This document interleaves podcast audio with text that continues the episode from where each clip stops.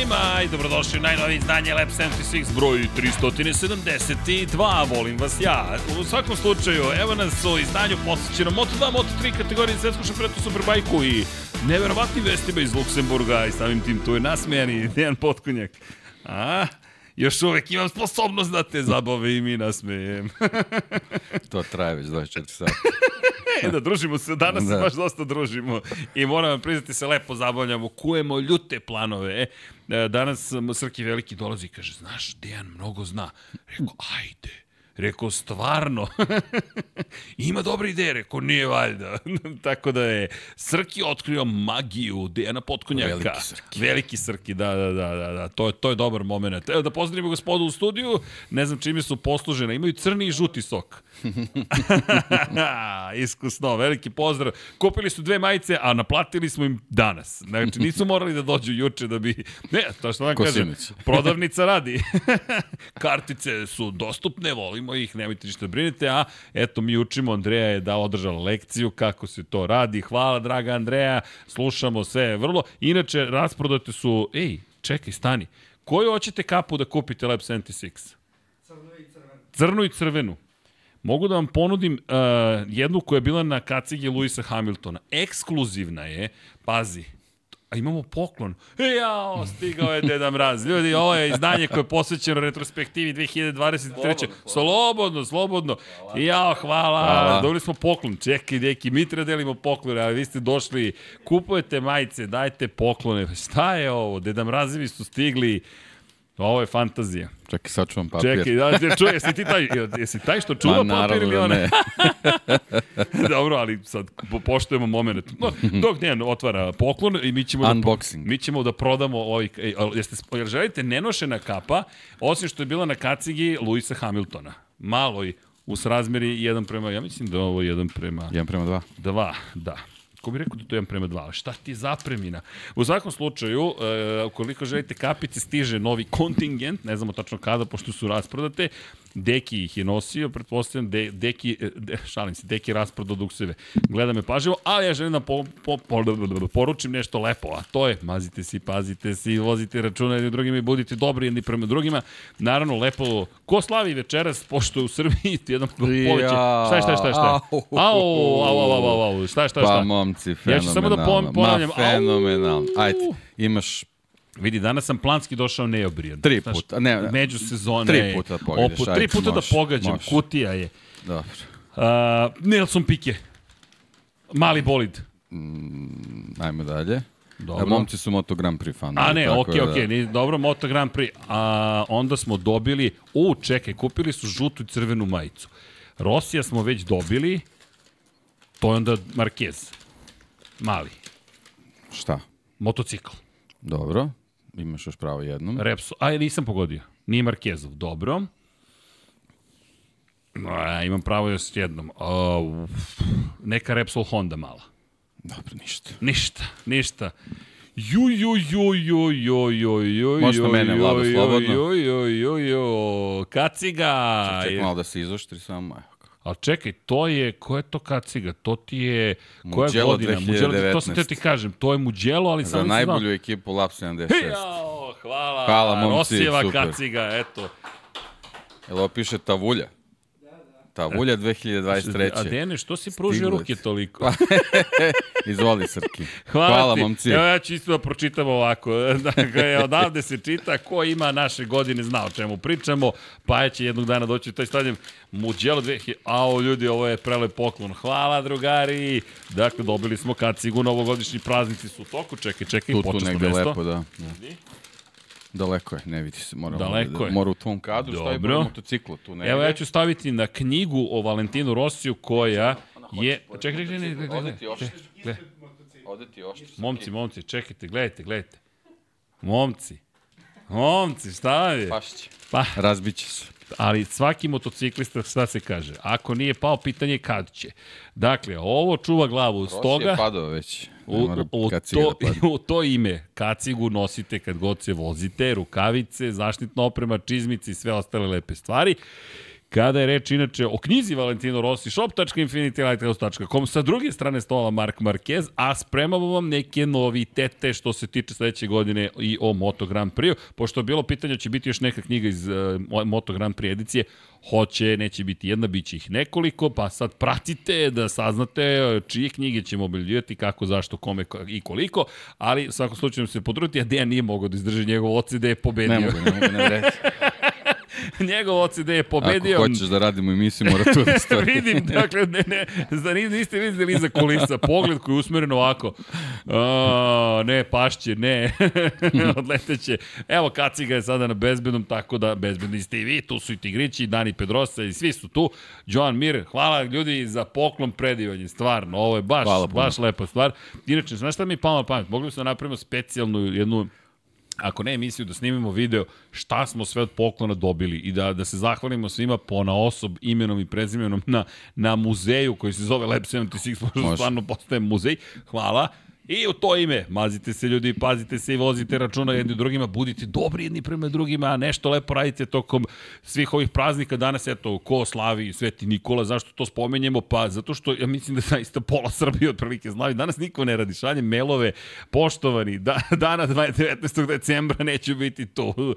Obratite se mojim koleginicama ili kolegama i tako dalje. Rekao, dobro, danas je, danas samo mi zaludni otprilike radimo, ali nismo zaludni, vredni smo od ekipa, mogu reći, e da vas pozovem na izložbu.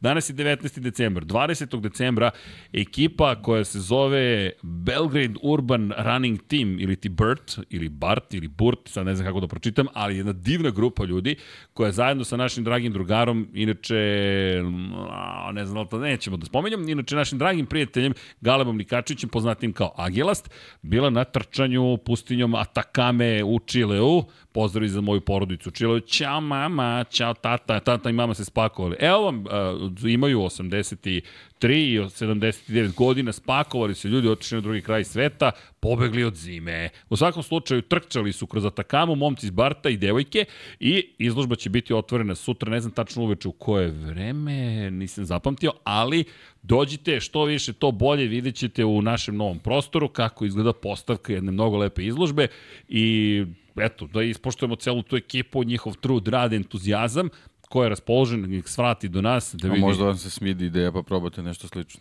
Tako je, možda dođete da, da trčite, ako ne atakamom, pa ne, ne znam, vrhovi Kilimanđara za ovo. U svakom slučaju, Poenta jeste da su radili nešto romantično u šta veruju, dobili su i podršku. Pozdrav njihovim sponsorima, da ih ne imenujem ja, vidjet ćete kad dođete na izložbu, ali svaka čast sponzori što ste ih podržali, a svaka čast sama za svaki like, share, subscribe i sve ostalo.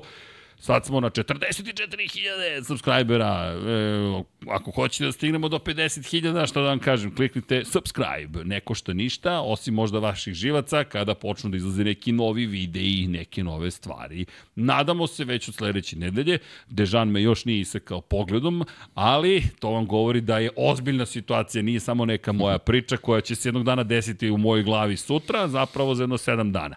Dakle, spremamo neke lepe stvari, još jedna bitna stvar, patreon.com kroz Infinity Lighthouse, ko može da nas podrži, uhu, ko može da se učlani, join, klikne, top, to je sve podrška, a ja ću vas pozvati da uradite još nešto lepo, ja se nadam 303 na 3030 ko živi u Srbiji, Human 303, pa na 455 ko živi u Švajcarskoj, za Filipa da pokušamo da pomognemo, da se skupi novac, da uvek ima akcija. U jednom trutku mi smo malo posrnuli po tom pitanju, svake nedelje ponavljamo, pa smo pomislili, nismo ništa ni pomislili, nego kao da je neko ušlo kolotečinu, ej ljudi, to nije kolotečina, to su ljudi. Tako da, Filipe i svi ostali, mi ćemo se potruditi da, da, da proširimo priču o tome da vam treba pomoć, Ajmo da se podržavamo, mi se nadamo da ćemo uspeti da skupimo svi zajedno novac i da, eto, neko dete, neki momak, neka devojka sutra kažu, ej, imam ja neku svoju budućnost, odoh ja da trčim u pustinju Atakame. Tako da, to je pojenta cele priče, 3.03 na 30.30, ali ukoliko ne živite u Švajcarskoj ili Srbiji, gde god da živite ljudi, uvek nešto može lepo da se učini. U krajnjem slučaju da častite sebe pa lepo ili svoje bližnje, a i da pomognete komši i nekome, to je isto neka lepa stvar. Tako da eto, to je neki naš poziv, pogotovo u ovim radosnim praznicima, koji god praznik da slavite, samo uživajte i budite, budite nežni. Eto, to nismo spomenuli u skorije vreme, malo nežnosti. Inače, iza Dejana stoji japanski rečnik. Deki, ne vidi se sad u kadru, ali tu uz tebe, jel ga vidiš? Japanese Dictionary, odmah iznad Highlandove knjige Time Enough for Love. Ra, reci. Deki zamišljeno posmatra rečnike iza. Sad, sad sam u rebusu. Izvini, je to crna kapa Lab 76? Ne. Jardi. 99 yardi, dobro. Vidiš, pokušam da rešim pitanje nedostajuće kape. Ali što da radite? Idemo mi dalje, ljudi, da vam pričamo šta se nalazi ispod naših kapa. Nije pod kapicom, ali nije ni daleko od toga. A to je zapravo priča o Moto Grand Prix-u. E, moram da ti kažem da nezasluženo smo kritikuju. To je ove godine Moto Grand Prix rešio da da ima vesti u ovom periodu kada se ništa ne dešava na samoj stazi. Dakle, spomenut ćemo malo vesti iz Superbajka i naravno iz Moto Grand Prix-a, pa i ta mala priča u Luksemburgu. Imate pozdrav od Midraga Kotura, ko se javio na Instagramu, ko se javio na Twitteru, X-u, kako god želite i generalno, možda ni na TikToku. Ja sam postavio priču na TikToku, ali sam zaboravio da pogledam odgovore, izvinjavam se. To ću da po, po, posle mislim ćemo da ćemo pogled, ali Gospodin Kotor rekao je naći ćemo neki termin. Tako da, hu, očekujte posetu, to će biti F1 plus MotoGP, jer to je jedinstvena osoba koja je bila i šef logistike Ferrarija i danas je šef jedne ekipe Moto Grand Prix, to je Moto3 šampionata sveta. Pa eto, da čujemo njegovu priču ili makar deo njegove priče, pošto deki ne zna kako u 3 sata da spakuješ priču sa, sa, sa Midragom Kotorom. Možda će to biti onaj uvod pre Formule 1. Šta je radio, pa onda šta je u Formule 1 radio, pa onda šta sad radi u Moto Grand Prix-u. Kako god uspeli smo da, da, da, da se malo družimo u Luksemburgu, to su vam vesti iz Luksemburga, to je više bila kvaka, kako da prenesemo. Vesti iz Luksemburga jeste da eto stiže Angel Piqueras, za Moto3 kategoriju, ostaje u celoj priči Adrian Fernandez, bilo je zabavno upoznati ih malo iza kulisa i videti ih na neki drugi način, lepo smo se proveli, bilo je kažem, lepo pre svega, proslava titule šampiona sveta, četvrta u istoriji Leopard Racinga i pričat ćemo i o tome šta se sve dešavalo na, na, do kraja, na kraju sezone i kako izgledala sezona u Moto Trojkama, kome dajemo koju ocenu, to će, to će doći, to je glavni deo jel te, večerašnje podcasta, ali što se tiče vesti, Deki, Dalinja je rekao, Luigi, Gigi, Dalinja, šef veliki Ducati, a fabričke ekipe, Zaslužio je Jorge Martin da dobije mesto u fabričkom timu. Nema mesta za Marka Markeza u fabričkom timu. Pazite, i dve izjave koje su vrlo zanimljive, povezane, ali malo, eto, ne znam da li to trač, sad ovo što sad pričamo o tome, nije, komentarišemo izjavu. Šta sad to znači, deki? Jorge Martin, jel treba da se nada nečemu u 2024. ili je ovo poruka Martinu ostani? To jest, 2025. bi mogao da se nađeš u crvenim bojama podrška vrlo zanimljiva, zato što 2025. je navodno godina kada bi Mark Marquez mogao da bude u toj igri za ulazak u crveni kombinezon. Pa dobro, te, te tumačenje, tumačenje te izve vezane za Martina uvek mogu, mogu da budu dosli, dvosmislene, ali generalno mislim da je bila uh, bila samo konstatacija, to jest da Linja se složio sa Martinovom izjavom da je svojim vožnjama zaslužio mesto u fabričkom timu. I to stoji. To stoji. On je svojim vožnjama zaslužio mesto u fabričkom timu, ali... Da li će ga dobiti, to je nešto pa, sasvim drugo. za 2024. jednostavno tu je stavljena tačka, zato što su mesta popunjena, ali da li je svojim vožnjama zaslužio mesto? Apsolutno da, ali to ne dovodi tu situaciju pred neki svršen čin da sad to mora da se desi. E... Razno razni momci i devojke u sportu ima razno razne stvari zasluže, ali nekad ne mogu sve da se ostvare, ali generalno to je samo potvrda da da su i Ducatiju svesni šta je Jorge Martin uradio u 2023. da to ne samo da je notirano, nego da je jednostavno situacija o kojoj treba da se razgovara u budućnosti i ovaj, da linje je tom potvrdom u stvari samo Martinu dao potvrdu da vrata nisu zatvorene. Vidimo te. I sad je opet loptica kod Ene Bastianini. I to je zanimljiva izjava. Poruka koja se prenosi dalje. E, pri čemu Davide Tardoci se oglasio i rekao je da što se tiče Neje Bastijani, Dalinja je prvo rekao postoji ugovori koji moraju da budu ispoštovani i još dosta nekih sitnih stvari ili većih stvari o kojima mora da se razmišlja, tako da za sledeću godinu je sve zatvoreno. Dakle, neće biti promena. Međutim, kada je reče Neje Bastianiniju, Davide Tardoci je prvo rekao da što se Ducatija tiče najjača moguća postava u ovom trenutku bi bila Martin Banjaja. To bi bila najjača postava. Međutim, dodao je takođe da ne bi bilo fair, to je da je fair da Bastianini dobije uslovno rečeno drugu sezonu, ne šansu, čak ni rekao ni šansu, nego sezonu u crvenim bojama, pogotovo posle glupog incidenta u Portugalu, koji je zaista bio glup, nisi adekvatan, prosto niko nije tu kriv, ne, ne, nije, vinovnik jeste bio Luka Marini, ali nije on namerno nešto izazvao, prosto to je incident koji se desi, kada govori o tome da je neki da incident glup, prosto to je tako jedan moment koji može da se desi u svakoj trci koji imao vrlo visoku cenu za Eneo Bastianinija i ono što je dodao, Tardoci jeste na osnovu rezultata u 2022. godini Enea Bastianini je dobio ovu priliku i zaslužuje da vidimo još jednom, pogotovo posle njegove pobede na velikoj nagradi Malezije, što sad vraća nas i na prethodnu priču iz prethodne nedelje i generalno kraj sezone, koliko je ta pobeda bila važna. I mislim da je toga bio i tekako svestan Enea. Ej, ovde se borim za posao, jer nešto mi govori da bi bilo, bilo pregovora vrlo ozbiljnih da, da Martin dođe u ekipu, da je malo drugačija bila situacija. Tako da, lepo će biti vidjeti Bastianine. Zašto? Mislim da Bešti ova psihologija više odgovara. Outsidera, nekoga ko mora da se izbori ponovo za svoje mesto i mislim da će Bastianini biti baš opasan posle ovih izjava. To je na pozitivan način, onako žestok, prava zver, ali eto, to su samo neke konstatacije. Vrlo je zanimljivo da se nešto ipak događa u ovom periodu, u hladnom decembru, makar je negde hladan, mada ovde nije toliko hladno, moram priznati. Pa kakve da, zime da, znaju da budu. Kakve znaju da budu. Da. Ali dobro, ne žalim se svakako. I ono što je zanimljivo jeste u celoj priči, da izjava Dalinjina takođe da za Markeza nema mesta u, u fabričkom timu, to je neka poruka, rekao bih, čak i da sledeće godine se desi čudo, to jest možda za neke to nije čudo i Marquez bude na vrhu sveta i dalje će gledati ka nekom drugom vozaču. To, to je poruka kako je ja trenutno tumačim, što ne znači da nije dobro došao i dalje u redovima Ducati, očigledno jeste, samo što što se tiče fabrike, neke druge stvari tu, tu recimo da su bitnije i što me negde dovezu, nadovezuje na priču koja je makar meni zanimljiva, ne znam da li si primetio izjavu i Casey Stonera koji se oglasio, i baš počinju polako da postaju, ne, neću reći Formula 1, ali onako, ili se neko ozbiljno potrudio u celoj priči da postoje vesti, ili su raspoloženi vozači da pričaju. Ne, nekako se lepo stvari, rekao bih, slažu, ali ono što je bilo zanimljivo jeste, makar meni jeste ta priča Casey Stonera o Yamahi. Vratio se u vreme Yamahi zapravo, pošto je rekao zapravo da je on bio neka vrsta nužne rezerve za Ducati. Fill in, bukvalno tako se izrazio, neko ko je zapravo upao u Ducati, ko nije bio planiran uopšte da se nađe tu, međutim onoga momenta kada je Yamaha odbila da potpiše ugovor sa Casey Stonerom, inače Casey je bio projekat, uslovno rečeno, Jeremy Burgessa, australijanca, čuvenog šefa ekipe Valentina Rosija, koji je želeo da Stoner bude u ekipi i navodno Yamaha nije želela da ima takvog takvog jakog vozača pored Rosija u tom trenutku. To se promenilo angažovanjem Jorge Lorenza. E sad, to isto zanimljivo kakvu podršku je zapravo imao Jorge Lorenzo da prevaziđe probleme koje ima Stoner. Stoner, da ne zaboravimo, nije imao nikada tako veliku podršku sponzora. Nije on došao Ducati sa novcem.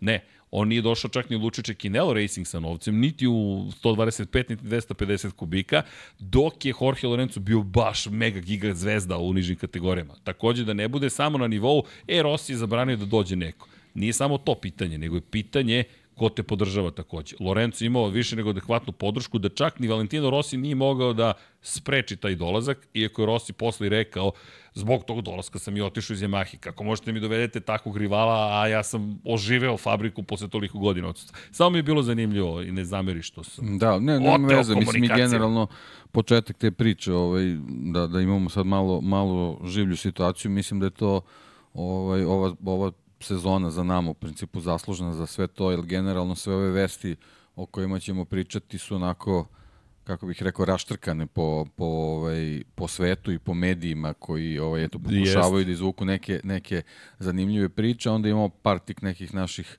sajtova, naš, naše kolege koji su generalno kao hub svega toga i onda otprilike se skupi. Skupe to, to najzanimljivije i onda nam deluje, znaš, da, da to u stvari vrvi od svega. U stvari generalno to su neke sporadične priče sa, sa raznih krajeva ovaj, planete i deluje mi da su i vozači shvatili da, da moraju malo ovaj, kako bih rekao, slobodnije da odgovaraju na, na pitanje, da, da ne budu onako samo, samo neki diplomatski odgovor, ili generalno to to ne vodi nikakvoj zanimljivosti, a, a zaista znamo da, da je sezona bila veoma, veoma interesantna i zaista bi bila šteta da u ovom nekom kratkom periodu pauze ovaj, bukvalno imamo neki intermeco između dve sezone da se onako sve ohladi i da praktično krećeš iz početka ovaj, sledeću godinu ovako sa, sa, sa ovim izjavom, mislim da će to sve da, onako, da se drži podgrejano i da ćemo ovaj, već kad krenu zimski testovi tu imati već neke zanimljive priče koji će nam pomoći u stvari da već ovaj, možemo da, da, da i analiziramo šta se sve dešava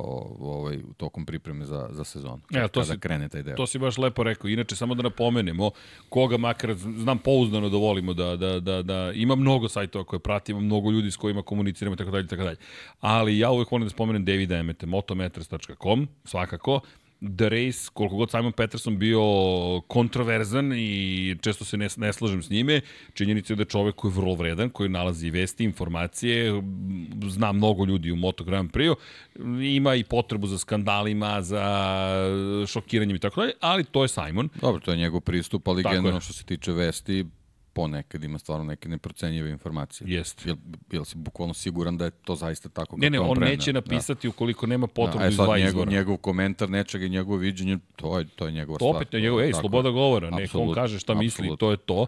A s treće strane, volim Meta Auxlija svakako, preporučili smo Auxley Bomb podcast takođe, ljudi slušajte, dakle, postojala čak neka šansa da sarađujemo sa Peterom Bomom, međutim nismo uspeli, ja nisam uspeo nekako da nađem način kako to sve da izvedemo i dalje se nadam da ćemo Boma negde imati u celoj priči, pošto prošle godine smo to pričali, sa njim i pokušavali, međutim nije bilo, nije bilo na, s moje strane, a ja nisam mogao ne znam, psihofizički da postignem sve, ali to negde stoji kao upisano. Peter Bom, ali njihov podcast je stvarno super.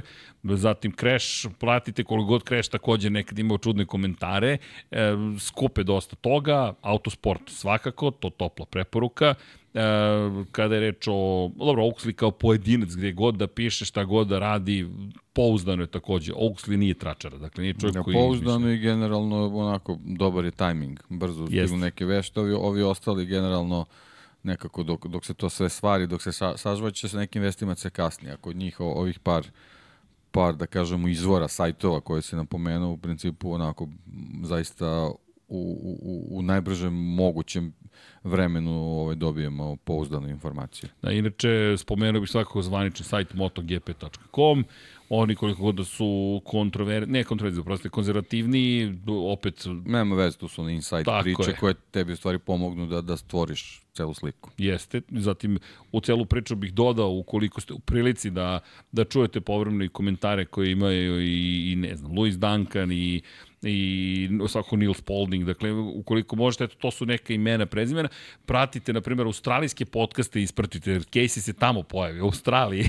on je kod kuće baš, baš aktivan, tako da su to lepe stvari, pa eto, to je par preporuka nekih, šta vredi, pratite, vredi, pratite mnogo toga. GP1, teško mi da spomenem, pošto GP1 često zna da, da pređe granicu nekih drugih stvari, ali takođe jeste izvor informacija i klasične AS, Marka, Google Translate sve bolje radi, ne znam, OpenAI koristite ukoliko želite prevode, ako ne znate, i Speedweek, moram da spomenem, Speedweek je stvarno riznica informacija. Pa eto, čisto da znate. I činjenice, dosta toga se, jel te, pojavi, pa onda mi to, aha, čekaj sada da istražimo šta se dešava, tako da eto, čisto da imate informacije šta, šta gde, ko, kako, zašto, a i mi smatramo da je red odati priznanje onima koji rade gro posla, pa i na uvek se trudimo da navedemo izvor informacija.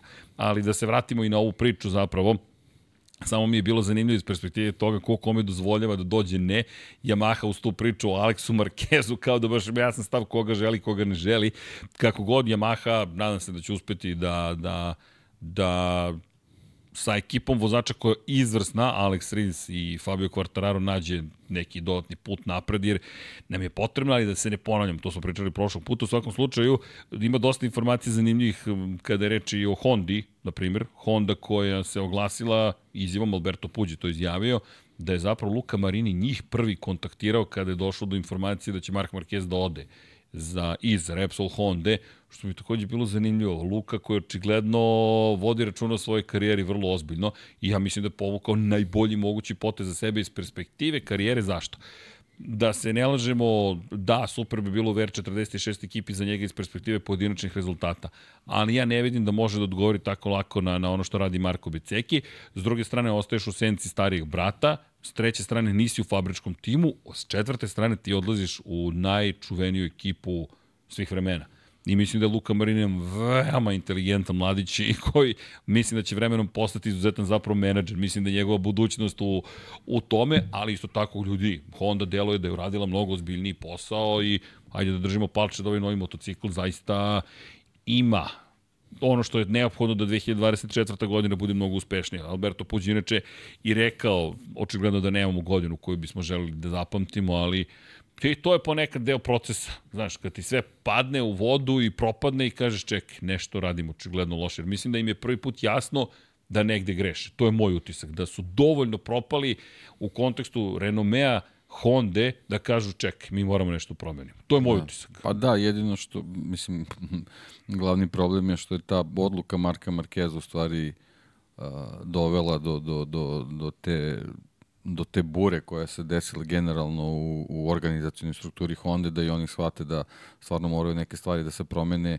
iz korena i da se generalno pri, uh, pristup uh, razvoju motocikla za, za novu sezonu mora da, da promeni na način ovaj, kako to rade evropski proizvođači u smislu te neke filozofije da bi moglo da se shvati u stvari šta je ne, neophodno da, da motocikl postane konkurent. E sad, ovaj, nije se ni ta odluka Marka Markeza desila preko noći, imali su dovoljno vremena i, i imali su uh, prilike da, ta, da se ta uzbuna desi ranije, možda ta, ta ovaj, pobeda Aleksa Rinsa je nešto možda usporila i prolongirala, ne verujem, ali ovaj, generalno ovaj, možda su zakasnili samo zbog te situacije što su uh, čekali tu definitivnu potvrdu Marka Markeza, ovaj, koja je u stvari i njima ovaj, bila, bila potvrda da, da, da definitivno taj put koji, koji su ovaj, koji su ustanovili u prethodne 3-4 sezone nije dobar i da stvarno mora nešto iz korana se menja da bi, da bi motocikl za 24. bio i ole konkurentnije sad ono što se nam donio iz Valencije što smo videli stvarno deluje da su ovaj ozbiljno radili u smislu tih nekih elemenata koji se tiču aerodinamike i tog nekog njihovog pristupa, pristupa koji je do sad bio onako ajde ne, mož, ne možemo sad kažemo konzervativan ali nekako tvrdoglav u odnosu na, na, na razvoj ostalih proizvođača. Vidimo da, da su tu došla neka rešenja koje su diametralno suprotne jedno drugim, tako, jedno drugih, tako da ovaj moguće da su u nekim drugim elementima koji su onako sakriveni ispod oklopa, pa, pa i ne možemo da vidimo ovaj nešto desilo, ali mislim ne smo mi da zaboravimo da je Honda stvarno ovaj marka koja se ne plaši inovacija. Oni su generalno uh, kako bih rekao, pokret, pa, ni, ni pokretač nove generacije Moto Grand Prix motocikala. To je jednostavno činjenica i to, to, to traje ovaj, od kad traju trke u, u 21. veku, tako da nisu oni to sigurno zaboravili kako se radi, samo je potrebno da, da uh, iz, iz svoje filozofije razvoja u stvari zvuku ono najbolje, a pre svega da pronađu ljude uh, u svojim redovima, pošto znamo da nije baš tako lako da se, da se promeni ta sredina u kojoj, u kojoj funkcioniše sama Honda, to jest ljudi koji, koji funkcionišu u toj sredini da, da, da, da razviju Hondu, ovaj, da, da u stvari pronađu i da izvuku iz, iz tih svojih ljudskih resursa ono, ono što je najbolje da, da, da mogu u ovom trenutku da krenu u pravom smeru, a, a to, to u stvari znači da se jednostavno isprate trendovi koji su trenutno u Moto Grand Prix. E, kada pričamo o trendovima, jedan od trendova je uh, i da se menjaju zapravo garaže kada je reč o tehničarima. Jedna od najnovijih vesti, to je zapravo od danas, je da će za sledeću godinu, im par stvari. Dakle, Yamaha će dovesti ljude iz Ducatija. Pazi sad, ono što se dešavalo, oni malo mlađi možda se ne sjećaju toga ili prosto nisu pratili u to vreme sport.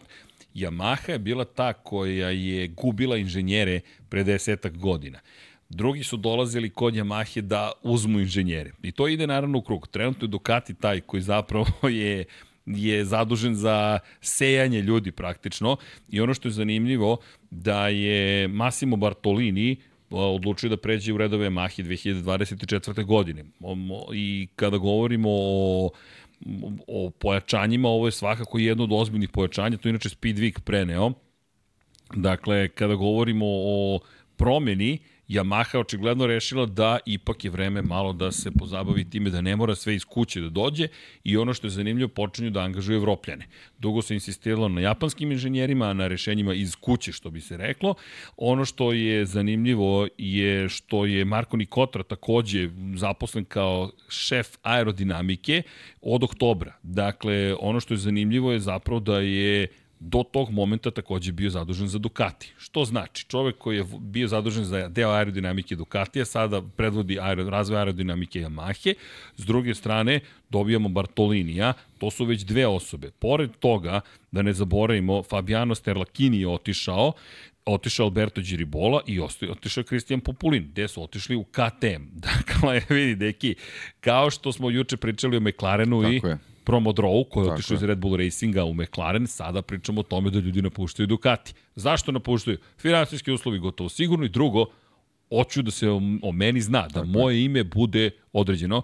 U klasičnom trenutnom korporativnom svetu titula je takođe važna. Zašto? E, ljudi, LinkedIn stvarno radi. Kada vama na LinkedInu piše da ste bili inženjera, da ste sada head of... Samo su baci head. Head. da dovoljno. Ste, dovoljno je. Sad si head of aerodynamics, niko te ne pita na sledećem razgovoru za posao, zašto si promenio kompaniju, a ostao si na istom nivou? Ili zašto si promenio kompaniju, a otišao si na niži nivo, čak i ako ti je veća plata? Jel tebi stalo samo do para ili do lično profesionalnog dokazivanja? To su nezgodna pitanja kada vas neko zapošljava. I onda dođemo do ovoga. Head of Aerodynamics. Uhu, u Yamahi, ni manje ni više. Tako da Yamaha, deki, počinje da se kupuje, uzima... Pa dobro, upravo što sam vam rekao, Honda, Honda ima i dalje taj neki svoj malo, malo konservativni pristup što se tiče tih ljudskih resursa. Yamaha, onako koja, koja generalno ima dosta više veza sa Evropom, ovaj, pre svega kroz svoj Superbike program. Oni Jasno. su jednostavno navikli da, da Yamaha u principu italijanska ekipa u Superbike-u. Ovaj, tako da on, I italijanski njima, sedište da, njima je nekako je, pa u Lezmu čini mi se, ako se, ako se dobro sećam se nalazi, tako da vrlo je blizu staze.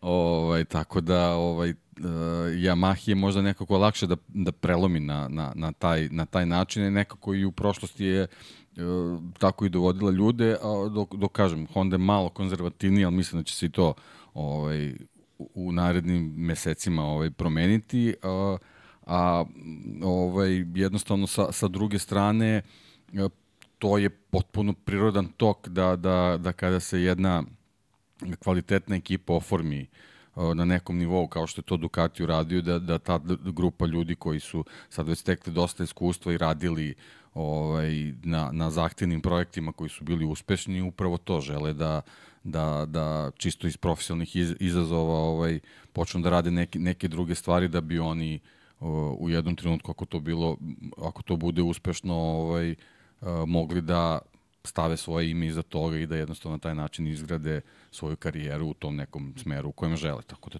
to su nekako i prirodne stvari i, i generalno zbog toga i, i, i taj Moto Grand Prix tako živa stvari i što u, posle, u, u, u prethodnih pet sezona u stvari imamo toliko tih promena na različitim nivoima što u principu uopšte nije loše. Inače, kada je reč o Hondi, Yamahi, pričali smo o tome, o koncesijama, samo da napomenem, dosta bombastični naslovi u poslednjih nekoliko dana. Ducati je hteo da spreči koncesije za Aprilia KTM. E, ne, Ducati je vodio pregovore. Ducati nikada nije bio plan da spreči koncesije. Ducati ne znamo šta je dobio za uzvrat da. za te koncesije i to je ono što je Dalinja rekao. Na kraju smo morali da napravimo kompromis. Naše mišljenje, mislim da, ga, da smo ga istakli, je da je Dalinja jasno svima rekao spremni smo da nešto uradimo da bi se pomoglo ostalim proizvođačima. To je poruka sledeće. Imamo jake karte, ali svesni smo da će se karte Tako promeniti. Tako Sada, dok su nam jake karte, nudimo vam neke karte, ali za uzvrat tražimo džokera za nekad u budućnosti. Ne znamo šta džoker nosi, to je to. Nema to Ducati nešto nije hteo. Nemojte da se pravi, da, bukvalno da se crni Ducati na nivou toga Ducati nešto ne, nije hteo. Ne, oni su samo u, u trenutnoj situaciji na neki način za, zaštitili smo svoj interes u Tako smislu je. da su tim pregovorima praktično napravili koeficijente rivalima da bi bili e, nekako, da bi sebe obezbedili da u Sutra slučaju, na primjer, da GP24 konkretno bude na nekom tako istom je. nivou, ostali baš ne mogu tako brzo da mu se približe. Eto, to je, to je samo, samo ta priča. A ako se i desi da, da ove koncesije donesu neki uh, drastično ovaj, veliki napredak i boljitak za ostale, oni će u nekom trenutku vjerojatno moći da izvuku svog kviska, džokera ili šta god to bilo i da, da ovaj, jednostavno lakše premoste neke, neke svoje zaostatke ako se i dese u, u, u periodu pred nama. Da, inače, da odgovorim na jedno pitanje koje smo na Twitteru dobili uh, od naše Olje, drage veganke, koja je pitala zašto na konkretno, ajde, ovo se sad tiče televizijskog programa, ali 4K produkcija i zašto, na primjer, SK 4K prikazuje samo Formula nema moto trka. Zato što se ne proizvodi signal u 4K. Ne, znate šta je ironija? Što je jedini koji je napravio 4K produkciju, oni koji će jedini dobiti vreme na, na takvom nekom kanalu koji pruža uslugu 4K. Dakle, tu nema nikakve protekcije. Moto Grand Prix rekao, mi nećemo investirati u 4K kamere, šteta, Ultra HD 4K, to, su, to je nešto što je poznata tehnologija, to je samo pitanje novca jednostavno puta 4 košta količina signala koju morate ili da kompresujete pa da pošaljete ili da ga pošaljete direktno nekompresovanog, opet je puta 4. Ili kompjuterska snaga, to je da ne kažem computing power, računarska moć koja opet košta struju i nabavku tako moćne mašine koja će sve to da kompresuje, spakuje i pošalje i onda dekompresuje tamo gde treba.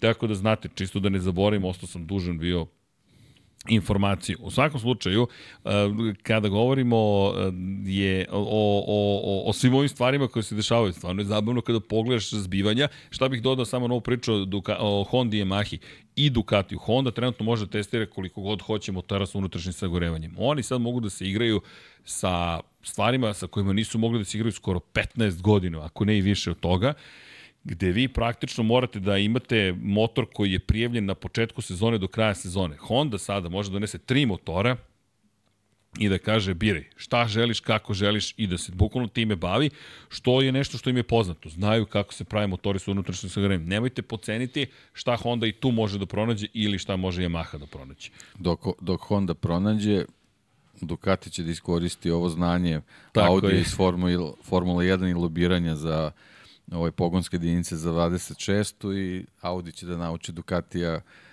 kako treba da lobira za recimo 2028. kakvi motori to da se pojavi da počnu još da ih razvijaju. to je u stvari to što se tiče tih eh, olakšica u koncesijama, to je s Ducatijevoj borbi da baš ovaj, ne dobiju svi baš sve pa ne smeš da dobiješ sve, jer, ali to je igra. To je bukvalno igra. Do, sutra Ducati, je bude imao problema, kao što si rekao, ej, da. ljudi. Kao što je Honda dominirala ovaj, krajem 20. veka i generalno Honda bila ta koja je koja se pitala koja se pitala za novu generaciju motocikala, tako će vjerojatno Ducati u nekoj bližoj budućnosti da bude taj koji će definisati profil ovaj, trkačkih mašina u Moto Grand Prix. Inače, kada spominjemo, jel te, 2024. promene, šta se sve dešava, samo da napomenem da su ulaznice već u prodaju za neke staze, Tako da topla preporuka motogp.com posetite, tamo možete da vidite šta je već u prodaji. I potom ukoliko želite da pokušate da prođete bolje i jeftinije, jedino što ćemo vam preporučiti jesu zvanični web sajtovi staza, pošto su staze organizatori, posetite ih, ima dosta popusta, specijalne cene, cene koje su early bird popularne, u napredu koliko ih kupite, nije pomama kao u Formuli 1, da vas ne lažem kako sad odjednom će se sve rasprodati u naredna 4 dana, neće, ali bolje je ukoliko planirate da idete na put, sad to da učinite, odete na sajtove i pogledate. Moram priznati da nisam gledao danas šta je sve u prodaji, ali ima ulaznica koje su u prodaji, pa eto, ko želi neka iskoristi priliku pre nego što dođe, jel te, nova sezona, čak i kada odete na motogp.com, prva stvar koja će vam izaći, ugrabite svoje ulaznice. Inače, evo, Portugal je u prodaji, Katar nije, Argentina je u prodaji, možete, za VIP propustnice možete kupiti za svaku trku, odmah da znate, VIP je u prodaji, Španija, to jest Jerez, Le Mans, Katalonija, još nije u prodaji, to jest završila se prva pretprodaja za Muđelo, baš me čudi za 50. godišnicu Muđela. Ne, karte, ljudi, evo odmah da vam kažem, ako planirate Muđelo, sad se prijavite da vas obaveste kada izađe sledeći kontingent. Odmah da vam kažem par stvari koštaće više nego ikada, više nego u Rosijevoj eri. Zašto? Italijani osvajaju titule. Ducati je na vrhuncu. Marquez će verovatno biti konkurentan. Imate, ne zna se koji Italijan može da pobedi u Moto Grand Prix-u. 50. je godišnjica, jubilarna, Svi ćemo da se spakujemo da odemo za ta pola veka muđela, za tih pola veka muđela i verujte, tamo u tiketingu njihovom, čim vide blago porastu interesovanja, cene ne skoče blago, nego skoče ekstremno. Tako da, topla preporuka, potrudite se oko, oko toga. Holandija, to je Asen, Nemačka takođe su u prodaji, Austrija, San Marino i to bi bilo to za sada. Ali mislim da je dovoljno da ukoliko planirate negde da idete to i da učinite sada. Tako da eto, topla preporuka. Koristimo, kažemo, ovu priliku. Ne zamerite što se nismo obacili u Moto2, Moto3, ali realno Moto Grand Prix je kraljska klasa i sve što se dešava u Moto Grand Prix mislim da zaslužuje posebnu pažnju. Inače, šta smo zaboravili da napomenem za Jorgea Martina? On je čovjek priznao da je u ponedeljak već imao spremno dva crna kombinezona za testiranje za fabrički tim u Valenciji. I on je rekao svom menadžmentu, hoću da uradite sve što je u vašoj moći da vozim za fabrički tim 2024. Nije se desilo, ali poruka je jasna, hoće da ostane u Ducatiju za 2025. i rekao, ukoliko me ne budu želeli, ok. Pri čemu, ono što mi se nije dopalo, ali je vrlo informativno, ne, ovo nije, ne želim sad da ocrnim Jorge Martina, samo dajem moj utisak, rekao je za Bastianinija, Bastianini je pobedio zahvaljujući tome što je pritisak u prednjoj gumi spustio na 1,2 bara, i dobio je upozorenje posle te trke, to sam mogao i ja da učinim, a nije vozio na 1.88 i iz te perspektive je Jorge baš je rešio da, da se probije da, do Ducatija. Da, baš je loša izjava. Loša izjava i rekao je da je na taj način mogao on da pobedi i da to prosto nije, nije, ne, nije neka trka. Moj zaključak je kao da želi da nam kaže ne bih baš tu trku gledao kao pobedu. Jorge, žao mi je, to je pobeda i dalje. Šta god je ne da je učinio, učinio u okviru pravila u momentu kada je to njemu bilo i tekako važno. Napomenuo je, ja sam već bio upozoren da ne smem ponovo tako nešto da uradim, Aha, znači već si nešto znači, uradio. Znači pobedio si već na taj način. I nek si bio 0,1% ispod nivoa koji je dozvoljen, ja bih rekao da je ne onda bio pametniji i od tebe i od većine vozača Moto Grand Prix, iskoristio svoju priliku. Kako god, nije baš način da se izboriš za svoju da. poziciju, ali Jorge, ja mislim da je reš, reš, Dobro, to je situacija o kojoj smo pričali tokom sezone. Ovaj, Jorge Martin je deo, deo tima koji ima mlad marketing, to jest mla, mladu... Neiskusni su. Da, neiskusni su i generalno vidi se, vidi se ishod ove ovaj, 2024. i za Pedra Kostu i za Jorge Martina koji koji imaju istog menadžera da njihove pregovaračke pozicije očigledno nisu ovaj, na, na tom nekom najvišem nivou koji, koji moraju da budu u tom Moto Grand Prix svetu gde stvarno ovaj, vladaju vladaju ljudi koji su već, već više decenije tu i zaista znaju kako se igraju te igre, tako da ovaj, isto kao što je važi za Formula 1, to je, to je priča za Moto Grand Prix, to su generalno momci koji gde, gde nijanse odlučuju ko je kvalitetniji, bolji i stvarno ovaj, moraš da uvek, uvek da budeš spreman za tu igru, da u pravom trenutku budeš na, na pravom mestu sa, sa najkonkurentnijim motociklom. Kada je reč o i ekipi i Gino Borso je rekao za Speed Week da će sledeće godine biti mnogo teža jer su podigli nivo svoje igre na, na, na, na, na zavidnu lestvicu, na zavidnu visoku lestvicu. S druge strane, rekao je, ok, na odgovor na pitanje da li je dokazano da sada i može nezvanični tim da osvoji titulu, može, ali je takođe rekao teško će biti baš ponoviti ovu situaciju. S obzirom na činjenicu, to i rekao i Francesco Banjaja, rekao je nas čekao vrlo ozbiljna sezona sledeće godine i rekao je nije samo borba protiv Marka Markeza, jer svi gledamo ka Marku Markezu, ali tu je sada Bastianini koji je oporavljen, tu je opet Jorge Martin u cijeloj igri, ne znamo što da očekujemo od Franka Morbidelli, da, da ne ponavljam sve, pogledajte prethodnu epizodu, mada moramo da ponavljam, to nam je posao, ljudi, da činjenice da će biti pramaku malo teže. I ono što mene zanima, koliko će se osetiti da li odsustvo Joana Zarka, jer mi ne znamo koliko je veliko Zarko i zapravo igrao ulogu kao, ako ne vozača broj 2 u kontekstu onog klasičnog stila u Formuli 1, možda u kontekstu podataka koje je donosio ekipi i to i celom Ducatiju i testiranja novih dijelova koje on prvi i činio. Jer on je bio pokusni kunić, bukvalno. Ono što je rekao Banjaja je da neće da radi. Prvo dajte Zarku, Zarko istestira, e, ovo je dobar deo, ok, sad mi dajte taj deo kada vidim podatke kako to funkcioniše. Morbidelli hoće li prihvatiti tu ulogu, znaš, i da li je Morbidelli dovoljno kvalitetan kao vozač koji će dati povratne informacije da omogući istu vrstu razvoja, pa i podrške ekipi. Samo pa gen, generalno je, on je u ovoj, u ovoj konstelaciji i rasporedu vozača na GP24-kama viđen da to mora da radi. Jer niko Mislim drugi... da nema izbore. I sad, ali dolazimo do tog pitanja da li je to želeo Franko Morbidelli. Drugo pitanje je koliko je dobar u tom poslu. Jer to što si brz vozač ne znači da si dobar probni vozač. Nije ista stvar. Tako je. Koliko god Štefan Bradl stalno ponavljao, ja nisam probni, nisam vozač koji razvija motore. I Štefane, jesi. Odmah da ti kažem, ako, ni, ako ti nije to jasno, ne gledamo isti sport, ali dobro. Štefan koji navodno inače testira novi motor Yamahin. To je trenutno isto priča. Tako da pratimo i to šta se dešava, koliko možemo da, da, da pratimo i vidjet ćemo. U svakom slučaju nije baš onako bez događanja i moram da pohvalim sve naše kolege širom sveta što su ove godine se bacili na posao i rekli čekaj stani, moramo pričamo o Moto Grand. Tako je, moramo da pričamo. I ko je pitao da će biti i dalje podcasta, mislim da odgovor vidite. Mislim da odgovor upravo vidite. I, I tako će i ostati do dadnjeg.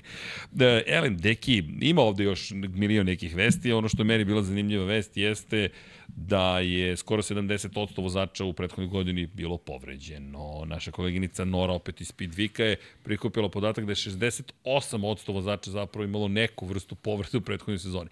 Šta Dobro, mi... hvala na procentu tom. To, to, to. Ono što... U svakom slučaju mnogo. mnogo je. Da. Ali ono što mi nedostaje da bi se uradila bilo kakva vrsta zgražavanja, oduševljavanja ili bilo čega, komparativna analiza, da. koliko je bilo u prethodnim sezonama. Da. To sad treba da istražimo. S tim što ja verujem da, su, da, da, da se taj procenat odnosi samo na povrede koje su zarađene na stazi ili van nje, ali da u taj procenat možda ne spada compartment sindrom, koji nije povreda. Je li tako? Da, Tako da okay. treba to da se po, proveri. Da, treba proveriti na, šta se računa na prvu sve, loptu okay. mi deluje da je procenat malo veći, ali, ali ok. Ok, ajde da to, pro, ajde da to proverimo, da, da, da, ok, ok, to, to može da bude vrlo zanimljivo.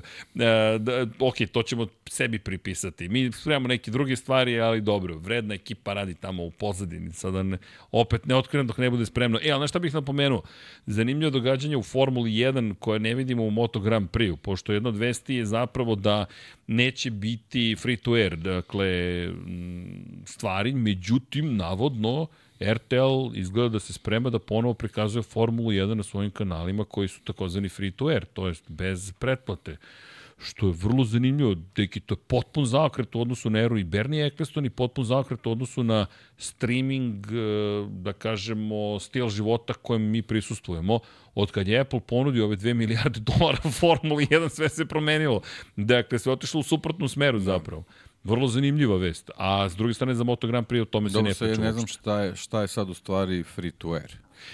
Uh, Znaš, ti si sad generalno vezan za, za ovaj, provajdere kablovske televizije gde imaš plaćanje određenih paketa, tako da ovaj, ja ne znam gde, gde RTL spada, tako da mislim da, da je to možda malo drugačiji koncept nego što je ranije bio kad smo mi svoje vreme pa. gledali, okreneš satelitsku antenu i pohvataš sve živo što imaš, što je u principu bilo free to air, nisi ništa plaćao ali sad ne, ne znam da li, da li će generalno signal koji RTL emituje moći da se, da se ovaj dobija nevezano od kablovskih operatera. E sad, to, to sad ne, znam, ne znam da, da li će Jer ti generalno moraš nešto da platiš. A, šta su uradili? Došlo je do strateškog sporazuma između RTL-a i Skaja Nemačke, u kojem je RTL dobio sedam trka, pravo da emituje sedam trka na besplatnoj televiziji, Dakle, da emituje kao što se nekada emitovalo, je sad što ti kažeš, ne znam, će satelit opet RTL-ov da, da pusti da, da. ili neće, ne znam, pri čemu uzmite obzir sledeću stvar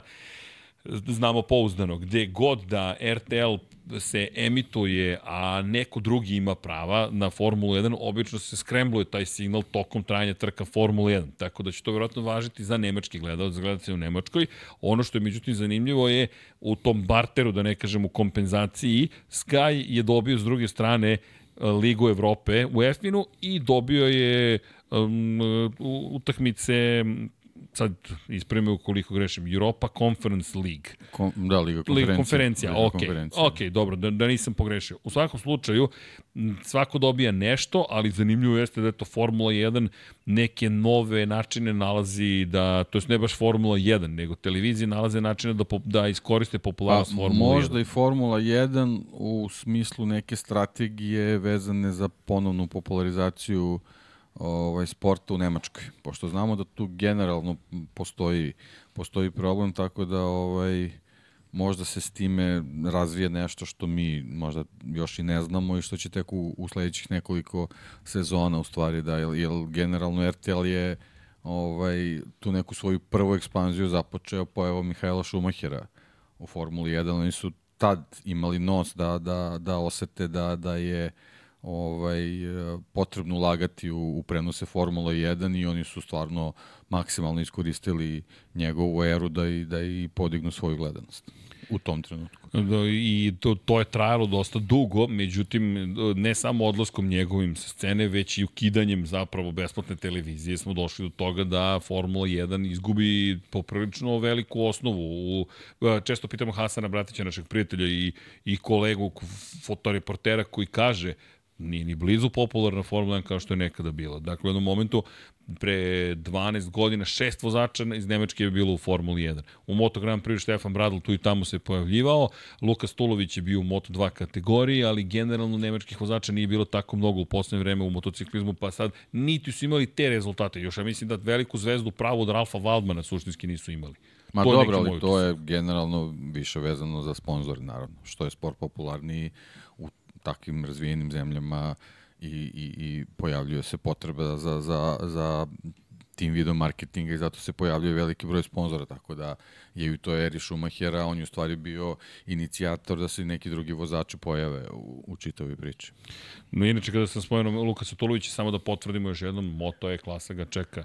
Sledeće godine, inače testiranje Moto E kategorije su u toku i to isto zanimljivo. Hector Garzo izjavio da je novi V21L zapravo moćna trkačka mašina. Moto je, pošto Ducati nastavlja tamo razvoj elektromotora, pa eto, to ćemo da ispratimo takođe sledeće godine da imamo koje će biti povećanje vjerojatno kapaciteta, ne samo brzine. Jer to je taj klasičan kompromis. Šta želiš? Hoćeš viši, veći broj krugova ili želiš veću brzinu? Pa želimo oba kako da ih dobijem. E, sad to je taj pravi izazov, ali dobro, razvija se ta tehnologija polako ali sigurno. E, deki, um, hoćemo mi da se polako ali sigurno prebacimo na moto dvojke, moto trojke, nekako ima milion nekih vesti zapravo manjih, većih, koje se lepo sklože nekako u celu priču. Inače, da ne zaboravim i priču o Martinovoj gumi iz Katara, to se nije završilo, to je pre pre 5 dana zapravo bila najnovija vest koja se pojavila, jeste da je zapravo Michelin taj koji još uvek čeka zva, potpunu potvrdu toga šta se desilo, u pitanju da li će ikada dobiti. U svakom slučaju, Michelin, Michelin je još jednu samo napomenuo da, da apsolutno nema potrebe da se priča o bilo kakvoj zaveri i da opet stoji ona priča, možemo da odemo svi zajedno i da ustanovimo. Eto, čisto da ne zaboravimo tu temu, dosta ljudi pita šta je bilo sa Martinom za zadnjom gumom. Saznaćemo i sa prednjom, jednog dana ili nećemo saznati, kako god. Ja ću i držati za reči da. pa to je point, ako si rekao da ćeš nešto uraditi, uradi. Pa i da je kasno, kasno, u svakom slučaju uradite. E da, i još jednu stvar, dok smo još uvijek u Moto Grand Prix, samo da vam napomenem, a to je ko voli da ko voli tokom ovog perioda da traži još neke stvari po, po internetu i tako dalje i tako dalje, e, topla preporuka da mi ispratite i Hondi, na primjer, zvanični kanal HRC, zašto preporučujem? Pa izbacuju sve više videa i o vozačima i o tome kako oni razmišljaju, kako se ponašaju i tako dalje i tako dalje. Pa eto, čisto da Da napomenemo da se i to događa. Imate i o Joanu Miru lepu priču pre par nedelja. To sam zaboravio da napomenem. Se pojavila iza sna, Behind the Dream, Joan Mir. Uh, Deki, imaš još nešto da dodaš, pošto ti znaš mene, ja ću samo nastaviti da, da ja sad u, pa, dobro, informacijama... Da, mislim, sad možemo da, da kroz te neke rečenice da, da, da prolazimo koje smo, ovaj, koje smo čuli, ali generalno manje više to je To, to je suština. To je, e, da, da, to je ta neka priča. Jedna bitna stvar, jedna bitna stvar, a to je da je Quartararo izjavio da, da, da to baš sam spominjali Luisa Dankana, da je za autosport izjavio e, German Garcia Kazanova takođe učestvovao u tom intervju da njegovo mišljenje da sprint trke ne bi trebalo da se organizuje tokom svakog trkačkog vikenda, da to nije pravi put napred da na svakoj trci imamo sprint. U momentu kada imamo kao što smo rekli, 40 trka, to je 39 prošle godine, smatra da, da ih je prosto previše, ništa drugo. Zašto nismo imali jednu, na veliku nagradu je strali otkazana, Fabio Quartararo je napomenuo prosto da, da činjenica da ima tako veliki broj povređenih vozača je upravo to što se povećao broj sprint trka. To izjavio nekadašnji svetski šampion Moto Grand Prix. Izjavio i Dejan Potkonjak pre 12 meseci, ali čisto da napomenemo da e, iz njegove perspektive je sve zahtevniji i zahtevniji voziti motocikl. Fizički je zahtevnije.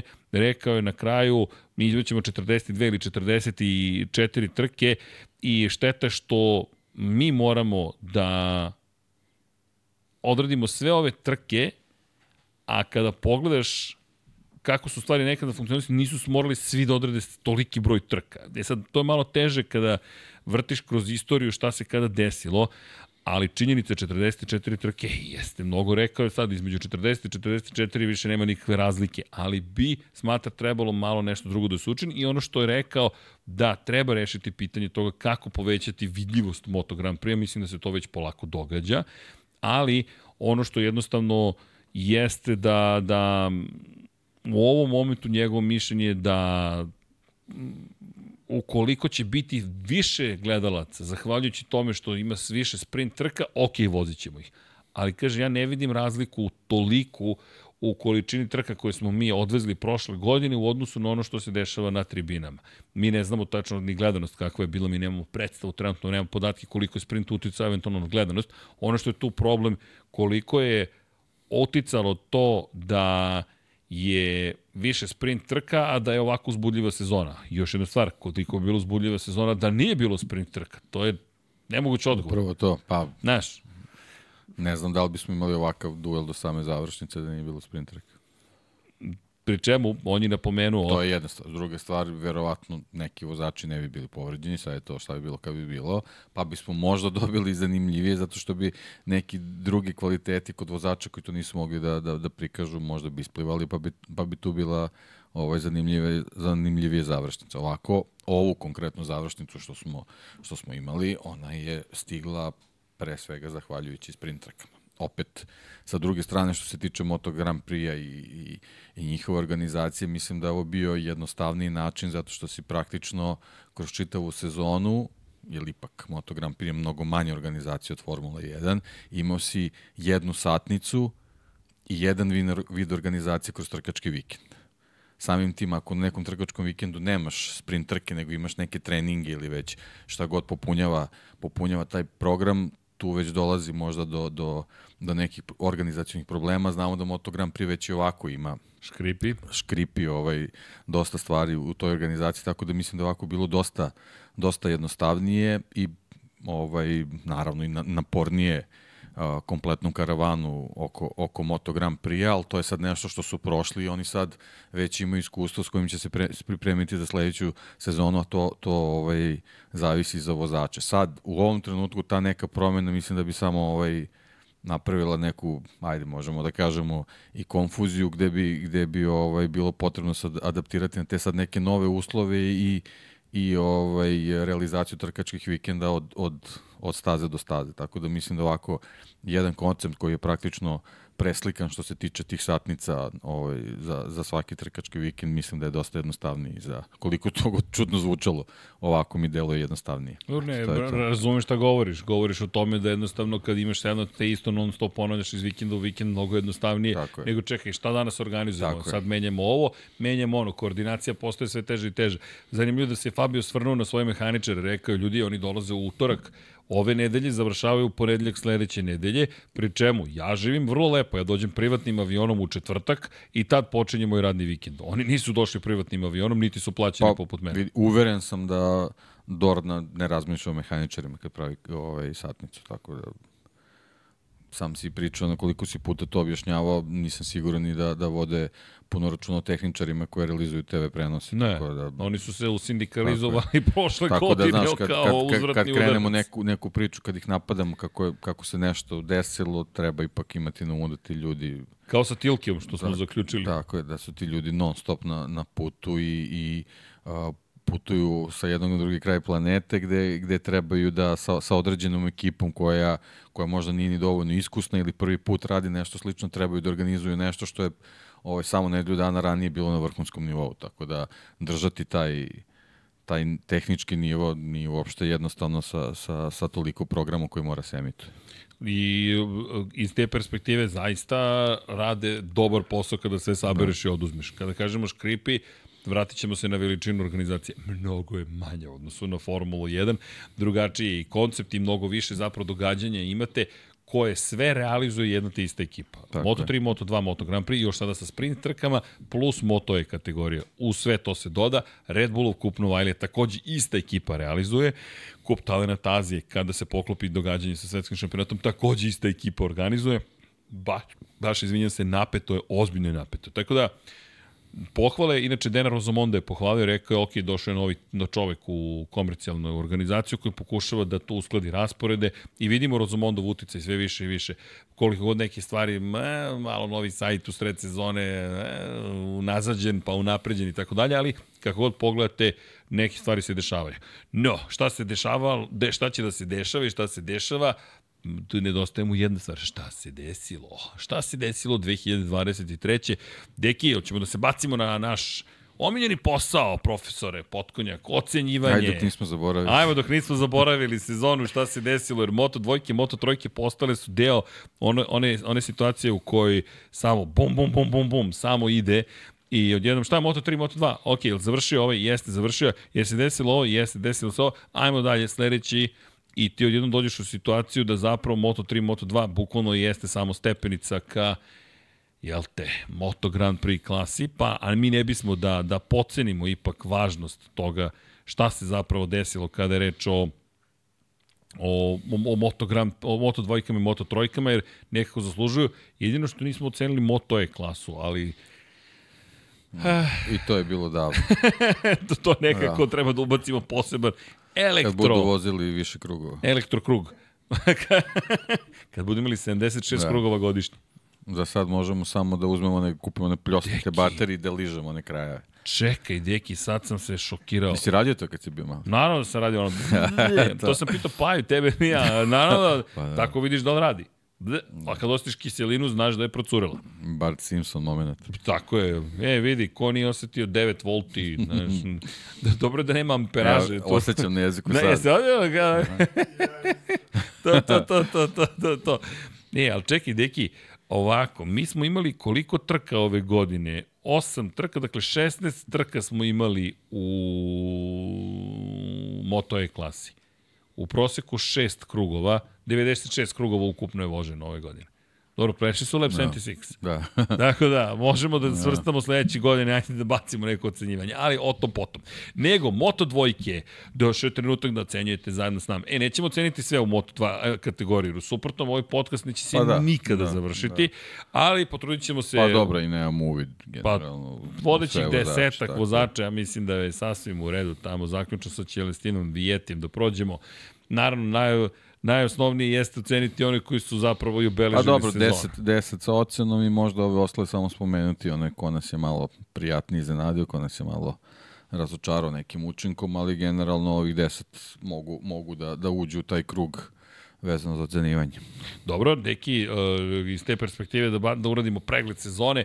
Za one koji ne znaju, Moto dvojke, srednja takozvana kategorija, kategorija koja je zamenila 250 kubika svojevremeno, kategorija koja samim tim je naslednica jedne ozbiljne klase, inače klase koja je najduže zapravo i postojala u svom izvornom obliku u šampionatu sveta, od 1949. do 2011. godine mi smo imali priliku da gledamo takmičare na dvotaknim motociklima od 250 kubika i između ostalog tu govorimo o kultnim vozačima poput, dakle, između ostalog da napomenem čoveka koji zapravo, ne znam zašto mi je prvi pao na pamet, ali Freddy Spencer mi nekako u glavi, taj jedini čovjek koji svoj u kategoriji 250 i 500 kubika titulu, nije on najvažniji u istoriji, ali nekako ta činjenica da je jedini objedinio te dve titule, bilo je šampiona koji su osvajali titule u 350 i 500, Giacomo Agostini, pa i u 750 i tako dalje, ali ta 250 nekako je bila zaista specifična.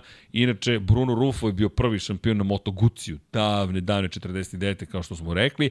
Nećemo proći celu istoriju, ali čisto za one koji su prvi put sa nama, da to spomenemo da je ovo naslednica jedne ozbiljne kategorije. Inače, poslednji šampion koji je, ne, 125 su najduže bili, izvinjam se, moja greška, ali tako? 125 su, tako je, 2012. su ušli u Moto trojke, a 2009. smo imali poslednju sezonu sa Hiroshi imamo 250. Moja greška, izvinjavam se, do 2009. 250. do 2011. 125. Hiroshi Ayama poslednji šampion na Hondi, koja inače je radila na tome da se ugasi dvotakna kategorija od 250 kubika, ali Hiroshi Aoyama, poslednji šampion 250 kubika, inače poslednji šampion koji nam dolazi iz Japana u srednjoj klasi. Od kada smo Moto2 kategoriju ustanovili, uglavnom Španci, u par navrata Francuzi, Italijani, Australijanci i jednom Nemci, zahvaljujući Štefanu Bradlu. I dođu smo mi do sezone 2023.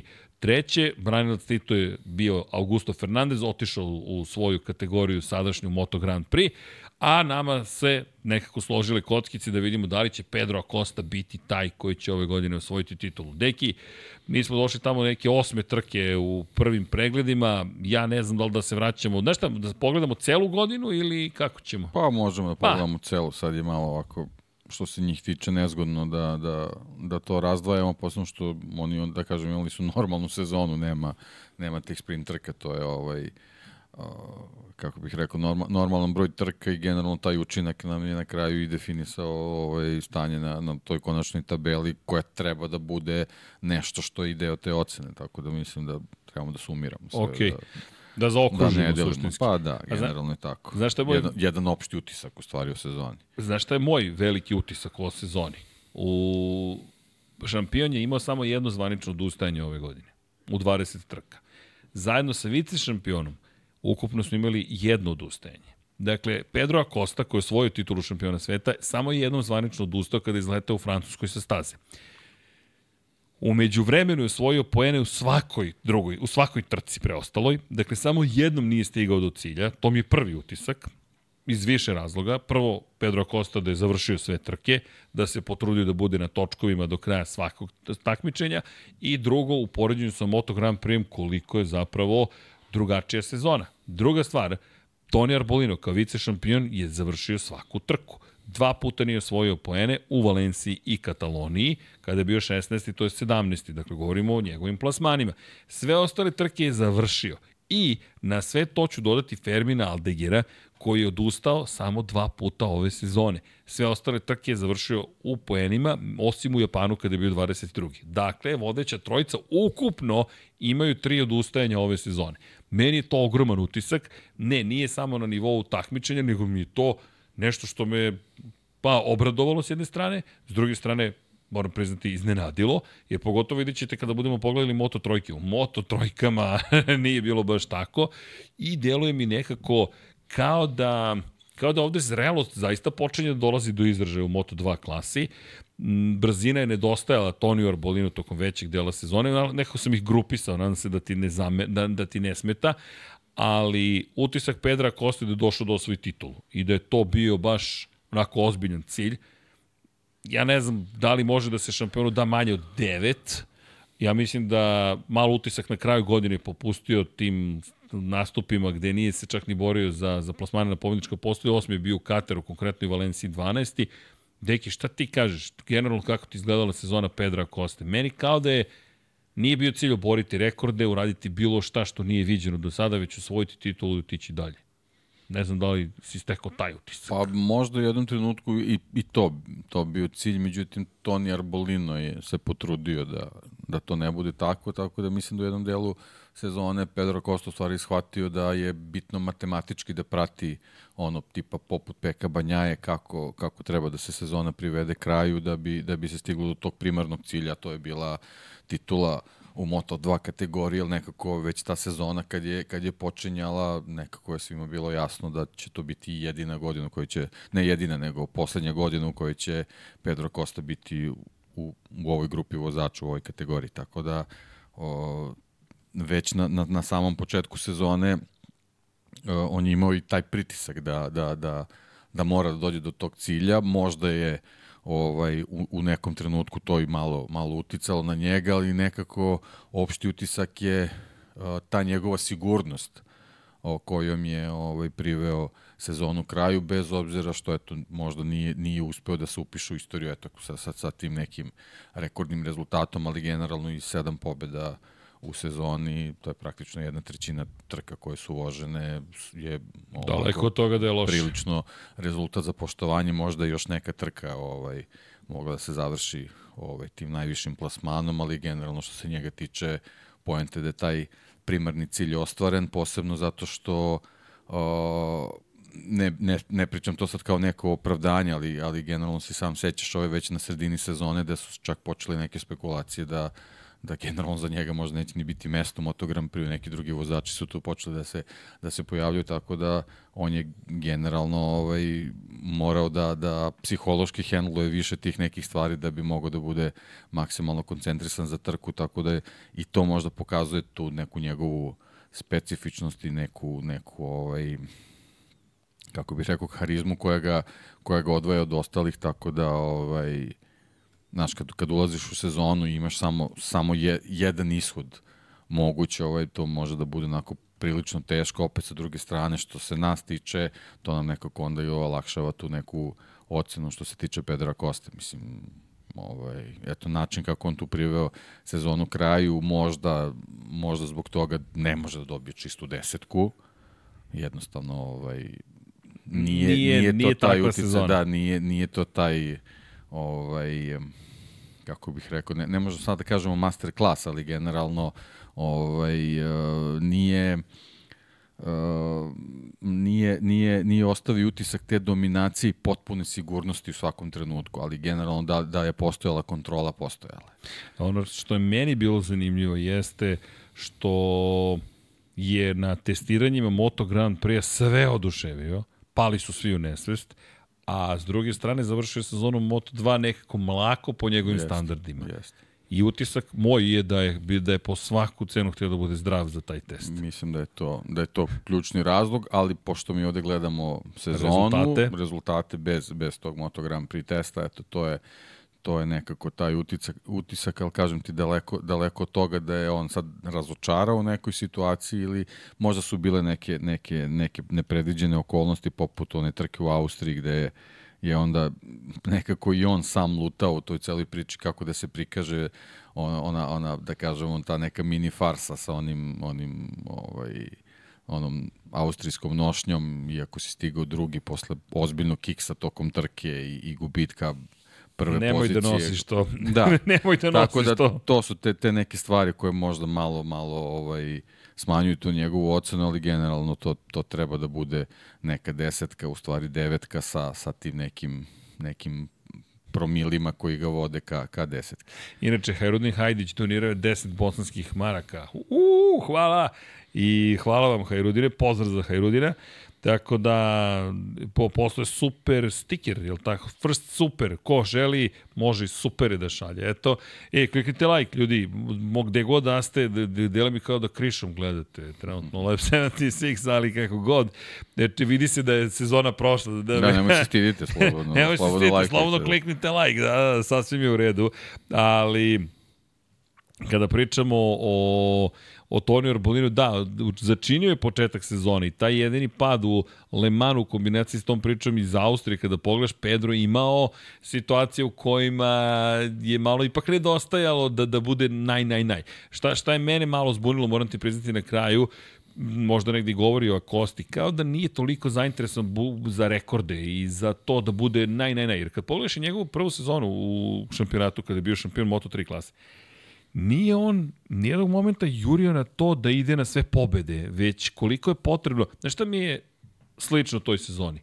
Udariš na početku snažno, i, a kada baš je neophodno, ali u ostalim situacijama vrlo kontrolisano, meni to govori o tome da on taktički vrlo svestan. To, to je moj utisak i da zna vrlo dobro šta radi. E sad, kad stigneš u Moto Grand Prix, pitanje je da li možeš baš tako, ako može tako da upravlja svojom situacijom Moto Grand Prix, onda je stvarno velikan ali tamo mislim da dolazi, što je lepo, u kraljevsku klasu u najtežu situaciju. I to će tek biti pravi test, jer hajde ovako, Toni Arbolino, imao je, po, ozbiljno je popustio u momentu kada je počeo da vodi u šampionatu, njegov forma je gotovo u konstantnom padu. Imao je jedan uzlet i to po kiši manje više smo ga videli kako uspeva da dođe do zbiljnih rezultata, ali po suvom nismo ni jednom videli situaciju koju on ozbiljnije ugrožava Pedra Kostu. I kao da Kosta nije morao više od ovoga i slaže se s tom sa Austrijom, to mi malo malo malo nekako zbunjujuće, da, da vidiš nekoga ko se spremio za proslav, ko očekuje pobedu na domaćem terenu za, za KTM, za, za Red Bull i onda neko kao da, da, da ne da. čitaš situaciju kako treba. A ne, dobro, to je to očigledno bio neki kiks sa gumama i, i tako dalje, tako dalje, ali generalno možda taj njegov pristup toj trci u Austriji u stvari uh, možda njegov, možda otkrivanje njegovog pravog pristupa sezoni. On je veoma samouveren bio, samo što mi to kroz neke rezultate, kroz nastupe na trkama nismo možda mogli da vidimo i stvarno deluje kao da je da je na nekom drugom nivou bio u odnosu na, na druge vozače, iako taj neki konačni izbir i, i to prolongiranje ovaj, neko malo ovaj, do, do potvrde titule možda ostavilo takav utisak, ali generalno kad se sabere čitava sezona, kaže, mislim, mi smo na samom početku godine, ovaj, ne, ne samo mi, mislim, generalno, čitava javnost koja prati Moto2, praktično jednog, jednog šampiona je videla. Čak i u trenucima kad je Toni Arbolino ovaj, bio onako na nekom, na nekom višem nivou, nekako nisu, nisu svi mogli da veruju, osim naravno njegovih navijača, da, da, da će i biti moguće će da, da će da drži do kraja sezone taj nivo. Dobro, Toni Arbolina, moram predstaviti, da mi nije ni bio u spisku ljudi od kojih očekujem borbu za titulu, tako da ovo već prijetno iznenađenje za da je Toni Arbolina došao do tog nivoa.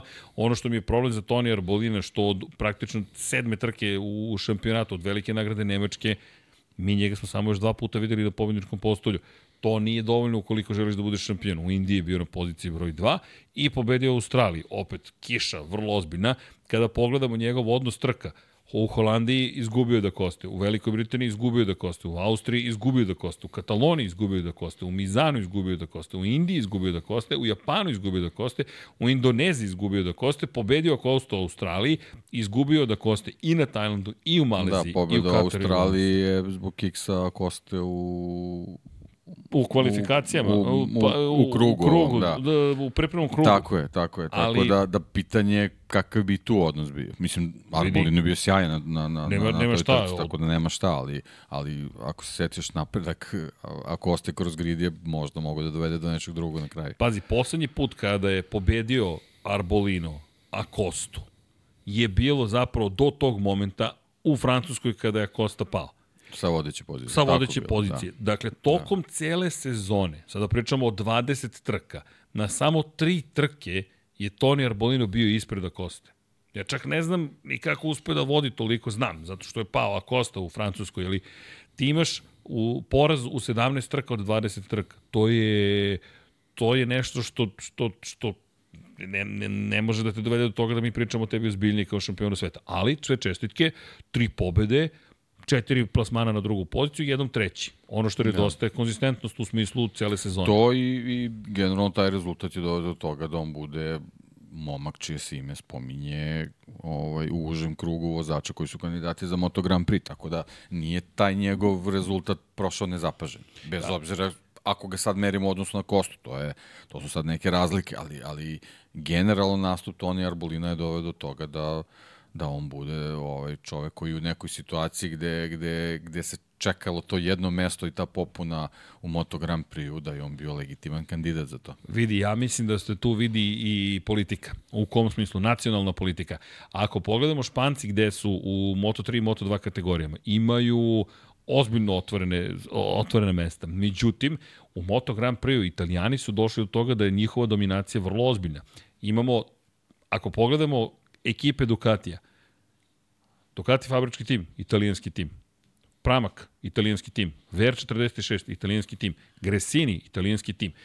Najpoželjniji motocikl je u, ruč, u rukama italijanskih timova koji... Dobro su dalje agresivni italijanski tim, vidjet ćemo, vidjet ćemo za da, nekoliko da, da. nedelja. Sada, sada se možda tu menja. Bio je italijanski deki, budi realno. ne, bit će oni dalje pod zastavom.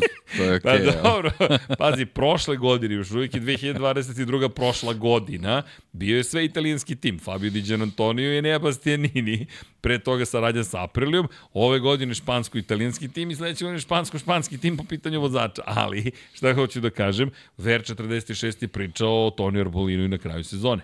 A Pedro Acosta se postavljalo pitanje da li će da proći. Da će ući u Moto Grand Prix, da. Tako da veze postoju dosta važne. Pratite i tu situaciju. U svakom slučaju, Toni Arbolinu činio dovoljno da da postane zainteresan njega. Ali, Pedro Acosta, moj zaključak da je čista devetka u pitanju, iako evo vidim ko neki komentare, čista desetka buduća zvezda Moto Grand Prix. Ne ocenjujemo mi njegov potencijal ili šta će biti ili neće biti, već šta je učinio zapravo u celoj ovoj priči Pedro Costa. I samo nam je zato e, za, samo nam je zato ocena broj 9, zato što... Meni je 10. 10 i Da, da, da. Ne, ne, 10 kažem, samo, samo ovaj, Ubija me. nije, nije čista desetka, Znači, nego mora da bude, de, tako je. 9 i po, zaključeno, evo, Vlada širi okej. ruke, ja i dalje devetka, Deki desetka, ali dobro. E, u svakom slučaju, meni Ne malo... može devetka zbog neke dalje liste vozača koje budemo imali. Vlada, upiši mi 9 i po, profesor razredni br- ovde, direktor, ne, ne, on nije više razredni, sad je direktor škole.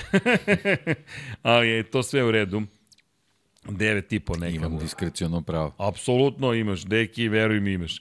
A, u svakom slučaju, Pedro Costa vidim da je većina, mada nema mnogo glasa. Šta ste nam se danas svi tako, je li to zbog slave, pa se jelo puno, pa kako, pa sad tomaci puni, pa se sad vari, sad je već neka kafa, pola 11 je i tako dalje. Kako god, dajte, ako još hoće Da, neko Dalibor hoće- Nikolić, zaboravili smo moment, stvarno, stvarno važan, na Kosta ima i povredu tokom A, sezona. jeste i Sve to treba uzeti u obzir, ne, ne možemo to činjenica, da... da činjenica. I, i, I to je onako, kako bih rekli, i nepromišljen, ali ujedno i neki neki ovaj jako važan, on je on je povređen vozio zato što je bio svestan važnosti tih bodova. I bukvalno ima sezonu pod kontrolom na taj način. Inače, evo, pozdrav, kaže Nemanja Ivanović i za tebe i za celu ekipu i za mene. Kaže, ali ovo je komentar iz MotoGP, misli da se Japanci ulenjili u Moto Grand Prix posle toliko titula. Ne, ne, Ne, ne. postoji ne, lenje Japanac. Ne, ne, ne, ne, ne, ne, bolje bi im bilo da se ne ulenji. Ne, ne, ne, ne, ne postoje. Kaže, ne vidi se pul sve belo. A, to YouTube nešto tiltovo. Kod mene se vidi. E, čekajte, Evo, vidi se. Z, ajmo re, refresh, da vidim. E, jeste malo mi pravio studio probleme, moram ti priznati da sam ušao u, u, Evo ja vidim. u studio. Vidim da su 32 tanka glasa. Sad je skočilo na 33. 33, da, A, ja- ja evo, vidim, lomi da, se da, da. 10-9, ali to je to, to je ta Pa ocena između. to je to, da. Između, između, ali dobro, 10 zato što šampion mora E, biti tako Definitivno ocenjen. nije čisto Okej. desetka, znači Nije. to je to. Je to. To je to. 9.37 kaže Boško 10. Ne može, to je- to je više 9.73. devetka. Da, da, da, ne, ne, moramo... sa- 9.51. 9.51. A, setili smo se. da, da, hvala Boško, da, vozio je sa brojem 51. Stalno menja brojeve čovjek, nema niko da uhvati svoj broj. Ali dobro, bit će to sve u redu. Do, Pedro Costa, ljudi, otišao u Moto Grand Prix, njega tek čeka ne budućnost, nego ga čeka i vrlo ozbiljan posao, ja mislim vrlo svetla budućnost. KTM, ukoliko se ne, ne, ne, ne, ne, ne urazumi i propusti priliku da potpiše neki ugovor koji mu daje Pa evo, Guidotti izjavio kako on potpuno zadovoljan nastupom Jacka Millera Da, nevjerovatno tokom je. 23. njegovim pristupom i kako je Jack posle pet godina na potpuno drugom motociklu bio praktično maltene fenomenalan ove godine, kako se brzo prilagodio KTM. Okej. Ovaj, legitimno potpuno, ovaj, svako ima ovaj, svoj pristup, ovaj, oni su profesionalci, znaju šta rade, tako da ovaj, moramo samo se složimo s tom njegovom odlukom, iako ne mislimo tako, ali to je to. Sa druge strane, Mark Marquez ima priliku da o, Mark Marquez, Pedro Acosta ima priliku da možda na, na motociklu koji neće biti praktično poslednja evolucija ovaj KTM-ovog Moto Grand Prix motocikla, to nemamo još potvrdu, ali deluje da, da neće biti tako. Ovaj, ako slučajno krene sa nekim dobrim rezultatima, on, on će već već izazvati dovoljnu, dovoljnu pozitivnu buru oko sebe da, da, da ovaj, može da izazove neke potrese tokom sezone, tako da vidjet ćemo opet s druge strane ono, to je neki mač sa dve oštri- oštrice da mu preti ovaj, opasna situacija ko- koju su već onako žestoko iskusili Remy Gardner i, i Raul Fernandez što, što se tiče ovaj, o, ajde da kažemo, satelitske ekipe KTM. Tako da ovaj, pred njim je onako dosta nepoznanica, ali ako si takav talenat i takav kvalitet kako, kako, za, za što većina vozača misli da zaista jeste, a to su na, naj, onako merodavniji i naj, najjače odjeknuli izjave Jorge Lore- Lorenza povodom ovaj, nastupa Pedra Costa u Valenciji na, na testovima, onda stvarno možda se desi da smo dobili buduću veliku zvezdu. Dobro, to je sada... Bez obzira na motocikl koji bude vozio. To je sada na, i na KTM-u i na ostalim. Ostali, ja verujem da će vrlo pažljivo pratiti šta se tu događa. Otvorit će se silna vrata na kraju 2020. To je tokom 2024. I to će biti zanimljivo ko će tu da povuče prvi potez i kako će da ga povlače, da li stvarno Fabio Quartararo će odustati od Yamahe, da li će se otvoriti možda vrata u Aprili, da li će se otvoriti vrata u Repsol Hondi, itd. itd. Svakako Pedro Costa je svoju učinio. Ljudi, u tri sezone dve titule šampiona sveta. Ako bih ocenjivao njegovu karijeru do sadašnju, to ne može ispod desetke nikako da bude. Šampion je Moto3 klase, šampion je Moto2 kategorije. Ono što je fascinantno je što je vrlo skroman u svojim izjavama u ovom trenutku i govori ja još moram mnogo toga da naučim. Ono što je takođe fascinantno je da je vrlo brzo pohvatao brzinu kroz krivine u Valenciji koju imaju njegove starije kolege na tom motociklu. Pa eto, apropo te priče da je Jack Miller posle pet sezona na drugom Moto Grand Prix motociklu bio sjajan na KTM-u, ovaj, kad vidiš vožnju Pedra Costa koji nije seo do tad na Moto Grand Prix motociklu, onda okej. Okay. Ovaj, nećemo sad kažem da ulazimo u to, staza i rezultati će to morati da, da pokažu, eto, jednostavno. Čekamo, to to. ali to je lepa priča. Što se nas tiče, Jack Miller nas nije impresionirao prošle sezoni, to je ono što, što stoji. Pedro Acosta, dakle, zaključak, ukupno, desetka, obrni, okreni, desetka i ono što je zanimljivo da si rekao Mark Marquez, kada si htio da kažeš Gledao Pedro sam u knjigu, zato sam ne, ne, rekao. Ne, znam, ja samo sam primetio. Redko imaš lapsus, ali ovo mi je bio zanimljiv. Zakucao mi se u pogledu knjigu, pa sam, dobro nisam pročitao pod naslov. ne, ne, sad vreme za knjigu. Pedro Acosta. ali dobro, činjenica Pedro, ja možda malo spuštam očekivanje zato što da je otišao Repsol Honda ili u KTM Red Bull, ja bih rekao, ok, ovo, sad su očekivanja ogromno. Kad te neko stavi na teh 3, možda je to i dobro za njega, malo mi je drugačiji pristup. Ali dobro, dobro. To, je, to je dokaz te, te nove filozofije u Moto Grand Prix, jednostavno. Malte ne, ovaj, nekako, kao što se jednom trenutku desilo Formuli 1, pa vide u stvari o čemu se radi, da je ipak potrebno da imaš malo više zvezda na gridu, a ne jednu ili dve. Jednostavno, ako ideš na, na taj na taj marketinški efekt moraš malo i, i kao organizator takmičenja da, da podržiš neke ekipe i vozače. Pa ako želiš Tako je, to. ne možeš da vodi, vodiš svoju filozofiju mimo njih.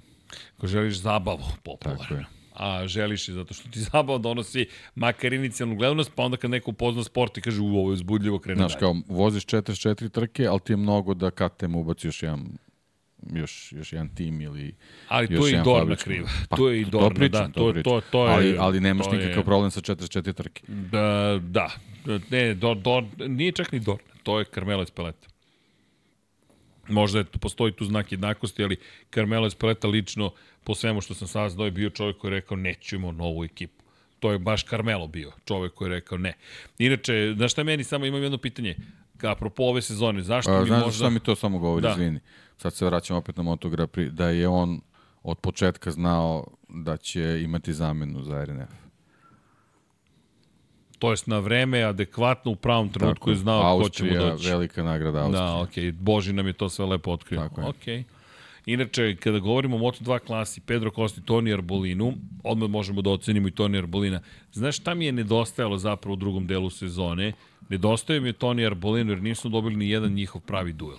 I to je ono što mi nekako nije učinilo sezonu toliko zanimljivom. Većina trka se završavala tako što ti nemaš duele u suštini, nego gledaš ko ima tempo u treningu broj 3, ko će biti dobar u kvalifikacijama, ko će dobro da startuje tu se završavala priča. Što ti kažeš, Moto Grand Prix od pre 10 godina, gde je manje više postao, postala kategorija tempa. Imamo i pitanje koji su kubikaže. 1000 kubika su motori u Moto Grand Prix, 765 u Moto2 kategoriji. Inače, tu nema više proizvođača motora, samo jedan.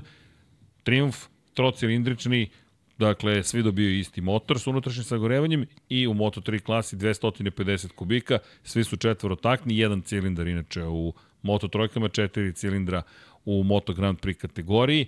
I kada je reč o Moto trojkama, imate dva proizvođača, KTM i Hondu u Moto Grand Prix pet proizvođača, Suzuki-a nažalost više nema, imate Yamahu Hondu, KTM, Aprilia i Ducati čisto da odgovorim na to pitanje. Tako da ovo bitka u toj da, srednjoj klasi. To je to i, i tu se u stvari postavlja veće, veće pitanje za Moto2 kategoriju čitavu, zašto nemamo tokom čitave sezone, već nekoliko sezona nazad, prave rivale za KTM Ajo.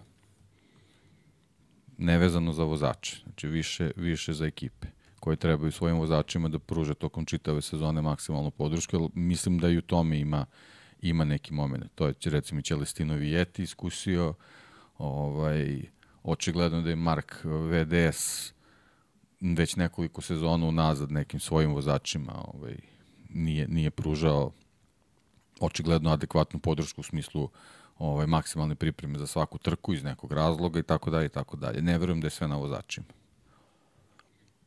Izvini, samo ovde dobijem pitanje, pa sam zanemeo što kažu DDR, amerikanci. Nema DDR-a, ali dobijem informacije. Inače, za izložbu koju smo spominjali, pa sad neke informacije u pola 11 uveče na koje mora se odgovori, ali dobro, to ćemo rešiti. To vam je podcast uživo.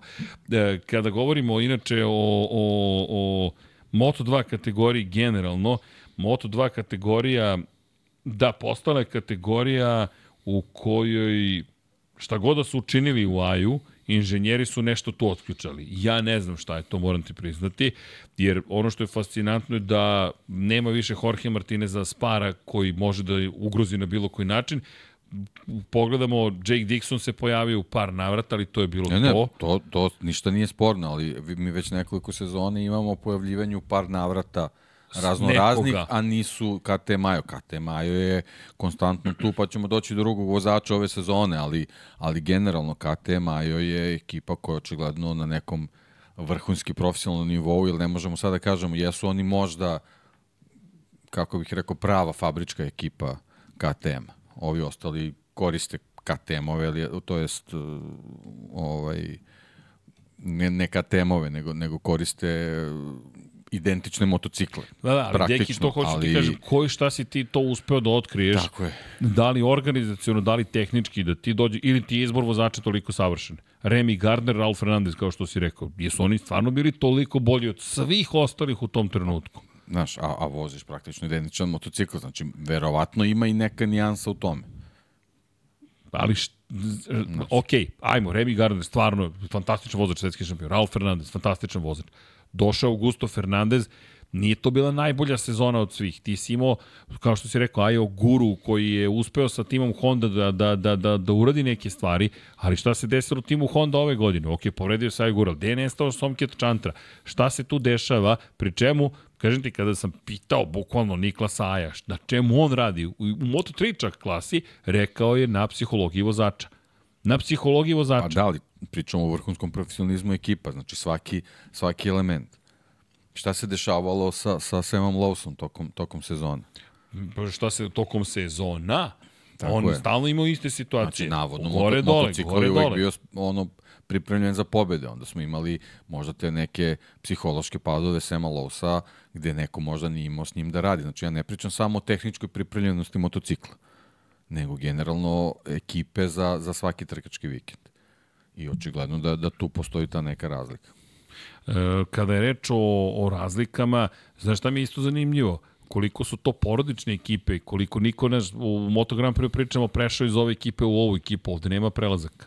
Nema niko, ne, ne napušta ekipa od Gino Borso i, i otprilike otišao u Moto Grand Prix u Pramak. Ali to ti isto zanimljivo, možda je to zapravo uticalo na Jorge Martinez za Spar. Nije mi palo na pamet. Koliko je možda to što Gino Borso je otišao iz tima uticalo na Spara. I dolazak Nikola Terola koji je vodio juniorsku ekipu u, u junior GP-u za Jorge Martinez Spara, koliko menadžer tima izgleda ima veliki utice, potencijalno, pazi, ne, ne mogu da pa, zaključim. Verovatno, mislim, da. I šta se desilo Ferminu Aldegeru na kraju sezone da je postao dominantna sila? Jer vidi, to je, to je pitanje. Evo, ja sam već postoje pitanje koliko, koju ocenu biste dali Toni Arbolino. Pa eto, da. ko želi može da da ocenu. Ako se vidi, meni žao koliko se ne vidi. Ja vidim. Ja vidim. Dakle, Stvarno, sad ne znam da li možda Nije, Resetovao nije, da. sam, restartovao, da, evo, mada ima, ima ocena, čitavih 12.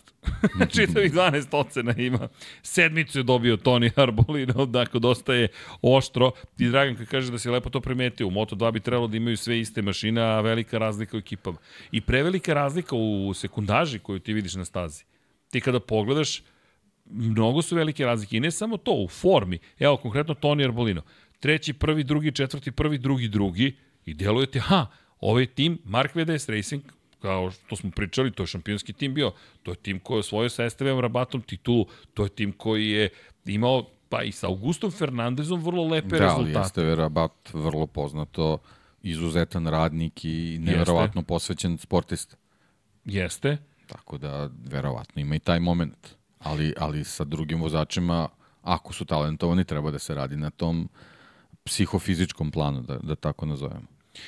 Kada pričamo o psihofizičkom planu, ajde da ne bude samo to, Znaš, ne, mora da postoji nešto i u podešavanjima, o tome kako ti tumačiš, jer vidi, ako, ako pričamo o Rabatu koji je puno radio, on je davao i puno podataka ekipi. Pri čemu Žil Bigo je radio sa njim. Žil Bigo je legenda, to je čovek koji je glavni inženjer koji je sada radio sa Samom Lowsom i koji je zapravo sa Nikim Haydenom osvajao titule. To su Nikim Haydenom koji koji, koji, koji, koji ne, i ne samo sa Haydenom što je radio, radio je i sa sa S kim je radio Beše? Alex Krivije. Sa Aleksom Krivijom je radio 99. godine takođe. Dakle, mi govorimo o ljudima koji su vrlo ozbiljni inženjeri. Kako ti sad ne uspeš to da otključaš? Pričemu, svi imaju iste gume standardizovane Dunlopove, od sledeće godine Pirelijeve gume i ne znam, ne razumem, iskreno ne razumem, ali posle tih, tog sjajnog početka sezone, 7. 10. 6. 17. 4. 2. 11. 6. 1. 4. 10. 10. 16. Zato kažem, volao bih nekako da mogu da znam da li samo do Toni Arbolina ili, ili do ekipe koja eto, jednostavno nije na tom nivou da može da izgura čitavu sezonu. Dobro, ovo je dobra tema, teki. Ovo moramo da istražimo. Kada budemo na stazi kopanje ruda i pa gubljenje nema, vremena. nema tu kopanje, mislim, niko ti to neće reći, znači potrebno je samo da više vremena budeš njima i da bukvalno možeš tako te je. stvari da, da ne, ne, znači da, da, prine, uh, uh, uh, da bukvalno pratiš njihovu posvećenost na početku sezone, posle pauze i recimo pred kraj sezone šta se dešava u, u ovaj garažama i kako se, kako se ovaj stvari kontrolišu, da tako kažem. E, kada govorimo o, o ajde, kontroli stvari, ne, ovo što sam spomenuo sada na stazi, ne mislim ja bukvalno uđemo, e, pita, da spitamo zašto ste loši ili dobri. Ne, moraš da ih poznaš i moraš da imaš usputne časkanja i da Tako da primećuješ je. i da znamo i sami, kada si na stazi potpuno se menja situacija, zato i to i to toliko važno da, da, da se razume psihologija i mehaničara i ne, ekipe. Jednostavno i... kad nisi na stazi tebi se serve, serviraju informacije i koje moraš da uzmeš zdravo za gotovo, a jednostavno kad si tamo može da kopaš neke teme koje možda neko drugi ili ne vidi ili nije zainteresovan za to. Inače, evo stigle čestitka od sajma knjiga u Novom Sadu, pa eto pozdrav za organizatore Hvala. i Novosadski sajam 2024. Tamo je bilo lepo, isto jedan, Jeste. jedan lep utisak godine što se nas tiče. Jeste, sajmovi su nam baš bili nekako prelepi. Inače, kada govorimo o sledećoj godini, kaže sledeća, koja ti se neće dopasti, ni meni se neće dopasti, a to je da je doneta odluka da se sajam knjiga neće održati.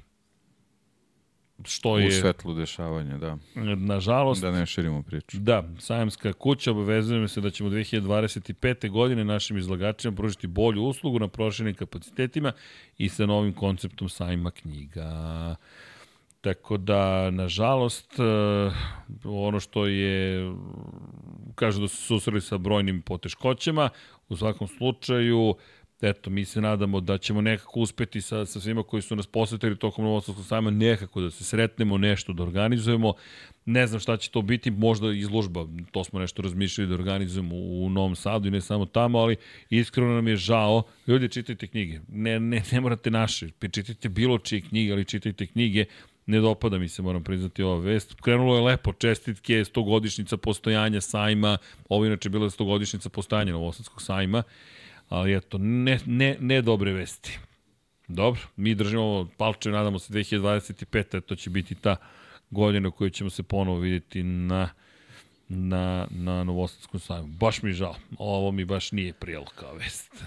Ali dobro. U svakom slučaju, kada govorimo o, o, o knjigama, mi ćemo se potruditi eto, da budemo u Beogradu, u Sarajevu, u Zagrebu, Hteli smo da budemo i u Puli, nismo uspeli, kud idioti pozivi dalje stoji, to, to bi trebalo da organizujemo, ali eto, ljudi, nadamo se da će se vratiti sajam knjiga u Novom Sadu već 2025. No, idemo mi dalje u, u našu priču o 2023. Kada je reč o Toniju Arbolinu, kako bismo ocenili njegovu sezonu? Ovde sedmica uglavnom je dobila najveći broj ocena. Je se slažemo s publikom. Pa, u najvećoj meri bi se složio, ali eto, kao tri pobede ipak. Pa i tri pobede nekako, eto, Znaš. donekle držao tu neku neizvesnost, pa eto, da i on bude na nekom prelazu između sedmice i osmice, što se mene tiče nekih 7.50. Pa osmica mislim da je pa, u redu da. neka. Teško mi da izgovorim osmica, ali, ali 7.50 je okej. Okay. 7, dobro, ne može 41, ali to je 14, ali dobro. Pa 7.76? Može. Okay. Tako, nekako ove pobede meni ipak i lep je bio početak sezone. Častio si ga. Meni, meni tu najviše smeta, doći ćemo i do drugog vozača, taj, taj Silverstone. To mi je onako baš, baš trnu oko ozbiljen. U trenutku kad se pričalo ko će u Moto Grand Prix, u trenutku kad Pedro Acosta nije siguran, u trenutku kad ti trebaš da pokažeš da se ti taj, ti, ti o, jedva osvojiš bodove, tako da to je mi onako baš baš zasmetalo da bi, da bi mu dao tu, tu neku čistu osmicu zato što nas je eto držao ovaj, u nekoj neizvesnosti gotovo do, do, do, do samog finiša sezone. Može, Velika Britanija kao početak drugog dela, drugog dela, do, do ostatka sezone i ti dolaziš sa odmora nespreman. Bukvalno dolaziš nespreman, a pritom pobeđuje ko? Pobeđuje momak koji pobeđuje prvi put u karijeri koji obeležava zapravo kraj sezone. Ono što je tu problem jeste što ti zapravo zaista nekako u tom drugom delu se nisi pokazao dovoljno da bismo pričali o tome da se borio za titulu. Ali neka bude osmica, neka 776, eto, ako može da bude zaključna, mada je publika rekla sedmica, mada nije ni mnogo ljudi glasalo, ali dobro, ne znam zašto se ne vidi da li neki problem postoji, ali kako god, zatvaramo glasanje za Toni Arbolina. Mislim da ćemo morati malo da se ubrzamo, da inače, nešto kada ćemo završimo, do 6 ujutro. Ali to je isto u redu. Ajmo, ajmo. to je isto sasvim u redu. Sada pitanje za Fermina Aldegera. Fermin Aldeger, šta ćemo sa Ferminom Aldegerom? Ne može da se e, desi bolji kraj sezone, ne mogu desetku svakako da mu dam, 9, 8, 7, 6 neka budu opcije, to u redu. Mislim da je to, da, da, okay. ne, to da, se, pa ne možemo više sigurno, da, da ih stavimo, sigurno, da, da. ali vidi, kad ti imaš ovakav finiš sezone, gde si ti pobedio to na početku drugog dela godine u Silverstonu uz najbrži krug, imao si posle toga pet problematičnih trka, 9. 13. odustao, 12. 22. on jednom od Indonezije pa nadalje, treći, treći, pol pozicija, prvi pol pozicija najbrži krug, prvi pol pozicija najbrži krug, prvi, prvi najbrži krug, Deki, ja ne znam kako da tražiš nekome više od ovoga. On, ukoliko pobedi na prvoj trci sezone, naredne godine, on će se znači s Tonijem Eliasom. Toni Elias je jedini čovjek koji zapravo uspeo da dođe do toga da ima ovoliki broj uzastopnih pobjeda. I mi sad govorimo o Toni Eliasu kao prvom šampionu ove klase iz 2010. godine. Inače, da li znate da Toni danas ima 40 godina? E, nisam srećan zbog toga, zato što znam koliko ja imam, ali to je sve u redu. U svakom slučaju, izjednačio se po, ne, izvini, izjednačio se po broju pobjeda sa Tonijem Eliasom. Jedini čovjek koji ima četiri pobjede do sada u istoriji Moto2 klase je Toni Elias. Sada to ima i Fermin Aldeger, i ukoliko pobedi na početku sledeće sezone, bit će prvi čovjek koji uspeo da zabeleži pet pobjeda za redom. Govori o tome koliko je teško ponavljati uspehe u ovoj klasi, da mi čak ni Mark Marquez nije uspeo u tome, Raul Fernandez, ne znam, Augusto Fernandez, nije uspeo uh, Joan Zarko u svoje dve šampionske sezone, nije uspeo u tome ni Esteve Rabat kada je imao te dominantne periode, pa nije uspeo ni, ni Alex Marquez kada je svoju titulu, nije ni Franco Morbidelli, ni Francesco Banjaje, sve su to šampioni Moto2 klase, niko od njih to nije uspeo da učini, ni Pole Spargaro, sad birajte, naveo sam manje sve šampione, niko to nije uspeo. Fermin je tu, nadomak tog uspeha meni taj kraj zaista nekako me tera da mu baš dam neku, i to ono, naš poslednji utisak, nekako kao da se više vredno je, baš mi je dobar. Prvi deo sezone nije loš, ali sve delo tako nekako bledo. Pa dobro, nije baš ni sjajan. Nije, nije, nije. Nije loš u kontekstu svoje On je poene, bio, ajde. bio je nigde. Dobro, vi ste precizniji. ok. Precizniji. ali opet, s druge strane, to što kažeš, ovaj, utisak povratka ovaj, posle pauze gde ti onako mnogo spremni ulaziš u nastavak sezone ipak popravlja utisak onako značajno. Iz perspektive završnice ja stvarno ne znam kako da da mu ne dam neku baš dobru ocenu. Ja vučem ka devetci, verujem da će se ti reći, pa malo je mnogo možda. Da, čisto ali devetka je mnogo. 8.50. Pa recimo. Ja mislim da, da zaslužuje da mu zaključimo okay, devetku. Zbog, zbog te ka, kako bih to rekao, ubedljivosti u, u, u finišu sezone. Deki, ovo je šest trka u da, kojima da, nema da. sumnje da će on biti brz. Nijednog momenta se ne postavlja pitanje da. da li će on biti brz ili ne. Pri čemu, treće mesto u Australiji po kiši, treće mesto pre toga u Indoneziji po suvom, imamo Tajland, Maleziju, Katar, Valenciju, šta god da su bili u uslovi. Ništa, okej, okay, možemo da mu damo 8.50. Okej. Okay. Ali, ovaj, ali Bolje bi mu bilo da pobedi na prvi trci sledeće sezone. Dobro. Bolje bi mu bilo da pobedi da to upotpuni. 61% daje čistu osmicu, 9 da. je 22%, 11% je sedmica, 6% je šestica. Srki, jednom se pričao da imaš spreman projekat za preuzimanje tima. Nešto razmišljam uskoro, 50.000 su pravili svi po 100 eura. Pa crnogorski džede, ako, da, ako svi daju po 100 eura, rekao, okay, vidi, ako mi se, mi, vidi, vidi, sa 50.000 subscribera, svako da nam da 100 eura. Ljudi, čekajte, dakle, to je, to je pala 5 miliona. Mi sa time imamo dve godine Moto3 tim koji se bori za titulu. Evo, odmah da vam kažem. Zato što to nije budžet Leopard Racinga. Godišnje nema, imaju 2,3 miliona. To ste mogli da čujete, to nam je Kotor pričao pre dve godine. Tako da, Crnogorski džede top, apsolutno se slažem sa vama. Evo, 214 gledalaca, svaki ne kupa 100 eura. i siguran sam da si menadžer ekipe. Crne, vidi, još ako si Jedi Master, ej, a, i, i menadžer ekipe i, i, i izvršni direktor, šta od hoćeš? Dakle. Dižeš pehar na prvom podijumu. Ta, ta, ne, a pe, pehar diže ovako silom. To, to. Nema nikakvih problema. Čekaj da dođemo do ovih 50.000 subscribera. Dakle, ko nije subscriber, ljudi? Evo, ja vas molim, kliknite subscribe, isključite zvonce i miksa, ja ko dosadni smo, stalno ponavljamo istu priču. Dakle, ko hoće join, može, nije ni, nije ni mnogo skupo, tipa kafa i po, to se svi vadimo na to. E, kaže Hara, ja odmah odvajam 100 eura bez razmišljanja. Haro, hvala. E, a da napravimo donatorsku konferenciju donatorska konferencija. Ne, ne, to će Jedi da radi. Jedi. ne, nećemo mi, njegove ideja, nećemo krademo ništa. E, kaže, draga Mati, s tom lovom ode Srki na Karibe, kakav te boto tritu, samo glava boli. E, veruj mi da ne. Jao, Dragane, da sam ja toliko pametan, ali nisam. Ja, ja bih te pare sve uložio u Moto3 tim, zna deki. Dakle, verujte... Ne pitajte. Ne, ne, bo, bo, ne, ne žalimo se. Da, nismo srećni, ali verujte, Ko, ko me pitao, ćeš ikada da skineš tu majicu? Ne, neću skinuti, nema šanse. Moram da napravim košulje da bih mogu da nosim malo košulje u životu, jer skoro 50 godina u majicama sam ko tinejdžer. I neke polo majice da napravimo i onda malo, malo, malo to, jel te?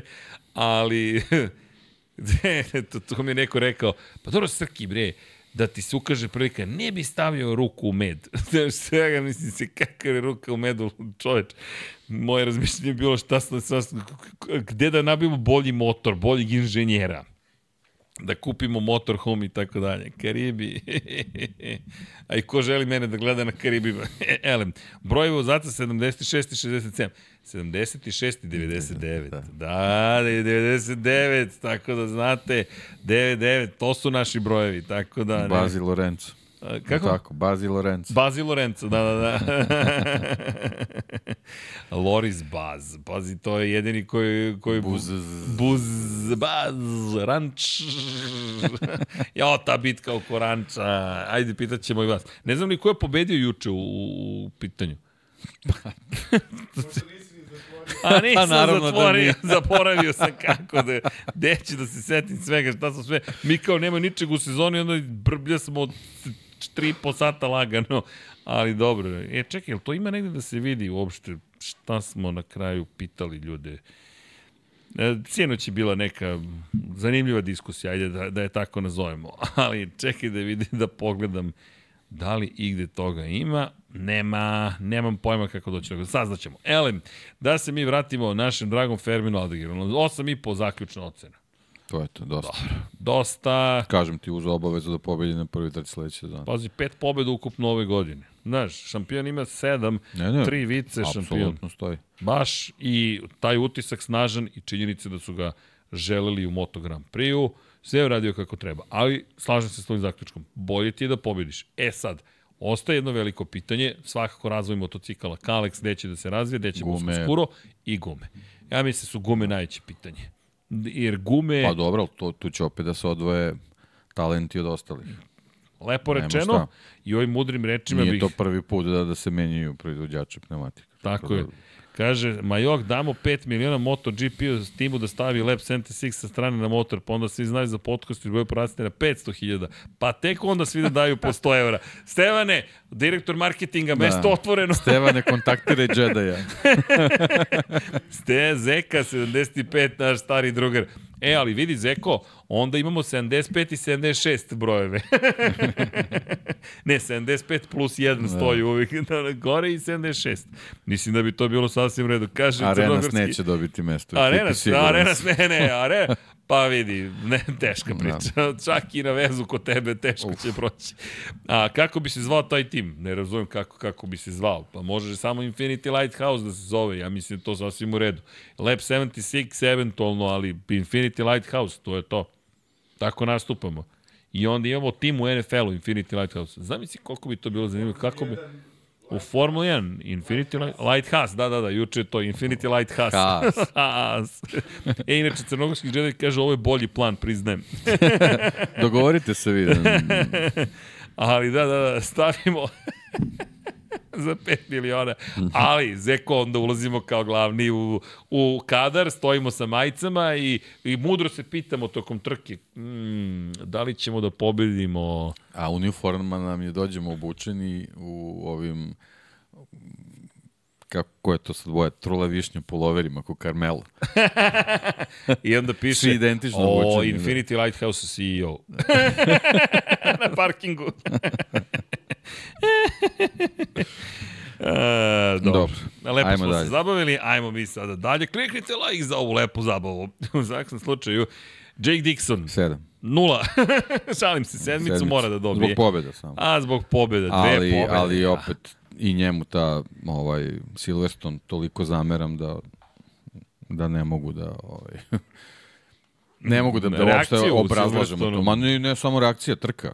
Dobro. Generalno, znači taj, taj, taj pristup, sve, sve, cel, znači trka na kojoj si trebao da, da, da ostaviš utisak da bukvalno, znači ja sam pre te trke, moj poredak za ulazak u Moto Grand Prix su bili Acosta, Dixon, Arbolino, Aldeger tad još uopšte nije bio u, u igri. Tako da, ovaj, posle Pedra Costa on mi je bio ovaj, čovek koji iz razno raznih razloga ovaj, trebao da, da osigura svoje mesto, on je posle te trke praktično nestao ovaj, sa, sa radara. Tako da, samo zbog tih pobjeda sedmica i bez ikakvog obrazlaganja. Ja čujem ovde neko komešanje, mislim da se ekipa sprema da krene putem... Žu... Momci, Nadam se da ste hvala uživali. Puno. Hvala za posetu. Hvala ljudi. za poklon. Čekaj, kako vi ocenjujete vodeću trojicu? Uf, teška priča. Osmica. e, drugari, da vas ne zadržavamo, uživajte. Srećni praznici ako se ne vidimo.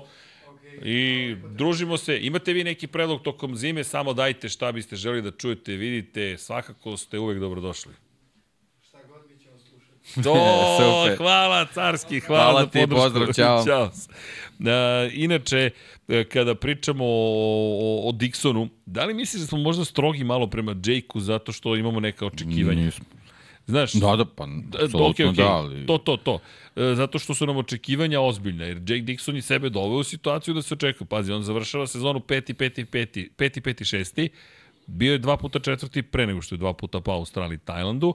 I pre toga tu, tu je malo zaribao, ali početak sezone već obećavao da ide ka konzistentnosti, ka tome da će biti stalno u top 5 otprilike i onda dolaze dve pobede, Britanija baš kao ozbiljan problem i da nekako da kažeš vaskrsnuće, nije vaskrsnuće, iskupljenje u Barceloni. Evo, pobeda pol pozicija i onda 12. u Mizanu pad sa pol pozicije u Indiji. Već ga niko da. nije ovaj, stavljao u neku užu konkurenciju, tako je, tako je. Bukvalno je sam sebi upropastio nešto što je moglo stvarno da bude ozbiljno ostvarenje sna. Kada govorimo o, o snu, san nije nemoguće ostvariti, pogotovo kao Britanac vrata bi trebalo da mu budu otvorena, ali Absolut. mora da uradi posao. Tako je. Moraš da uradiš posao, vrlo je jednostavno. Je. U suprotnom, ne, čak ni O sa čemu da načom... pričamo kad se Bradley Smith ponovo pojavlja u priči? Znači, to ti govori koliko su Britanci bitni da budu u Moto Grand Prix. Bitno im je da, vidi, Bradley Smith je čovek koji je davno otišao iz Moto Grand Prix. Ja ne znam da li ga se većina seća. Najveći uspeh koji ima u karijeri je bilo šesto mesto kada je vozio za Tech 3 ekipu, to je 2015. na primjer, bio je šesti u šampionatu, ali Bradley Smith nikada nije došao do tog stadijuma. Borio se inače u jednom momentu za titulu 2000 mm, desete godine. Bradley Smith, ili 11. Bradley Smith, Nikola Sterol, cijela ta ekipa se borila za titulu, Marquez je osvojio godinu pre, u svakom slučaju Bradley Smith je tu imao najveći svoje uspehe, ali teki, pričamo pred 13 godina, govorimo o uspesima koji su, to pamtimo otprilike ti i ja, i to je to, Tako da, cijela ta priča što je njega angažovao BMW da, da bude sada razvojni vozač u Superbajku, lepo si rekao, dosta to govori, a nije mlađi. Ponovo se pojavlja u priči gde, gde tebe nema. I ne da te nema, nego niko se ne bavi Jakeom Dixonom kao da. predstavnikom zapravo Velike Britanije. E da, i to je, sad kad si spomenuo Superbike, super je bila ona, ona priča Peka Banjajek, da, gde voli da googla i da gleda ovaj, uh, rezultate kroz istoriju, gde izjavio da bi volao da ujedini titule Moto Grand Prix i Superbike. A, Zamisli da, to Taj bi bilo... boom kad bi se desio To bi bilo, u pa, nekom to, trenutku. to bi zaista bilo onako kako i treba u krajnjem slučaju da bude. Ti imaš situaciju, vidi, za, iskreno, to bi, to bi me kupilo zaovek što se tiče Banjaje. Zato što je to nešto što te zaista čini posebnim. Znaš, ok, ne dostaje ti u Moto3 klasi. Još da je osvojio s Mahindro Moto3, Da. ma ljudi, on je legenda. Onda je, za mene, najveći njegov bio uspeh, naravno, titule ove. Čak ni Moto2 titula mi nije bila takav uspeh kao pobjeda na Mahindri. E, on je na Mahindri. Ljudi, to nije bio motocikl koji je pravljen da, da pobedi, nije imao pravo da pobedi. Peko je uspeo u tome, čak i tada Peko bio mnogo agresivniji. I ja mislim da je Peko čovek koji kontroliše svoju agresiju. I ti kada pogledaš njegove padove u ranoj fazi karijere, mislim da on sada samo iskontrolisao. Ali ovo ukoliko uradi, to je na nivou, ej, idem kao Fernando Alonso da pobeđu na 500 milija Indianapolis, idem na 24 časa Le Mans. Da. Peko, idi kada dođe vreme u Superbike, sa 40 godina, sa 40, probaj i objedini te titule. Pazi, to niko nije uradio. Nikada. Da. Ni Mick Duan to nije radio. Mick Duan je vozio par trka u Superbike i došao u Moto Grand Prix. Tad se nije zvao Moto Grand Da. U suprotnom smeru probali su Bailey Spies. Bailey Spies, uh, ko je još Touzland došao. je bio, Touzland, tako tako, da, je. O, Edwards, Colin Edwards. Colin Edwards. On je došao. Ali to je malo teže. Jer Ne. ipak dolaziš već sa nekim godinama Jeste. u Moto Grand Prix, a ovo je sad obrnuti put. Vrlo mi lepo zvučalo kad sam pročitao. Da, apsolutno se slažem. E, a, a, a, na primjer, sad vidim da se pojavio, ima dosta novih kanala na globalnom nivou Moto Grand Prix, ka, zašto niko više nikada iz Superbajka neće pobediti u Moto Grand Prix? Ne verujte toj fami. Ja bih volio da vidim Toprak da, da je dobio svoju priliku i uz pravu podršku nisam siguran da baš ne može niko da dođe iz Superbajka da pobedi. Da, treba vam ekstreman talent, nije lako u Grand Prix cirkusu uspeti, nikad nije bilo lako. Zato je taj prelaz, nije, to je veze sad sa modernim Moto Grand Prix. To ima veze sa, sa razlikom u tome što motor samo liči na to da je prototip. Ljudi, prototip je mašina koja je svakim svojim atomom, molekulom pravljena samo s jednim ciljem, da se vozi na trkačkoj stazi. Ničemu drugom ne služi. Nije to motocikl koji je bio u serijskoj proizvodnji, pa je uzet, pa je menjan, modifikovan. Koliko god da ga modifikujete, kao, pa samo dve sekunde razlike. Srećno sa te dve sekunde. Neo KTM već koju sezonu pokušao da nađe te dve sekunde. Brzo, to mi kao u sprintu. Do 11 sekundi u trčanju, doći ćeš ti relativno brzo, ćeš da trčiš ispod 11. I onda si u fazonu, a, samo još jedan sekund da nađem i eto ga Usain Bolt. Usaine, prijatelju, dragi, inače, Usain Bolt, kakva legenda, najveći, ne, ti on najveći možda svih vremena sprinter. Pa jeste. Ja, mislim, ja, Mislim sad tu može da se, što se tiče tih kratkih staza, apsolutno, mi sad možemo da, da, naravno. da pričamo, ali apsolutno da. Znaš, on je Apsolutno da, kao, kao pre svega kao neki model sportiste, atlete. i ponašanje Apsolutno, i sve, rezultati, sve, sve, sve. Baš Sve. je, baš je zve... meni on je jedan od najvećih zvezda sportskih generalno, 21. veka, očigledno, pošto pripada ovom veku, ali deluje mi kao da je obeležio i prethodni vek. Tako mi izgleda. Znaš, tri zlata na tri takve discipline u tri uzastopne olimpijade. Bum! Kada pričamo o objedinjavanju titula, izvinjam se, ali to je to. Dođeš do 11 sekundi i kažeš sad ću da zatrčim 9.60. Ne, Vaši. A, u svakom slučaju, a, da se mi vratimo ovoj našoj lepoj temi, a ta tema beše Jake Dixon. Dakle, sedmica, ti si ga već ocenio, ja mogu samo da potvrdim, šesticu bi inače zaslužio, ali nisam pitao publiku. Inače, Aldeger između osmice i devetke. E, inače, Fermin, ka, u, HRM, ovo je predviđanje broja pobjeda za taj Lab 76 tim. Beskonačno.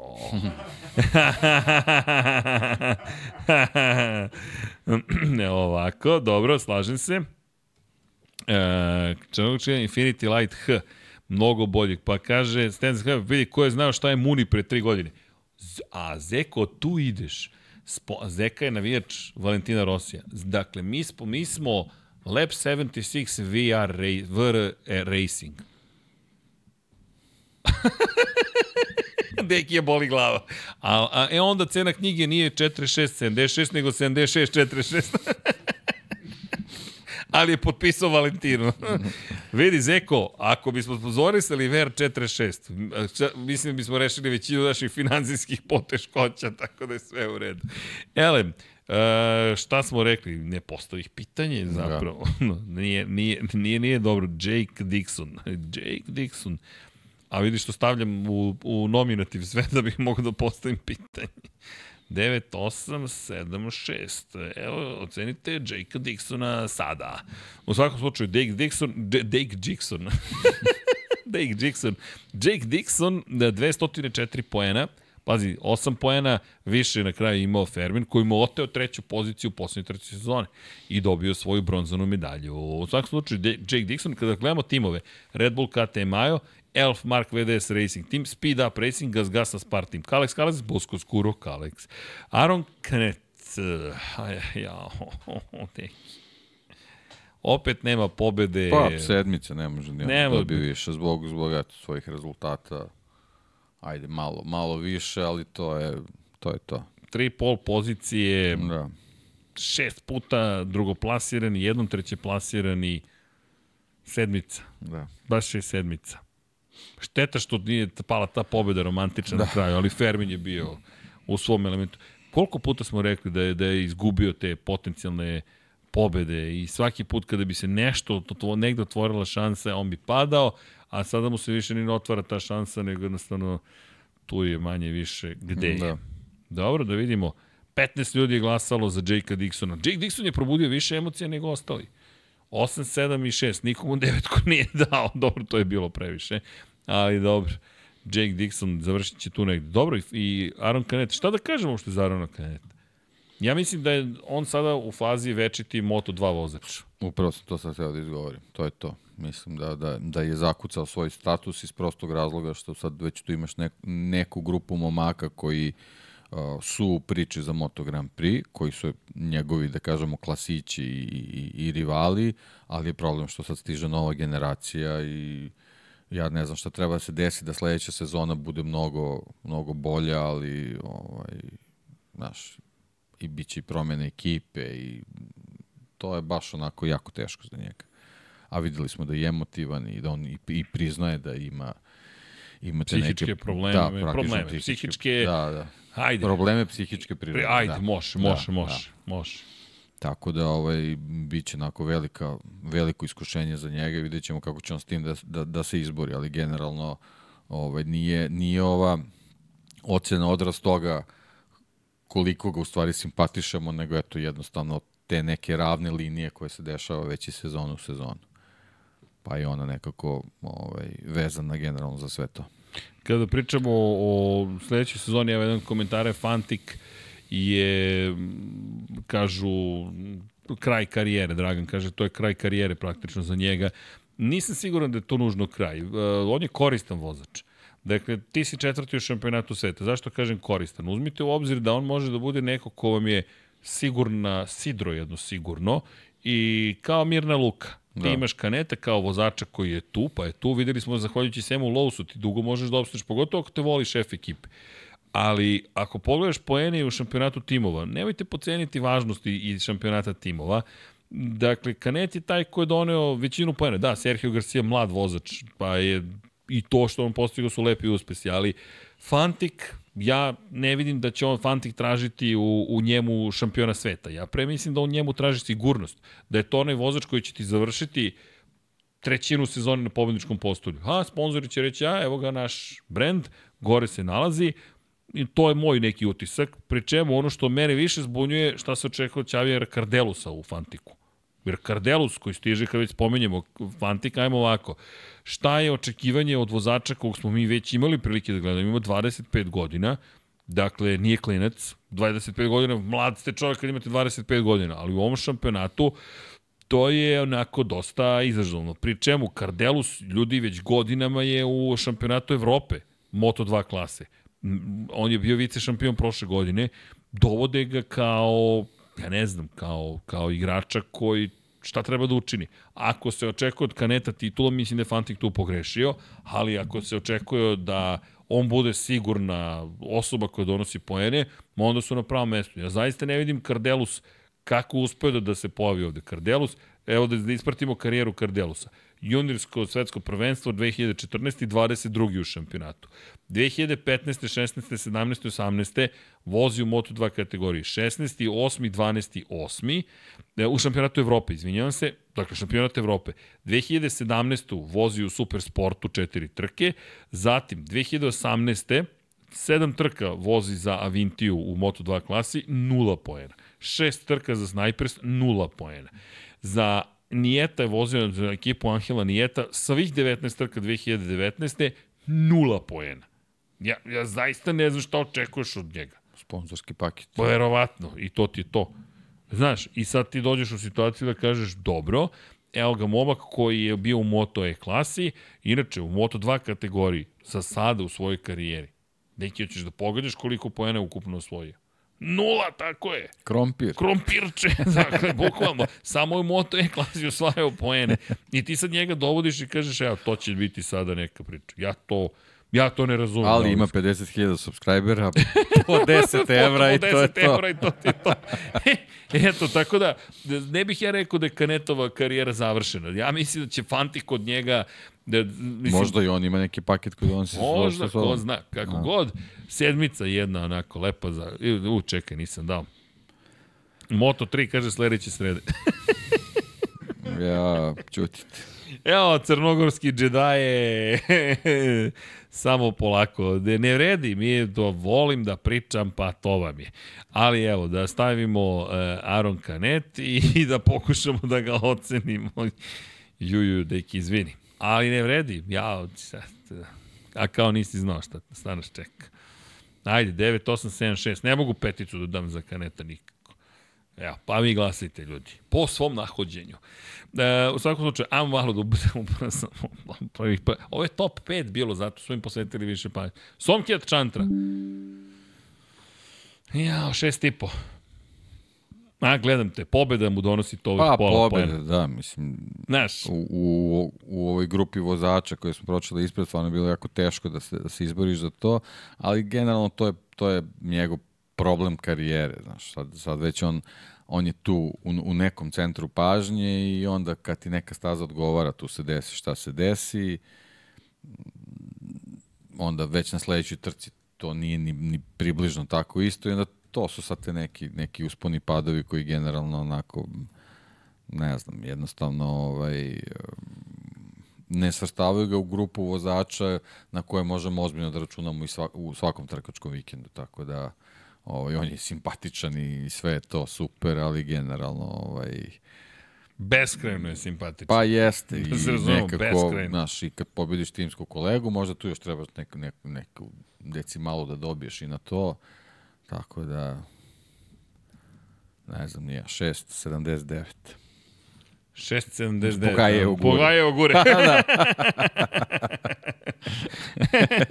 da se te pitam, e, pa neki, da. okay, to je moj drugar, to je moj klubski kolega. Da, mada to je već sedmica, to je, to je mnogo je to. Kaže, kaže Batić, dajte da. za Čanturu glasanje za najlepši osmih čovjek. Pa jeste, da, mislim, on je onako nekako već je zaštitni znak te, te kategorije, znaš, ali ali, znaš, voziš za ozbiljnu ekipu, znaš, ali opet sad kad pogledaš, ipak si bolji od timskog kolege, znači sad ima tu pluseva i minuseva svojih, tako da ne, ne znam šta Vidi, bi mu... znaš šta bih mu ja, zašto bih mu odao priznanje? Ovo je naj bolja sezona od početka do kraja. Jest, jest, I jest, mislim da je to Jest. velik napredak. Jeste. Najbolji plasman u šampionatu, šesti je na kraju bio. Jeste, jeste. U stvari da, to su neke, ne, ne možemo to sad Znaš, da precrtamo. Tek tako. relativno gledam Da. stvari. Ali sedmica... Sedmica mi i preko. Jeste. 6.50, to je 6.79, evo nek bude Da. na, Ali dobro, to je sedmica. na prijatelja u guru. Pa, 6.50. 6.50, eto, 6, pa dobro, to je to. Da.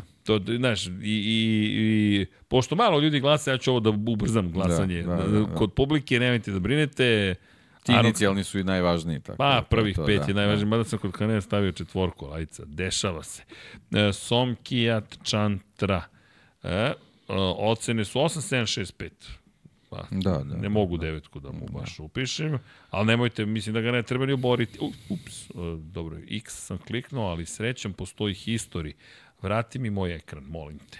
Dobro, e, evo ga glasanje iza Somkijata, pa ko voli neka glasa. E, Somkijat Čantra, 6.50 naš zaključak. Tuf, tuf. To bi bilo to. Evo, ubrzali smo se, šta kažete? Opa, ali svaka čast za Japan. To je bilo lepo videti. I lepo je bilo videti da beleži pobedu i da je tako relativno blizu kuće. Nekako je najavio kao Tajland, bit će tamo uzbudljivo. I znaš šta bi mu dodao? Ipak je treći bio na Tajlandu. Znaš, popeo se na A pomoćku da, ali to je, ali to je to, meni je to više minus, zato što ti samo kad si raspoložen da voziš Da, u da, nekom okej. ambijentu, onda je okej. Okay. Dobro, ali ova ukupna sezona, kada pogledaš da je to Dobro, bilo to... ne, ne. Tako ako gledamo i kažem u, u, u poređenju sa timskim kolegom i, i njegova Pa to. generalna karijera, ok, ok, 6.50. u redu. E, sada dolazi jedna malo drugačija tema. Alonso Lopez. Šta ćemo sa Alonsom? Ja bi mu dao 5.50 iskreno. Pa dobro, ja sam bio blizu šestice. Pa i ja Ovaj, sam, ali pošto mi nema pobedu ove Jest, godine, jest. onda sam mu tu Pa oduzeo da li si očekivao ovaj, pobedu. pobedu? Pobedu ili Jesam, pobede? Jesam. jesam, očekivao sam, znaš kako, ajmo ovako, ako gledamo prethodnu sezonu za, i mislim da treba da gledamo i prethodne sezone, Alonso Lopez je prethodne godine bio otkrovenje šampionata. Došao je, zamenio je Romana Fenatija, upao na pola godine, Da. bio je dva puta drugi, jednom treći, dva puta pobedio. Su uz onu dominantnu pobedu u Australiji. Osmi u šampionatu. Ove godine ne možeš da budeš osmi u šampionatu. Pogotovo što Posebno zbog Aldegera. Tako je. I vidi, ti si sad, ne, završio sedmi, eto, do, na kraju, ipak uspeo da bude sedmi. I uspeo da pobedi Gonzalesa u toj bici za sedmo mesto. Treći mesto mu u Valenciji, ali Indija, Indonezija, Australija, Malezija, to su sve katastrofalne trke. Pre čemu uspeh mu je šta, 13. mesto u Japanu. I stalno smo slušali razne priče, previše nezavršenih trka, od momka koji, pazi, bio drugi u Argentini, pol pozicije, najbrži krug, da, pobedio te Toni Arbolino, ali tu je bilo neko trkanje. Ok, početak sezone, greška na početku godine, dešava se. Sedmi, Amerika, ajde, specifična staza. Da dva treća mesta, ok, to je već neki sad standard, i onda počinješ polako da voziš prosečnije trke, pa te da. nema, pa se vratiš na treće mesto u Mizanu i onda kad krene azijska turneja, tebe nema nigde.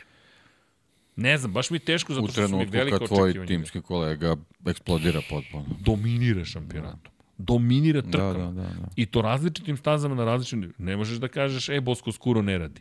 Čekaj, čekaj, u posljednjih šest trka tvoj Niti je tolika razlika između dva boskog skupa. niti je tolika razlika. Vidi, Ne može Ne, mo- ne postoji, to je ona čuvena priča Perez. Ne, ne, ne, ne, nemojte. Da, postoji razlika, postoji, ali ne postoji tolika. da, da. I sad dođeš do toga da je ovaj momak u šest trka četiri puta pobedio, dva puta bio treći. Dakle, mi govorimo o čoveku koji od 150 mogućih poena osvojio 132. Da, da, da. 132. Da šta si ti uradio, nemate nigde manje više. Tako da, lepo je bilo za kraj što je to bio na pobjedničkom postoju zajedno s klubskim kolegom, ali eto, ja bih njemu zaključio ovu ocenu i to bi bilo to. Somkijat Čantra šesticu je dobio kod publike. Somkijat. Više šestica. Dobro. Da. Za Lopeza zaključak. Pa ne znam, Deki vuče ka šestici, ja vučem ka nuli, ali dobro, 5.50. e, znaš da je moja baka, ona je predavala geografiju, od ma, tatina mama, Neranđa, Erceg je davala nule đacima iz geografije. Pa to ne može. ne, ako nju pitaš, bukvalno upisivalo nulu u dnevnik, ali dobro, to je bilo posle drugog svetskog rata. Jao. Da, bukvalno nulu dobiješ. Ja se onda to ste popravljali na keca, pošto ne može da piše nula. Ali to je to, to vreme bila, bila neka disciplinska mera, šta li, ne znam ja kako bih to nazvao, ali eto, čisto da znaš. Da, da, da, eto, to je, da, da, dobro, idemo dalje. Kad bi znala koliko ja ne znam geografiju. Koja ocena? Pa šta smo zaključili? 5, šesticu ili 5,75? 5,75. Mm, Da, da, ajde. Aj, Ajde, ali Pet- ne znam zašto. 5.50. 5.50 ipak. 5.50. 5.50. Pa mislio sam zbog tvoje šestice da si ga vukao Pa, ka tome. Ali 5.50 mi je iskreno najviše što mislim Znaš, da može podijumi su tu neki, ali... Ne, da. Nije to to. Mislim, stvarno nije to to. Je to Alonso Lopez koga mi iščekujemo? Čovek koji se bori protiv Pedra Koste, čovek koji je spreman na duele, čovek koji, ne znam, je oduševio tako što je seo na nepoznat motocikl i počeo da pobeđuje, čovek koji dobije kaznu dugog kruga i izdominira toliko da i kad odradi dugi krug ga niko ne, ne, ni nijednog momenta ga niko ne ugrozi. Znaš, kad tako voziš, kad mi postaviš, ja sebičan sam, ličan sam, da, takve standarde, I onda dođe sezona u kojoj si ti više u incidentima i skrećeš pažnju na sebe više incidentima nego bilo čim drugim, pa onda mi je to onako problematično. To je makar moj utisak. Ali dobro. E, dakle, 5.50 nam je zaključak za ovo. Manuel Gonzalez. Šta ćemo s Manuelom Gonzalesom? Uf, teška tema. Da. Manuel Gonzalez. Pazi, ako je neko bio kroz celu sezonu na svom nivou, Pa upravo to gledam. Upravo to je to gledam. Manuel Gonzalez. On je opis čoveka koji je uvek držao isti nivo. Meni to pohvalno, Ali to je šest. a tako je, to ste ti kažem, to je ono, dovoljno. To je to, da. To je bukvalno dovoljno. Ne vidim, ne, ne vidim neku drugu ocenu. Inače, evo, inače samo glasa 16 ljudi. Ja mislim da je 16 raspoloženih glasača. Izađite i glasajte, glasate. tako je, hvala vam. u svakom slučaju, evo, 17 glasova imamo, to je to, ali u svakom slučaju, šestica, opšti zaključak, 18, ora, Alonso Lopez dobije peticu, bolje da, bolje da ne bolje da nije bilo glasanja. Ali dobro, idemo sada, preći ćemo vrlo brzo na Manuela Gonzalesa, nama je čista šestica, i Dekiju i meni, zato što jednostavno govorimo o momku koji nije postigao neki nespektakularan rezultat, dakle prvi put se popeo činjenica na pobedničkom Ali da, postolju. i oni ekipa su u tom smislu bili konstantni. Pa kao, Jesu. ajde. Pa Ajde. zato jeste ovakva ocena. Inače, to su dosta... Znaš, koga bih ocenio? Ajo Guru bih planski ocenio. Otprilike. Šta imate da kažete za Ajo Guru? Zamisli, doći će sledeći. Deveti u šampionatu sveta. Ajo Gura. A, udeki. Šta ćemo sa Ajem? 5.50. 5.50. Pa to je isto ko Lopez. Znaš, ti si bio vice šampion prošle godine, ti si bio čovek koji je praktično imao titulu u rukama, a sada bez obzira na povredu si došao do toga da čak, jer vidi, povredio si se u predsezoni. To je bilo davno. Jeste, jeste. jeste. Ok, došao je čak i onaj veliki, velika letnja pauza. U Holandiji pre pauze si bio na poziciji broj 2, u Britaniji osmi, treći u Austriji. Žao mi je, ali to da si peti, peti, četvrti, četvrti, drugi, to ne, nije mi dovoljno. Jednostavno, nije to taj Ajo Gura. Isto kao sa Alonsom Lopezom. A dobro, da, povreda je možda ostavila puno traga, ali znaš, ne, ne možemo sad na osnovu toga da mu podižemo ocenu. Možemo da gostimo neocenjenog, ali ipak je suviše trka vozio. Vozio je, deki. Da, Baš je vozio. Baš je mnogo vozio. Evo, 18 glasova iza Manuela Gonzalesa. To ću da zatvorim. Nema više ni četu nikakve komunikacije. Ovim tempom bi mogli ko ponoći neki Kosmos 76 da odradite konačno. Jao, ta prozivka. Ali pazite, imate još samo dva ocenjivanja. Ajo Gura je deveti u šampionatu, top 10 ocenjujemo i posle toga prelazimo dalje. Jel prelazimo na Moto trojke ili... Pa, bolje da ubrzamo, da, Bolje da, da. ubrzamo, znaš, da. Da, da, ako hoćemo i Moto trojke. E, ali u Moto trojkama da ocenimo, šta, vodećih pet. Pa, realno. Ma, Realno. Realno, ne znam da. kako bismo ocenili one ostale, iskreno. ni kojom brzinom, ni koga bismo sad tu izdvojili, ali tih top 5 mislim da je najvažnije. Dakle, Ajo Gura, molim vas, izađite na glasanje. Dajte vaš glas, koji ćemo mi preneti u javnost. I ostaje nam inače Celestino Vijeti za kraj, što nije loše, Celestino je popularan. Tako da će to biti zanimljivo. Na, naša ocena za Anja Guru 550. Tačka. E sad, što se tiče Celestina Vijetija, ne znam šta bih rekao. Četiri odustanju u poslednjih pet trka. To mi najviše smeta. Znaš, čak i sa povredom dođe da. do cilja. Dođe do cilja. Pa da, dobro, možda je, možda pokušao nešto više, onda tu imamo taj moment ekipe.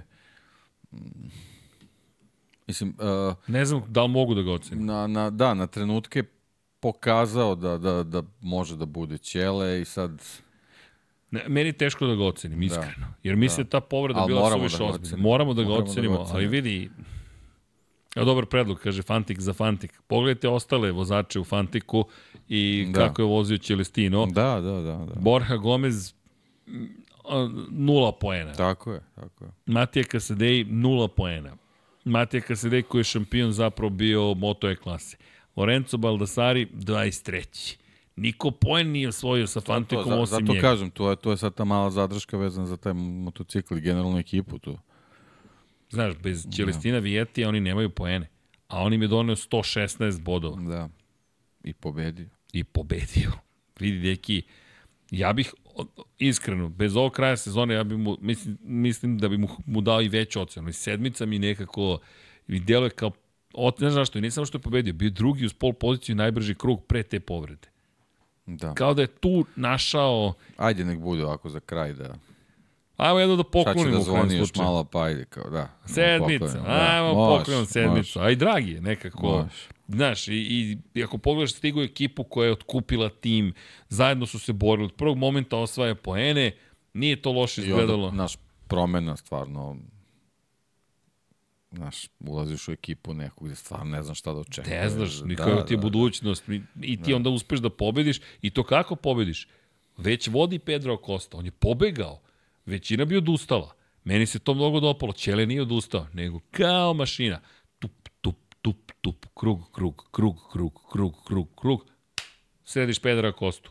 To da. nije mali zalog. Ti si Ajkulu skinuo sa vrha. U I Austriji. I to ozbiljan manevar je bio. Jeste, jeste. sve zajedno. Da, Vidi, da, da. izmamio nam je osmeh na lice. Znaš, jeste, jeste. ajmo, ne, sedmica. Evo, sedmica. A vi dajte vašu ocenu za Čelestina Vijetija. E, da vidimo. 21 glas. Opa, skače brojčanost. Mada povećava se i broj gledalaca. Izgleda da je kisela voda učinila svoje. Ili ima neka utakmica večeras, nešto se igra? Raso. e, pa basket, basketi basket. su bili, bila je zvezda, pa bio partizan. A, i pride slava. I pride slava. Uj, haj.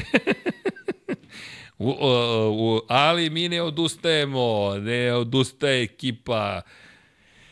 Dakle, Čelestino Vijeti, to nisam stavio. Eto, ja se nadam, ne možemo da damo veću ocenu, ipak je bilo previše ovih padova na kraju, ali Ćele mene, mene ipak kupio na kraju. Kad sve sabere onda Ćelestino, mislim i, i da će naredne godine, pogotovo što je dobio priliku da vozi u, u, u KT Majo ekipi, vidi, i oni su nešto videli, rekao bih, i ok, bit će zanimljivo sa, dolazi Denis Ondžu. Jedno čekam i Ondžu na Moto2 klasi, u motoru Moto2 klasi.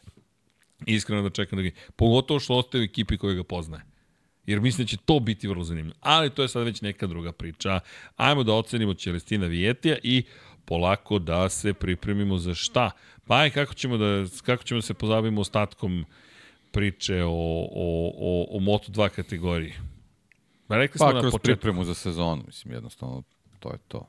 Okay. Ne znam, mislim, ne znam kako sada ih kako da ih sastavimo u... Da li bismo uradili nešto što je onaj čuveni moment honorable mention, koga bismo spomenuli? Znaš koga bih ja spomenuo na loš način? Filipa Salača. Zato što je sjajno započeo sezonu i onda na kraju završio van vodećih 10. Ne, ja bih isključio Alberta Arenas. A, a ja bih i Sema Lousa dodao u tu priču. Pa to mi je već nekako standard. A to je očekivano, okej. Okay. Albert da, da li smo nešto na, na početku uopšte od Ne, očekivali smo ovo. Ovo smo očekivali. Salač, da. meni baš teško, nije, nije bi mi prihvatio da ovako dobro počneš sezonu i onda ne staneš. Da. I pohvalio bih Serhija Garciju, najiskrenije. Jeste. Jest. Garcia mislim da zaslužuje pohvalu. Jeste bio težak kraj sezone, mnogo nezavršenih trka, ali takođe baš je bilo lepih trka Serhija Garcia. I nadam se da će Izan Givara sledeće godine biti zdrav, najiskrenije. Luka Stulović, to mi je žao. Derin Binder je morao bolje. Da, Derin je baš morao bolje. Da. I ja ću vam ponoviti još jednom, pratite Aleksa Eskriga. Ljudi, ne šalim se, Aleks Eskrig, moje mišljenje je da top zvezda budućnosti, samo kada neko bude mu ili dao šansu, na, mislim da će Alex Eskrig biti jedna od onih, jedna od onih neverovatnih priča. Ali to je samo neki moj utisak na osnovu svega što smo do sada imali prilike da vidimo. Deki, hoćemo da se prebacimo na Moto trojke. Pojmo. A nije ni ponoć. Da. A nije ni ponoć. A? Šta da kažemo? Ne, uspeli smo pre ponoći da dođemo do Moto trojki. 18 glasova već sa standardom se, se pojavilo i to neka magična situacija. Dakle, Moto 3 kategorija. Čekajte da otvorimo gde mi je tab koji sam pripremio. Dakle, Moto3 šampionat sveta. Šta smo mi videli u Moto3 šampionatu sveta ove godine? Jaume Masi osvojio titulu četvrtu u istoriji Leopard Racinga. Sezona koja je obilovala padovima, promenama, odustajanjima, kvarovima, čudnim taktikama zatim kontroverzom svakako na kraju sezone i osvajanjem titule za Hondinog vozača, Jaume Masi Leopard Racing i činjenicu da smo dobili jednu veliku novu zvezdu u Davidu Alonsu, momak koji je zabeležio četiri pobjede ove sezone, Onđo koji je uspeo najzad da pobeđuje, Jaume Masija koji kruniše svoju karijeru Moto3 vozača za sada titulom i Ayumu Sasaki koji je pokazao da je veoma brz, ali da u ključnim momentima još tu ima posla, no da smo svakako dobili veoma dobrog vozača. Daniel Olgado da je izrazito brz, ali da za titulu treba još nešto i Ivan Ortolu kao jednu brzu nepoznanicu. Ne znamo šta s njim. Colin Vejer nam je stigao, Diogo Moreira zabeležio pobedu, prvu u karijeri, otišao već u Moto dvojke.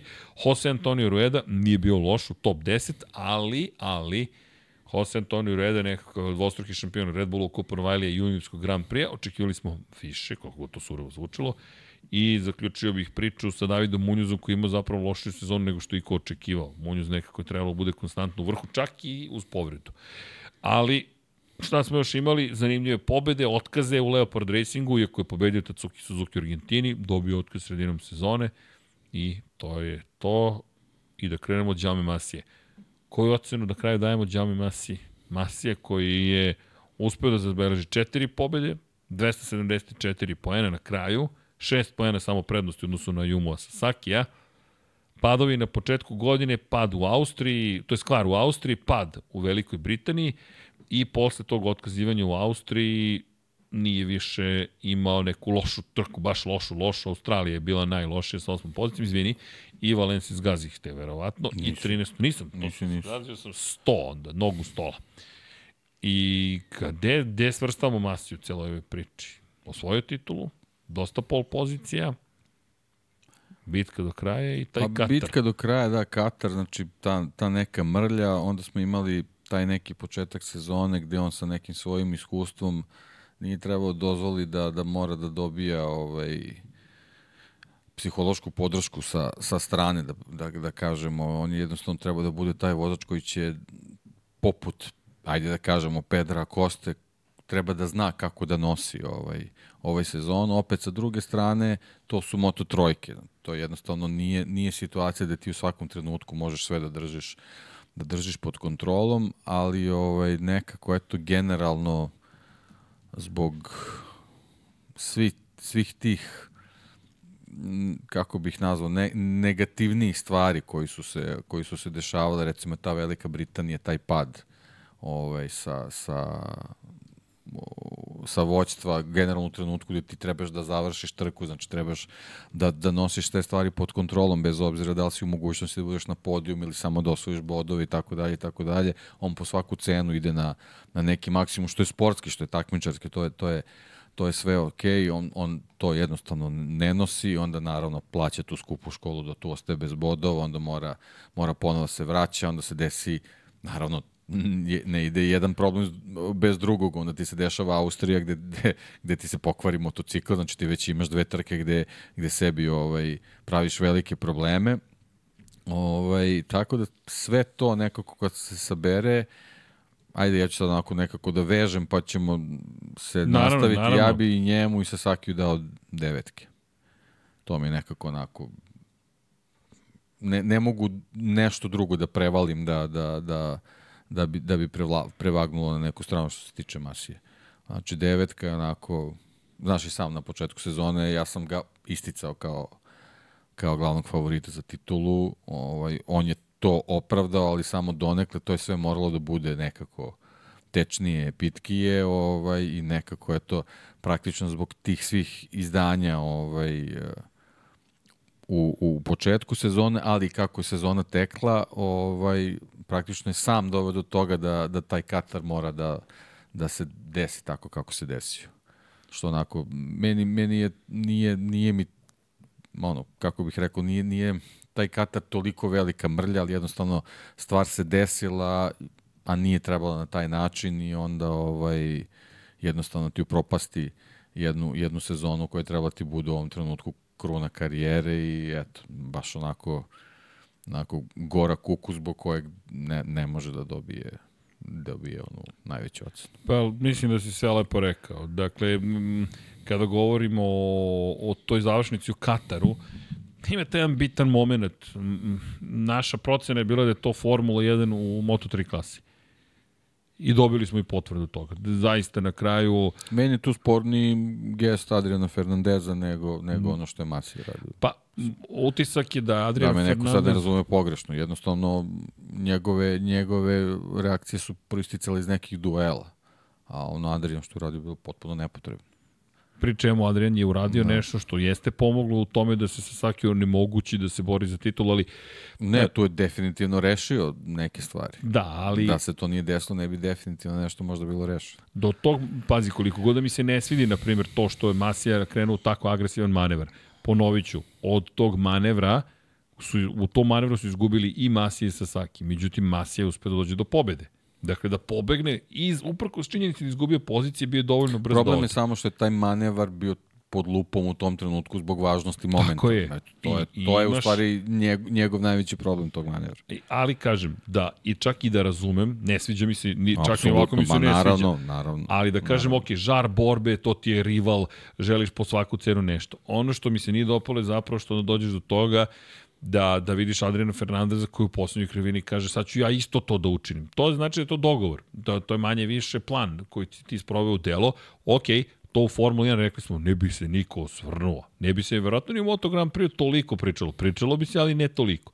Moto 3, ponavljamo, nekako kao da je zaštićeno od, od toga i pogotovo što je to sad postavljen standard za, za sledeću godinu. Ko ti kaže da sad opet nećemo imati nešto slično u sledećoj godini? To ono što mene najviše zabrinjava. Nadam se da će nam doći Miudrog Kotrub, moramo i da pitamo ta pitanja i Miudrog ne, inače ne beže od odgovora, neću da vam prenosim odgovore zato što mislim da nije, da, da je rečeno u nekoj opuštenoj atmosferi u koja nije ni zvanična, ali nadam se da će biti u studiju, pa ćete i, i moći da pitate kakav je bio pristup tom trkanju, koja je bila važnost iz njegove perspektive, iz perspektive tima. Ono što su rekli javno jeste da su, da, da su oni videli bitku kao sami protiv svih. Konkretno, da su videli što i na političkom nivou i što na trkačkom nivou da se bore protiv KTM-a. Honda koja je manje više skoro, pa neću reći digla ruke, ali koja mm, se ne trudi nešto previše oko Moto3 klase, gde je Leopard Racing je taj koji zapravo i razvija delove za, za Hondu sada. Utisak njihov je bio ka, da mentalitet je bio sami protiv svih i da samim tim neke stvari su dozvoljene koje možda o kojima ne bi da razmišljaju drugačije. Gde je, ima, Mas je to i, i ponovio posle trke i on je u intervjuima i govorio, bilo je situacija kada me blokira ili kada neki vozač iz drugog kampa prosto utiče na moju trku njihov utisak je bio da je to zapravo bio deo KTM-ove bitke protiv Honda i da su oni zapravo predstavnici Honda, a da je ovo priča o KTM-u. Samo opisujem, ne opravdavam, i dalje nekako taj gorak koliko stoji u ustima, ali Jaume Masija na kraju pobedio u toj šampionskoj trci. Čestitke, ljudi, stojim, stojim pri tome, čestitke Jaume Masiji svakako, ali i činjenice da nije desetka samo zato što je došao u situaciju koju nije ni... Nije, jednostavno nije morao. Nije bilo potrebe da se nađe. Tako je, tako je. A, Mislim, velika mrlja na, na, na tu titulu, ali generalno sumo sumarom on je apsolutno zaslužio. Ne, tu nema... Sad ćemo preći na, na drugog vozača. Tako je, tako je. Izvini, tako Sasaki do poslednje trke tako sezone je. nije zabeležio tako pobedu. Je, tako to, tako je. Četiri... To je, izvini, baš to što si rekao poslednje trke sezone, to je isto moment za Masiju. Ja sam od njega očekivao da, da budeš da. onako stvarno šampionski Valenciju je to. morao da izveze na svom nivou i to je još jedan moment zbog kojeg ne može dobiti desetku ta Valencija morala se izvede, izveze u velikom stilu. Mora, mora si da završiš celu priču na, na, na najbolji mogući način, tako ajde tako da kažemo. Tako je. I e, to je ono što je negde nedostajalo da se da se uopšte nema, ne, ne vodi nikakva diskusija, nego kaže, ej ljudi, hoćete vidjeti šampiona, evo ga šampiona. The champion is in the house. I onda se desilo obrnuto. Desilo se obrnuto, gde se Saki i na krilima cele priče dolazi do pobede. Pobedi, otprilike ta pobeda zvuči kao ja sam vam rekao. E, ali me ja imam problem da. sa tom pobedom. E, da, apsolutno okay, da, da. gde si bio prethodnih da, 19 trka? Zato je što tiče Sasaki devetka isto. Evo sad ćemo da stavimo da. na ocenjivanje da. Jaume, uh, Jaume, uh, da vidimo kako ide ocenjivanje. Uh, 9, 8, 40, 40, 20%, desetka, sedmica 0. 20 glasova. Dobro, bilo bi bolje da imamo veći uzorak, ali uzorak je takav kakav jeste. Znam da je 2013. pravilo dozvolio da je proizvođači... Aha, okej. Okay. Uh, to je neka njihova To je pitanje interna, za Moto da. Grand Prix. Ne, da vam odgovorim na pitanje ko proizvodi elektronske kontrolne jedinice, odmah ću da vam pokažem, zato što se to zove, imate u Valentino sve njegove trke, E, ponovo, sve se menja, da vidim gde je to je ovde negde. Imate priču zapravo o Manjeti Marelli, popularni, koji je prestao da bude Manjeti Marelli, nekad se tako zvao, sad se zove samo Marelli. Ti si spava? Skoro. još malo, deki, još malo, deki. Evo ga, Vale i Era trostrukog M u Moto Grand Prix-u. Dakle, shop.infinityalkos.com, pročitajte, a deki kako se mi je palo na pamet, gde leži odgovor. I tu je Matt Oaksley lepo i, i opisao celu situaciju. Imate i fotografiju te prve kontrolne, elektronske kontrolne jedinice koja je standardizovana. I sad, to je bila bitka protiv trostrukog M. Šta je trostruko M? Pa imate Manjeti Marelli, imate Michelin i vi dođete u situaciju da zapravo tu kaže Matt Oaksley, vidite bitku protiv standardizacije. To jest, sad sve ima svoje pro i kontra. U svakom slučaju to vam je u Moto Grand Prix. Ali pre toga je svaki proizvođač pra, pra, proizvodio, kao što je glas jedan odgovora svoje sisteme, posle toga se to promenilo. Kao što McLaren proizvodi namenski za sve u Formuli 1. Ali dobro, to je neka druga priča. Idemo da, da ocenimo Ayumua Sasakija. Đaume, osmica je 43%. 23 glasa, Đaume Masija.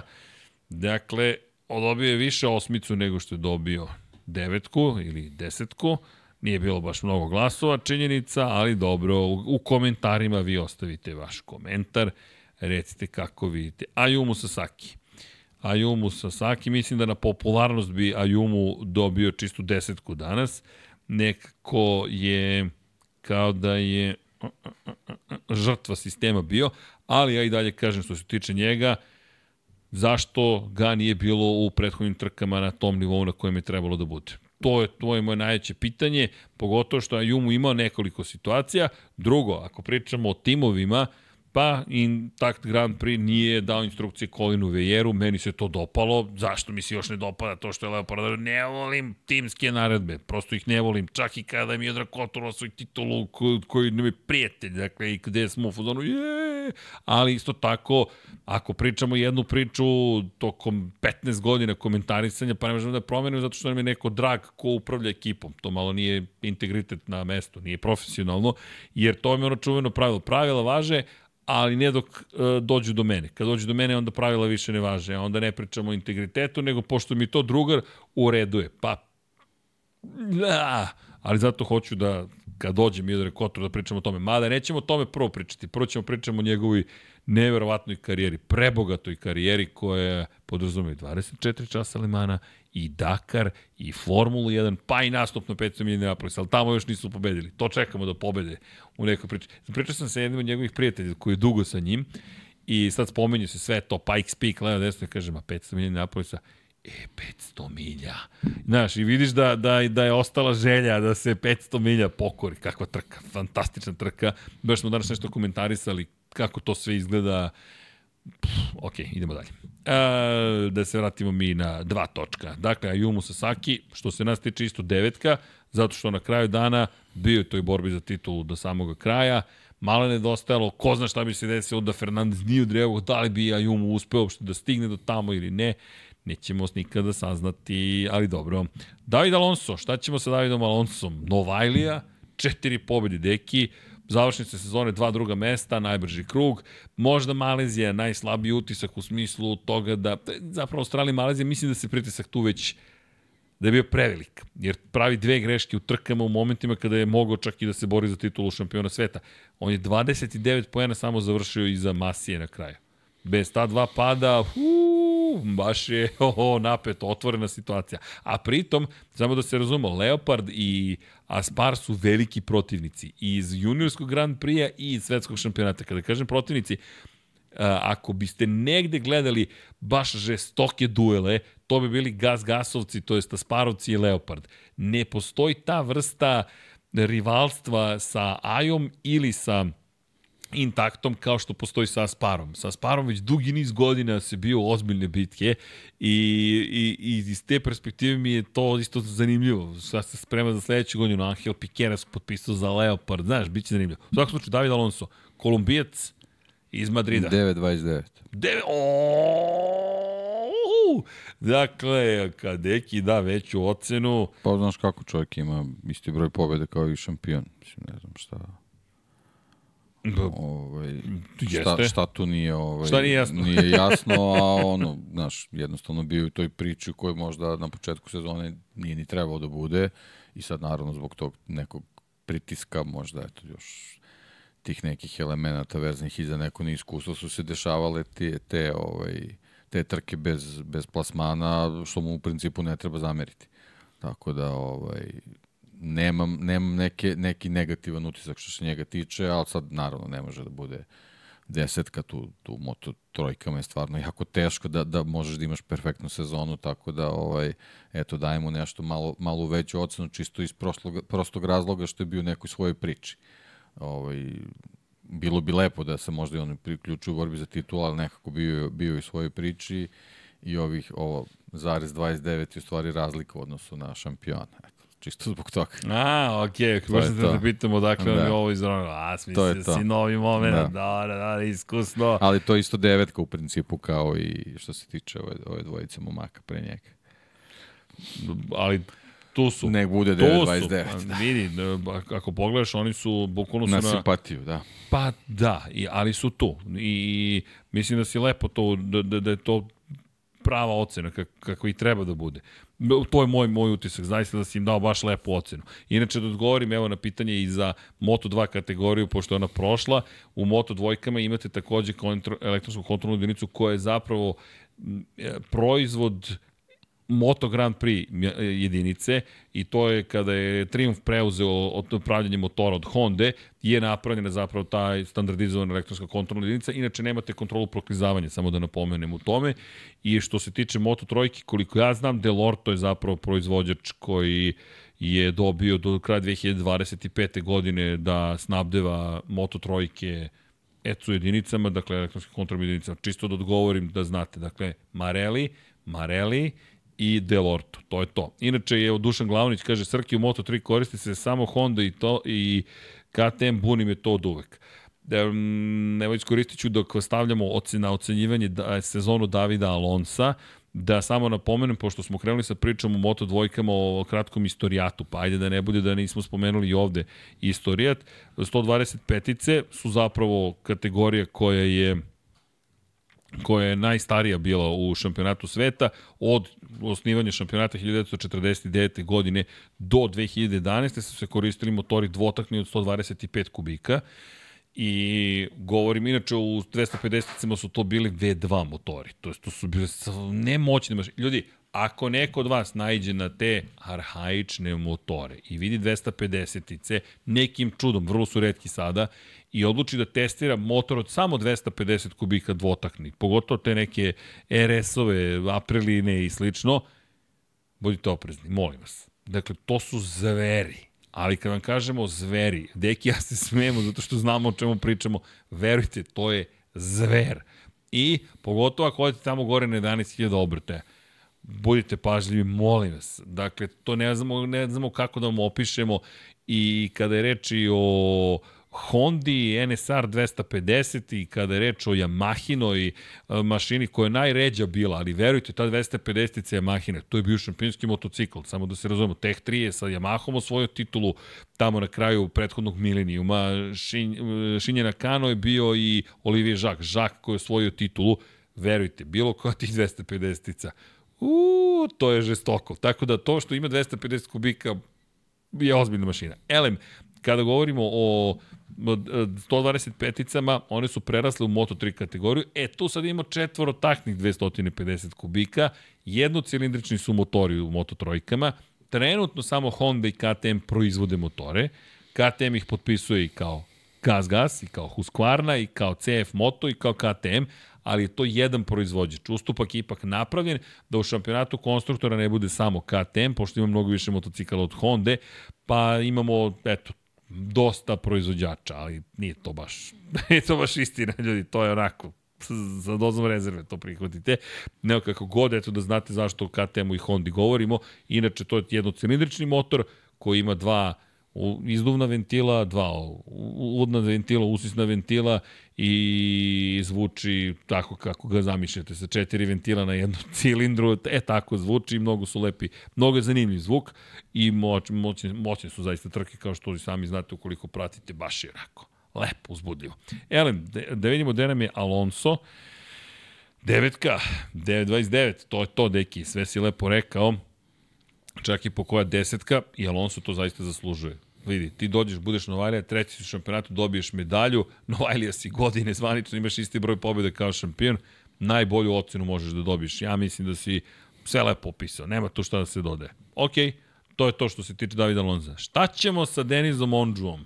8.53. Jel jeste? Yes, Baš te yes, pitam. Ja mislim da je zaslužio. Da. I imao je pehove, imao je situacije koje nije najmudrije rešio. Tako je gde se sukobio sa sudijama. Da, ne, ne stavljam ga u isti koš sa ovim ispred njega samo zato što sam od njega očekivao malo više spektakla. Mislim da, da je sazreo, da Dobro. da više ne pravi te neke Dobro. gluposti koje radi ranije, ali sam ovaj malo više na nekim trkama očekivao ovaj spektakl od njega, nešto se nije desilo nje, ovaj njegovom krivicom, nešto apsolutno ne mogu da utiče na to. Tako da, onako, blago da i on prelazi na tu devetku, ili ipak bio jedna od zvezda ovog šampionata, ali ovaj, eto, ne, malo, malo, malo više mi je trebalo njegove iskre koju znam da ima. Eto, to, je, to mi je samo nedostajalo. Ali nemam šta tu puno da, da mu zamerim. Eto, jednostavno. Dobro, dakle, kada govorimo o... 8.53. O Denizu Ondžu, 8.53, za one koji ne znaju, to je njegov. Dragan Matić, 9.5 za Ondžu. A evo, dobit ćete priliku sada da glasate. Tako je. Ondžu 76. Ondžu je pravi spektakl, ali stvarno je spektakl. E, to ono što mi je žao, zašto nismo dobili priliku da vidimo zapravo na stazi Topraka razgatljoglo u Moto Grand Prix.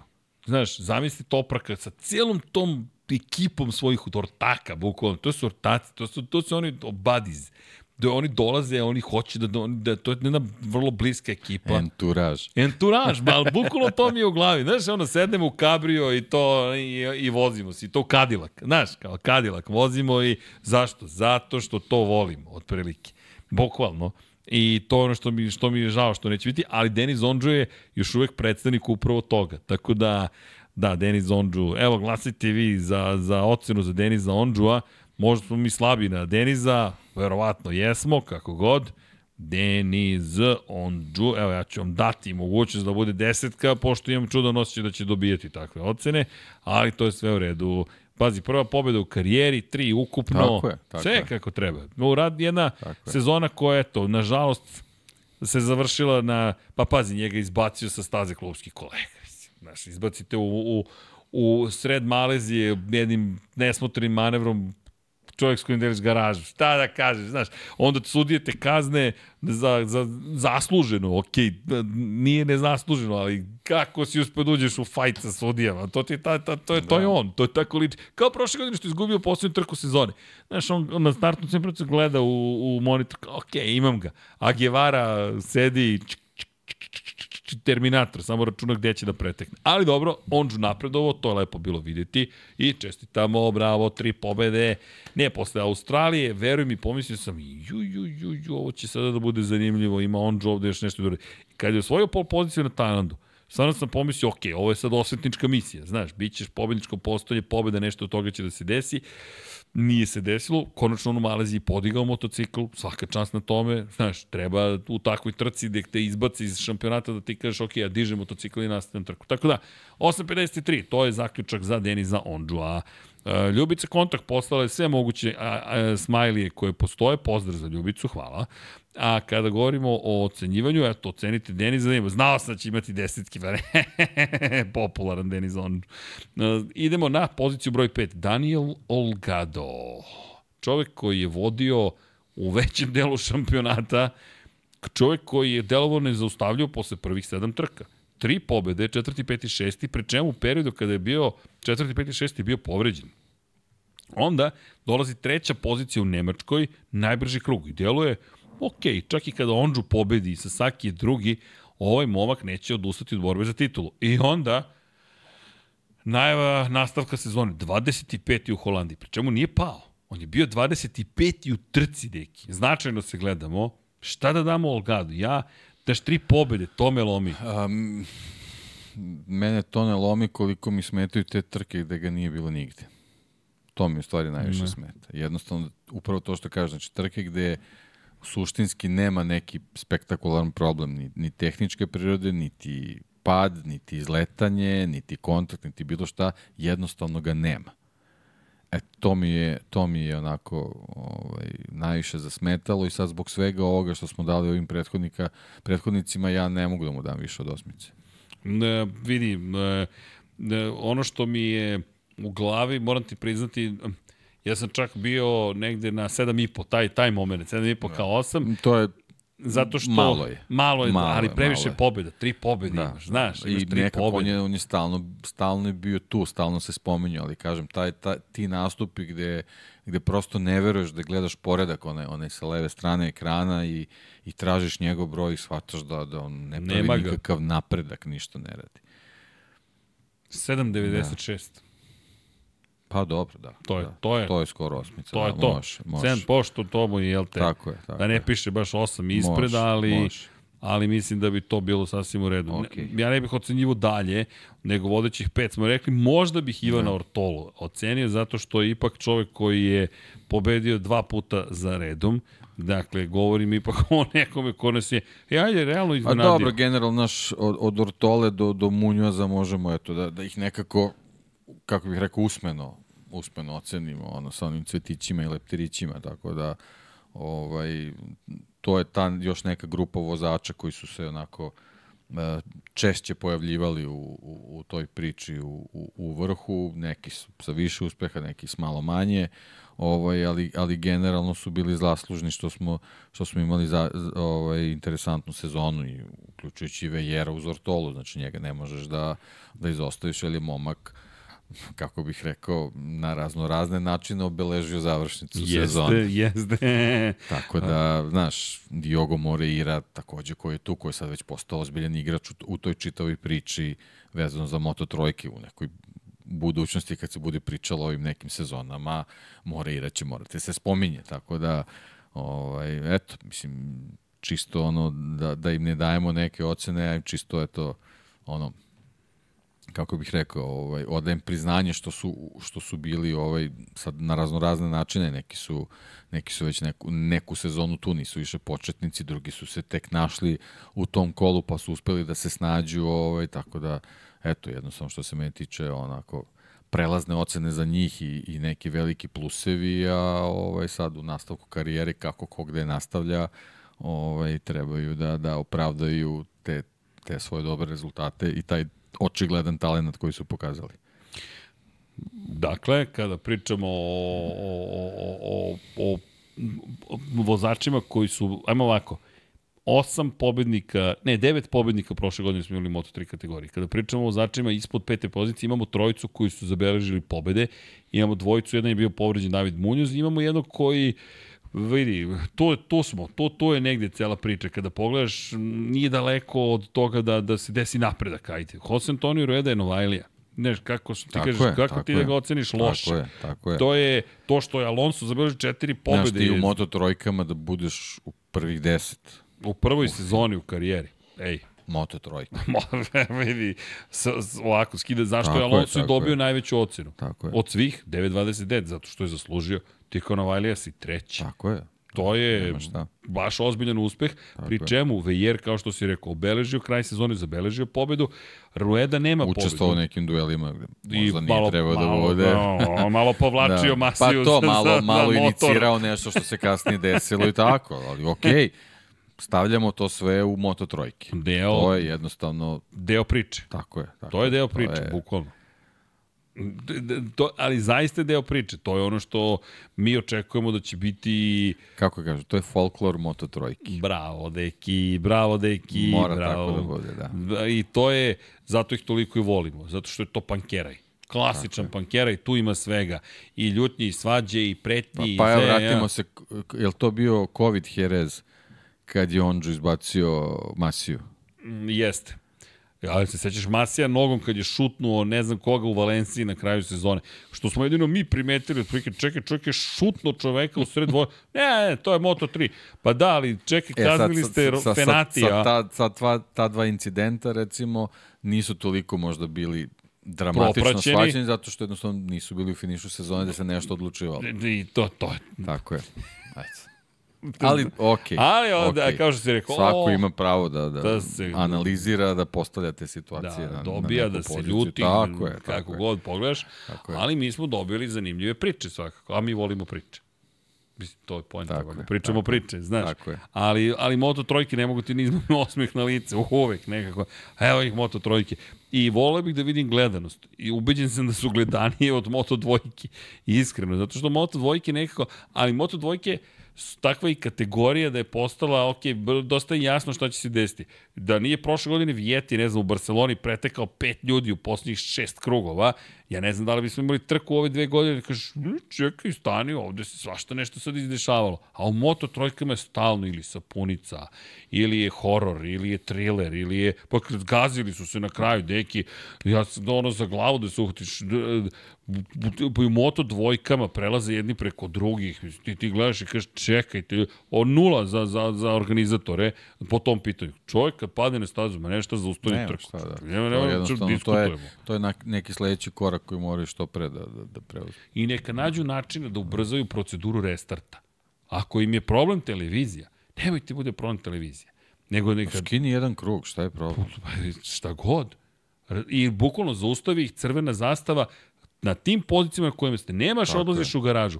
Zauzmi startne pozicije, osim ako incident nije na startu. Krug manje i to je to. Ćao, kraj priče. Stani ako je to problem. Je, ako je to, to, to, nađi načina da Tako ti je. rešiš, a ne da rešenje bude ako Pritom, bude lako, sve u redu, lako ih ređaš, znači poredak prethodnog kruga, odmah ih poredaš, poređaš na startni poredak i to je to.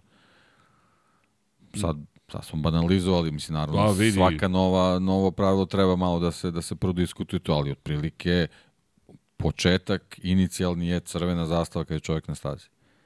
Posebno ako on ne ustaje i, i, i shvataš da, da on jednostavno nije u mogućnosti da se skloni odatle. Crvena zastava. Kraj priče. Zato što o, o, osim njega ti sad dovodiš u opasnosti te redare koji dolaze da mu pomognu. I još jedan taj moment, kad smo već kod toga, redari nemaju pravo da... Da, podižu vozača. Nemaju pravo da ga sklanjaju odatle. To, je, to mi je katastrofa. Znači, još od Ajđira Kata. Bravo, još od Iđira Katak. Da ne govorimo o Šoji Tomizavi.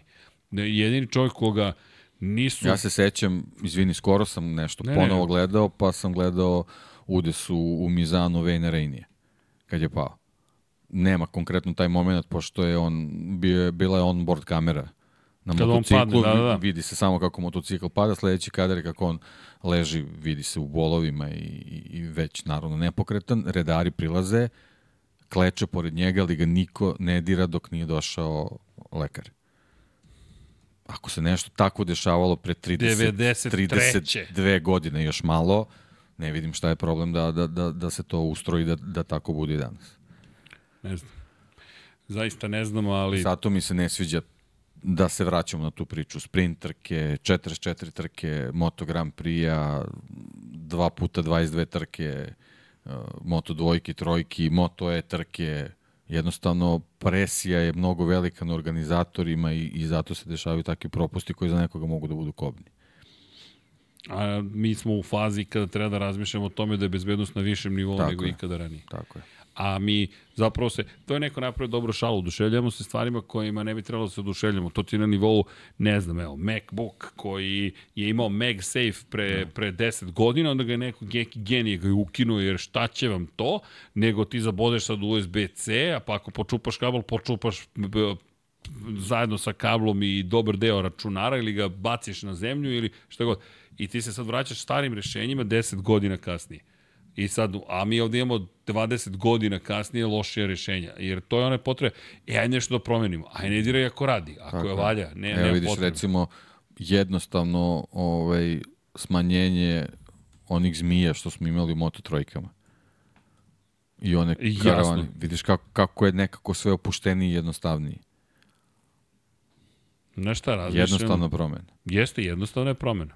I, i do, e, da inače, da ne zaboravimo, u Moto trojkama će se dešavati da će neki od vozača ipak biti maloletni koji, koji ne bi trebalo da nastupaju, ali izuzeci uvek postoje i opet smo došli do toga da zapravo će izuzeci određiva, od, od, izuzeci će ponovo postojati i ne samo po pitanju toga da li su osvali titulu u nižim kategorijama, nego prave se izuzeci. To to ono što mi se ne dopada. Ako si rekao nema maloletnih, nema maloletnih kraj priče. Ovo mi djeluje kao ajmo da nađemo načina da maloletni ipak budu tu, a da ne ispadne da smo promenili Pa da, pravila. mislim da je neminovno da shvate da je to problem iz prostog razloga što Moto trojka, kako bih rekao, da, da ne bude pogrešno shvaćeno, jednostavno uh, Moto trojka je sazdana od toga da moraš da imaš neke vanserijske talente koji, koji prevazilaze svoje godine. Znaš, to je, to je taj problem. Sa 18 godina ti si već, Ti si već kapiraš si neke stvari, Drugačije. drugačije i jako, Drugačije. jako je teško da se prilagodiš moto trojkama na, na taj neki takmičarski način. A, I to je ono čuveno što smo pričali, kako moraš tražiš rešenja, Tako je. Tako ali je. ja mislim da to da to na kraju nije rešenje, još uvek nije Pa rešenje. nije, da, ali, A, ali opet- kako bih rekao, e, da razumem kažeš? zašto shvataju šta je problem.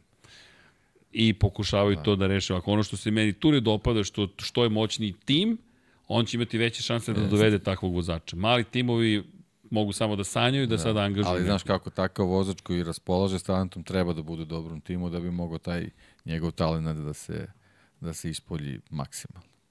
Tako da sve je povezano, mislim, ne vredi. Mm, Jednostavno, tako je kako je. Ba, lepo si rekao, tako je kako je, ok, ne mora da nam se dopadne, ali, Tako je. ali je, da te citiram ponovo, tako je kako je. Dobro, samo da ispratimo i tu priču. Ok, deki, da se vratimo samo moto trojkama da. na kratko, da li bismo još nekoga istakli u, u celoj ovoj grupi vozača, da, meni se dopalo kako je Tajo Furusato vozio na kraju. Recimo, da, da. da. Njega bih blago istakao. Ono što mi teško pada jeste što je jedna ekipa prestala da postoji i to ni manje ni više što toga. smo ostali bez, od, bez Prostel Grand Prix-a.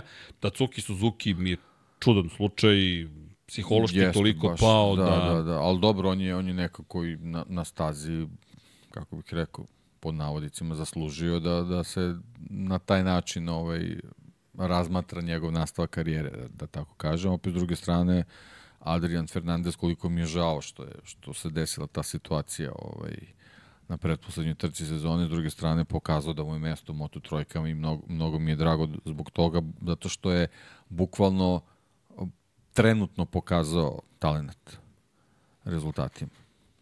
Tako da ovaj od njega dosta očekujem sledeće sezone, sad je sad je na njemu da dobrim vožnjama ovaj izbriše tu mrlju koju je koju je ovaj u, kako bih rekao izveo u Kataru, tako da to je manje više to. Sad prelazimo, ovaj, da li da spomenemo Andreja Minju, Ja bih. Eto. Znaš, treće mesto u prvoj Da. trci ove sezone. Ništa posle nije radio. Rančeč, Ran- Deo Silveira. Da, Ne, lepo, on je deo, lepo, ne, da. ne, on je najčudesniji vozač, on je deo VR46 akademije, da ga pitaš, dobro Andreja, šta si učinio u karijeri? Da. Suštinski, od, od, od, pa simpatičan sam, jesi, da. fakat, simpatičan je. Za one koji ne znaju, Andreja Milju debitovao 2013. godine. Ne, 13. je Kad je debitovao. to bilo? Davno, 2012. je debitovao Romano da. Fenati, Nicolo Antonelli se pojavio 2012.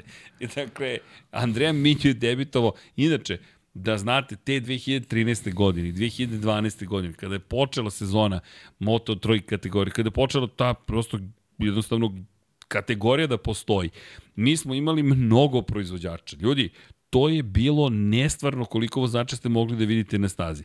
Ja ću vam samo navesti motocikle.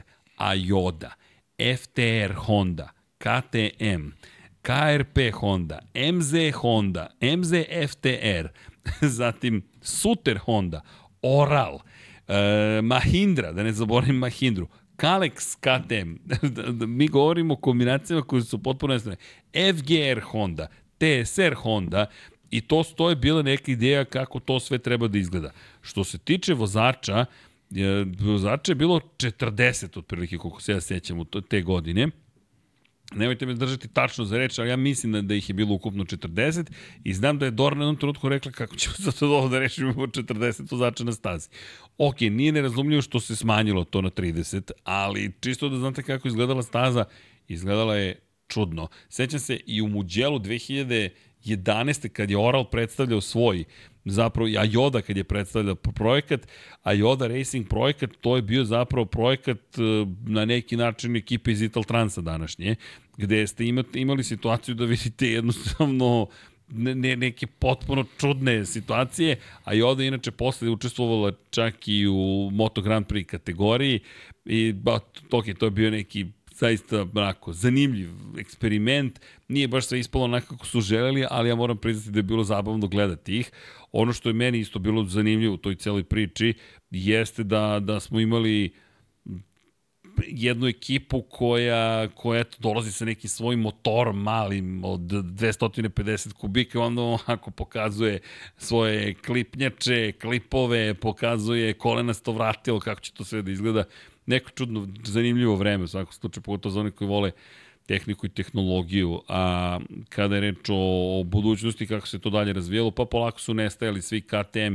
KTM je zapravo neću reći direktno odgovoran za, za, za transformaciju te kategorije, u stvari tako hoću reći, neću reći za uništenje ovih manjih proizvođača.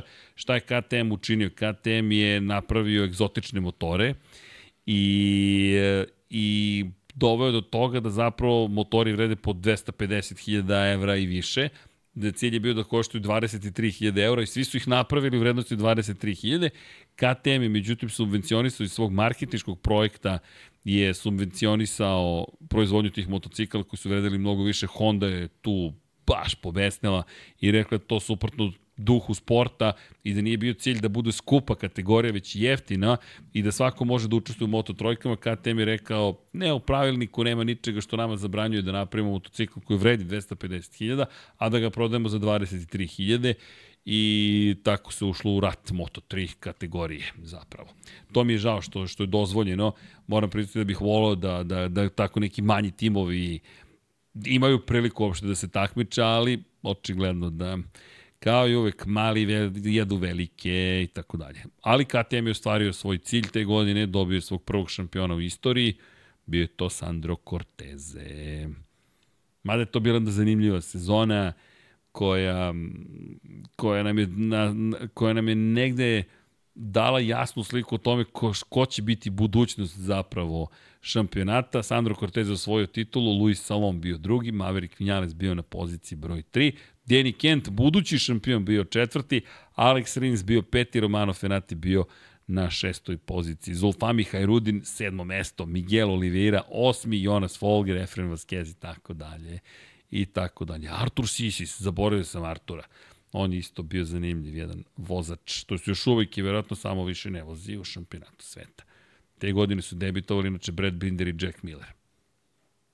kako vreme leti. Kada govorimo o letu vremena, prošla je ponoć, 00 časova i 13 minuta. Kada se već bavim sa njoj, može li Dekive Srke ocen za igru svojih ekipa u NFL-u za vikend koji je za nama, za Sins i za Jetce? Desetka. ja, ja, ja, šta ja sebi da dam mojim Jetsima? Nulu.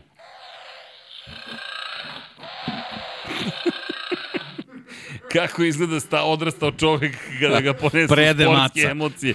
Boga mi prede maca, mogu ti reći, do, dobro vi izgledate. Čudno je, playoff picture, što bi se reklo, ej, vidi, pred kraj sezone, baš je onako, huh, zanimljivo. Jedno čekam 99 yardi. Šta smo rekli, Deki, hoćeš gostovati? Ne znam, mislim, da, no, moram, da. Kako da... Ko će ga znati? Ko će ga znati? Pazi, to je bolji odgovor nego nego, nego, Nego ne. nego ne, pa da, da vidi, ko, to je kod tebe ozbiljan napredak. Znamo se, deki, to je već napredak. Dakle, čekaj da vidim gde ste sada u play-offu, da vas nađem u celoj ovoj priči. Play-off, um, gde ste mi nestali? Tu smo, tu smo. Tu ste, tu ste, tu ste, tu ste, tu ste. Dobro, da vidimo. Vidi, moji džetci su ispali to i o tome. Ali znaš šta je utešno? Bolji smo od Patriota. Da. Znaš, ono, da, da komši, razumeš, krava. Jer ovi iz Bostona, znaš, kao 3-11, Bill Beličik, da li je kraj došao? Jetsi moji pet pobjeda, jao, baš smo loši. Jao, ne znam šta da kažem. Dobro, vi ste tu. No, vi na ivici, na ivici, Vi ste, da. granica, granica. Dobro, sad gledamo i druga dvorišta, tako da vidjet ćemo. Pa dobro, vidi, tu doveli, nisi doveli. Doveli, onaj početak opet sezone Da. bi mogao da bude skup, ali ajde, Jeste. vidi, opet dobro igrate. Jeste, jeste. Što kako se očekivalo, ovo je super. Posle povrede Barova, Po, da, pa, ono, kao, išta očekivao, aj realno. Spakuješ sezonu, kao to je to. Bukvalno, a sad odjednom da. kao, pa kao još uvijek imamo Al- šansu. to ti je ta situacija, vidiš, znaš, ti, ti imaš te neke pozicije, mislim generalno to i u drugim sportovima, gde imaš nekog na koga apsolutno računaš i ne pomišljaš da njegove zamene isprobaš da vidiš šta i kako i onda kad se desi prinudno, ovaj, onda, onda dobiješ ta neka otkrovenja. Mislim, to je... Često se to dešavalo u istoriji sporta, tako da Jeste. I to simpatično. Da. je najveći primjer je svakako Tom Brady, taj čuvena priča Tako je, njegova. tako je. Pa mislim i Brady koji je otlučao neke druge igrače njegovim dolaskom koji su kod prethodnog quarterbacka bili zanemareni potpuno. I sada se ovde isto otključavaju neki, neki drugi igrači, tako da lepo. Ali ovo nije 99 yardi. Da, ovo je, e, Lab 76, samo bih da napomenuo da trenutno, Da. ukoliko bi se ovako završilo, vi biste išli u Kansas City. Tako je. Na Megdan Chiefsima. Tako Aj, aj, aj, aj, aj, Pa vidi, nisu oni nešto baš- To je, nije, pazi, pet poraza Da, ove da, godine, da. a vi niste loši u duelima sa njima. Ne, vidi, ne, vidi, Vidi. vidi, vidi, oni nisu sigurni na toj poziciji. Zato je i, u celoj priči, Tako to jest je. nisu sigurni. Aj sad, sa Denverovim porazom sve to se malo menja, nije da im pomažu baš ovi iz Las Vegasa i, i da ih U muče. svakom slučaju, kako je krenula sezona, meni je okej skroz ovako. Ne, ne, vi ste, vidi, vi ste dobri, jedino što im ste u diviziji sa Ravensima. Pa to- dobro, tako. Napeto. Kad ti je divizija, šta da radiš? Ali dobro. Vidi, zabavno, svakako zabavno. Ja moram priznati da, da, da na NFC-u tamo je tek zanimljivo Baksi koji, koji, Baksi koji, koji vode u divi... Da, dobro, e, od, nije 99 yardi, slažem se. U petak se znači vidim. Đavole. e, ali da. uh, jesi vidimo u četvrtak? Uh, to ćemo, da, ok, da vas To je drugo, da. To je sad neka druga priča. Da. Ali smem da najavim? Ili ne smem? Pa nemoj, nemoj. Nemoj, nemoj. Nemoj Pratite. zbog- da. Trebalo bi u četvrtak da imamo par stvari za vas koje su, za ljubitelje četvrtočkaša pre svega, ali Mm, Da, bit će poziv, bit će najava. biće najava, ali da. to ćemo sutra najaviti ukoliko se bude potvrđeno, tako da, da znate. Dolazi li Srki u petak u 99 yardi? Da, prošle nedelje sam bio u Luksemburgu, nisam fizički mogao da prisustvujem, ali plan je da dođem. E, Hara pita, ukoliko za vozača iz Moto2 nema mesta u MotoGP-u, da li za njega prelazak u Superbike napredovanje karijeri ili bolji ostanak u Moto2? Pa znate kako, ostajete u Moto2 klasi što duže možete. Ostajete zato što ste tu u fokusu tako je. i generalno ste vezani za tu, kako da kažem, kategoriju prototipova. I Superbike. imate šansu i dalje da uđete u Moto Grand Prix. Superbike kao da iz jednoseta odlaziš u GT automobila. Tako je, i onoga To je momenta to. Mislim, kada nije, nije odeš- poređenje, ali, ali otprilike tako shvatim. Da, kad odeš kad odeš iz svetskog šampionata u, u, u Superbike, to je već promene. E, inače, javio se gospodin Pavle Živković za Novosadski sajam knjiga, kaže Paja, sajam automobila, to, je, to nam ostaje za Novi Sad, ali to je na jesen, tako da na proleće ne, nemamo neku zamenu trenutno, mislim da ćemo aprilu biti u Sarajevu, I se izvinjam Nišu, nismo uspeli da se organizujemo na vreme, kasno smo se organizovali, ali ćemo to da ispravimo sledeće godine. A što se tiče sajma u Novom Sadu, eto, tražimo, tražimo rešenja. Tako da Paja se već javio. Vidi, čovjek prati situaciju. Pozdrav za našeg dragog Pavla Živkovića, klikni like i subscribe ukoliko već nisi. E, znaš sam, e, znaš da sam sad u Valenciji nagovarao iz, iz Dorne da kliknu subscribe. ja sedim po negdje nešto pričam, se subscribe šta, šta je, rekao, zašta, subscribe, i onda otvorim Infinity Life, se kažem, klikni, klikni. Još sad kad bi malo mogli da gledaju, razumeš, i onda i Španije, da. onako malo poraste gledanost, sve to kako treba, ali dobro. A lepo smo se zabavili u svakom slučaju. E, deki, ja mislim da smo obavili pristojen posao. Pa dobro, da, da. To je uvek može naš nešto, Tako nešto je. i ovaj, detaljniji, ali eto, mislim, za, za, za ovo neko vreme da, da, da je lepo da, da, se, da čisto eto, podsjetimo te rezultate momaka iz dvojke i trojke. Da I devojke Ana Karasko, teža povreda ponovo. Jeste dosturki prelom noge. Ovaj, vidio sam skoro neke, neke ovaj, slike na Instagramu i dalje na štakama. Ovaj, skinula je relativno brzo gips, ali rehabilitacija baš dugo traje. Ne predaje se, to je lepo. Kako god vozila, bilo bi super da, da nastavi karijeru. Eto, pozdrav sa naše strane, u principu. Da, iskreno se nadam da će naći, ne samo da će naći mesto, već i brzinu, jer izgubila je brzinu u poslednje dve godine, Ka, ljudi, ona je pa. brža od, od svakoga od nas, 7000 puta, ali u tom, to je to je problem. Povreda kičme je bila mnogo ozbiljna. I neke to delić sekunde što ste izgubili, to, to, to je ono što, što tražite u moto tvo, trojkama. Tako da mi je baš žao i što ti kažeš, nadam se da će naći neko adekvatno da. mesto. Prosto gde će moći da pokaže zapravo kako je bila šampionka u SSP 300. A bila je. I to je baš bilo zanimljivo. Pa ne, Johnny Rea kad kad nosi njenu majicu, to je kraj priče. Dobro, mi bismo vas sada pozdravili, zašto? Pa vreme malo da ode da se spava. A, ovde je krenula diskusija o NFL-u, a Boško Desnić može li Kosta sledeće sezone do top 10? E, to je Boško dobro pitanje. A Kosta je rekao nam te ideje da će biti šampion, ljudi kaže, kaže polako drugari u Moto Grand Prix Kanavalija da budem šampion, biće, kaže to je suludo. To je njegovo mišljenje i ja se slažem s njime. Ljudi, koliko god da je talentovan, u ovakvom... Njemu je, njemu je reper, to je u stvari KTM Ajo najbolji postavio, njemu je reper Augusto Fernandez. Tako je. Njega ukoliko pobedi, Pratit ćemo, je... bukvalno možemo iz trke u trku da pratimo šta je Augusto radio ove godine, da ima šta će Pedro da radi sledeći. Tako je, a pritom nemojte se iznenaditi ukoliko Pedro bude cilj i direktna pobeda na samoj stazi, što nije nemoguće, bit će vrlo teško, ali to je taj izazov, to je moje mišljenje, jer izazov mora ti bude nešto van zone komfora, ne može da bude u zoni komfora izazov, to nije izazov, to je sigurica. I, a mislim da će Augusto biti za njega baš prava inspiracija, pogotovo što teško je porediti se ako ostane trenutni raspored snaga sa fabričkim timom KTM-a koji će imati potpuno drugačiju šasiju. Ta poređenja... To je ključna stvar, oni ako nemaju tu šasiju, ne, ne možemo uopšte da ih, da ih, da ih stavljamo u isti koš. Da, a ako ih pobedi, još ako pobedi Jacka Millera... Znači, Augustov nastup ove sezone i, i direktan duel na stasi, to je to. Je to. to je to.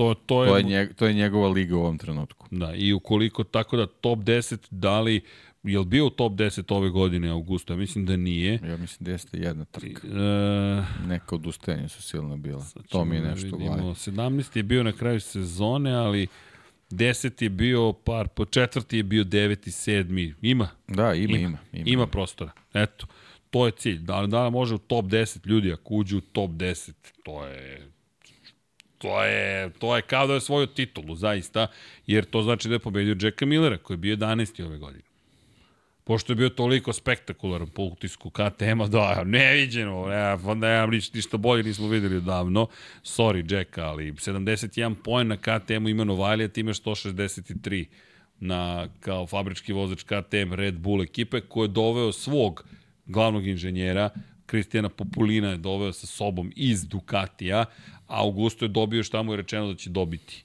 I imao je 71 poen, Jack imao 163. Bolje da ne spomenjemo Danija Pedrosu.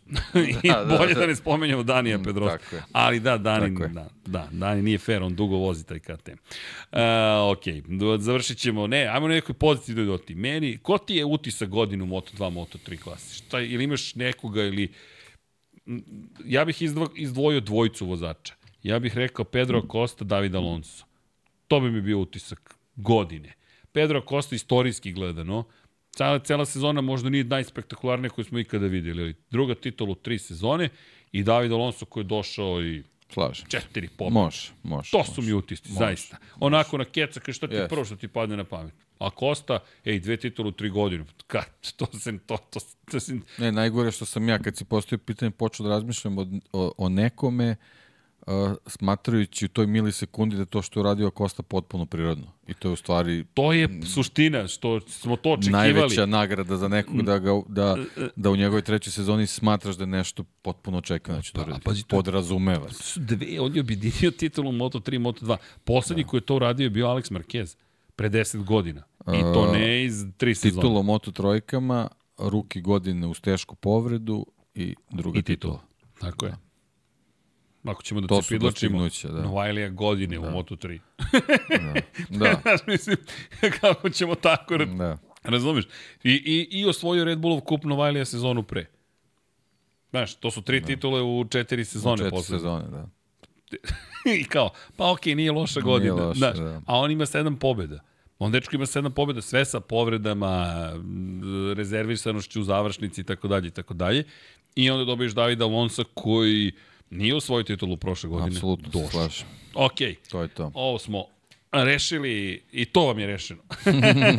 Ej, drugari, drugarice, prijatelji, poznanici, poznanice, svi zajedno, dragi naši Lab 76ersi, šta da vam kažemo, nije kraj godine, mi se vidimo i sledeće nedelje, nemam po, pojma. Možda trenutno. i ove. Možda i ove, možda i ove, nadamo se i ove, a i sledeće možda se vidimo više puta, imamo neke planove.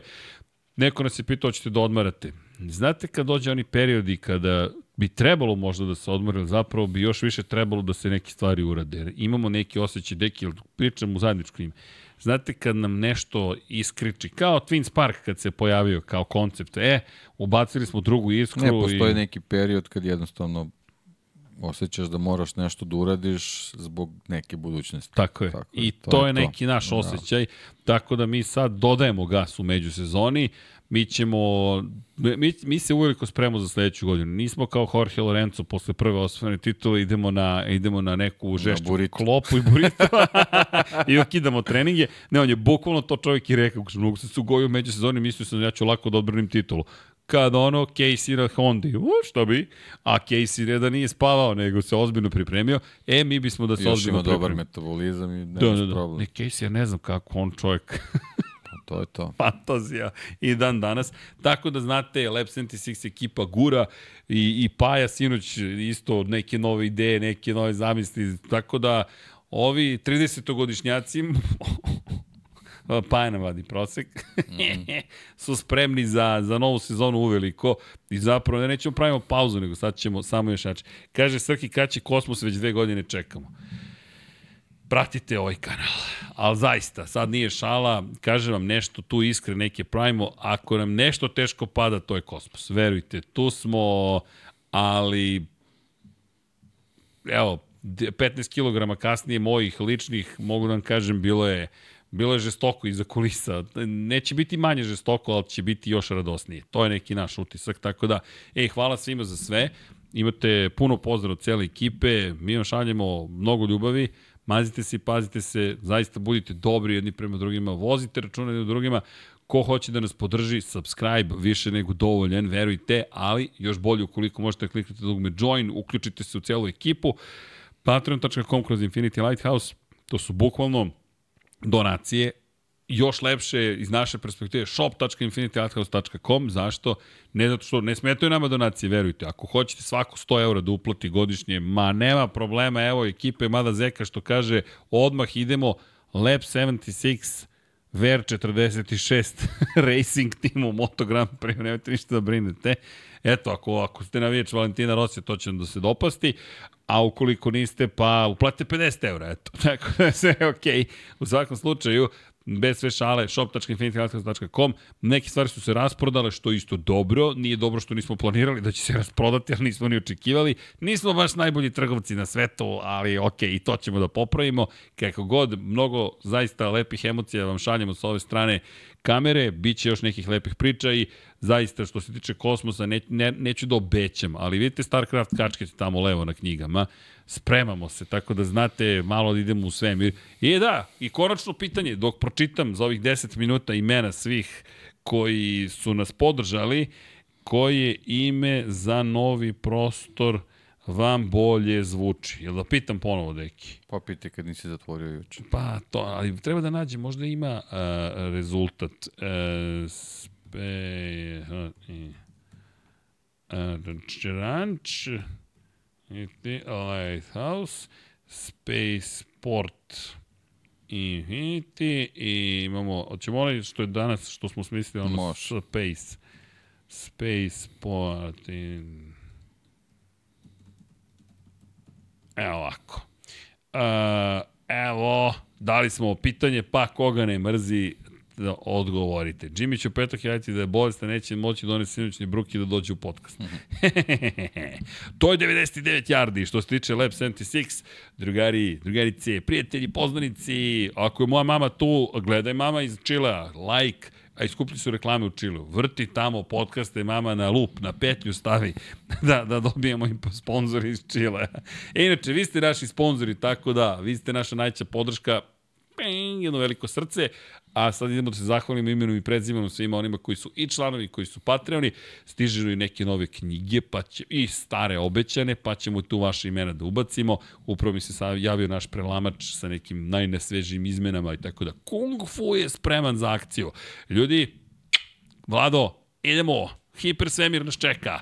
Nenad Đorđević, hvala. Brijanimir Rijavec, Milan, Jelena Veljković, Katarina, Jelena Mak, Optimistik, Josh Allen Fan, Ivan Panajotović, Branimir Petronijević, Nedim, Stefan Lešnjak, Petar Nujić, Simović, Sarajevo, Đorđije Lopušina, Jovan Đodan, Stefan Radosavljević, Mlađan Antić, Ljubo Đurović, Ivan Rečević, Klub štovatelja Ramona Mireza, Petar Relić, Šefko Čehić, Benjo KK, Nenad Pantelić, Marko Radanović, Mirina Živković, Marko Kostić, Vladidov Dave, Strahinja Blagojević, Milan Nešković, Marko Horg, Igor Gašparević, Ružica Stefanović, Nemanja, Daniel Kolobarić, Stevan Zekanović, Bojan Bogdanović, Milan Ristić, Boris Gvozden, Grgo Živaljić, Vladimir Petković, Ivan Maja Stanković, Nikola Milosavljević, Alen Stojčić, Sead Šantić, Đorđe Andrić, Laslo Boroš, Bogdan Uzelac, Ivan, Ognjen Ungurjanović, Stefan Dulić, Đorđe Đukić, Renata Neš, Vladimir Stojadinov, Mihovil Stamičar, Armin, Mario Jelena Komšić, Danka, Bojan Majstorović, Blufonac, Šmele, Davor, Goša 46, Aleksandar Milosavljević, Kovačević, Omer, Miloš Prodanović, Đorđe Milanović, Denis Špoljarić, Branimir Kovačev, Predrag Simić, Sava Dugi, Anonimus Donatorus, Marina Mihajlović, Mladen Mladenović, Marko Ćurčić, Stefan Vuletić, Dejan Vujović, Dušan Ristić, Branislav Dević, Boris Erceg, Stefan Milošević, Vučinić Miroslav, Jugoslav Krasnić, Dušan Petrović, Marko Petrekanović, Vukašin Jekić,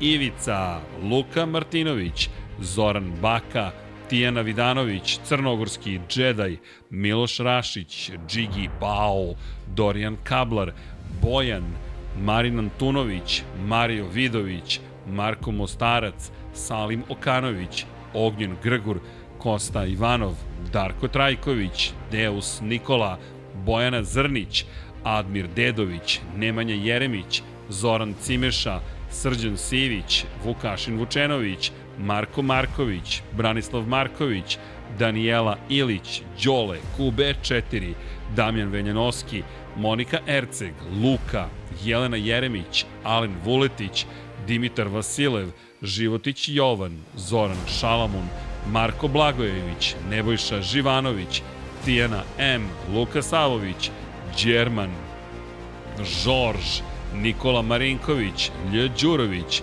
Stefan Prijović, Milan Milašević, Filip, Peđa Janković, Bogdan Mitrović, Matija Rajić, Miroslav Cvetić, Đole Bronkos, Ivan Čule, Matija Binotto, Antonio Novak, Nenad Simić, Tina i Ilija, Sean Hing, Jesenko Samarđić, Aleksandar Mitrović, Lašlo Bolok, Jeca and Stefan, Ivan Cigir, Ferenc Laslofi, Mladen Tešić, Lazar Pejović, Veselin Vukićević, Nikola Beljić, Vladimir Uskoković, Ertan Prelić, Miloš Radosavljević LFC, Borislav Vukojević, Robert Čolić, Dejan Avić, Andreja Branković, Mirina Kovačević, Stefan Ličina, Dragan Nikolovski, Bahtjer Abdurmanov, Predrag Pižurica, Neđo Mališić, Aleksa Lilić, Vamblisapa, Armin Durgut, Boris Golubar, Da žena ne sazna, Ivan Maksimović,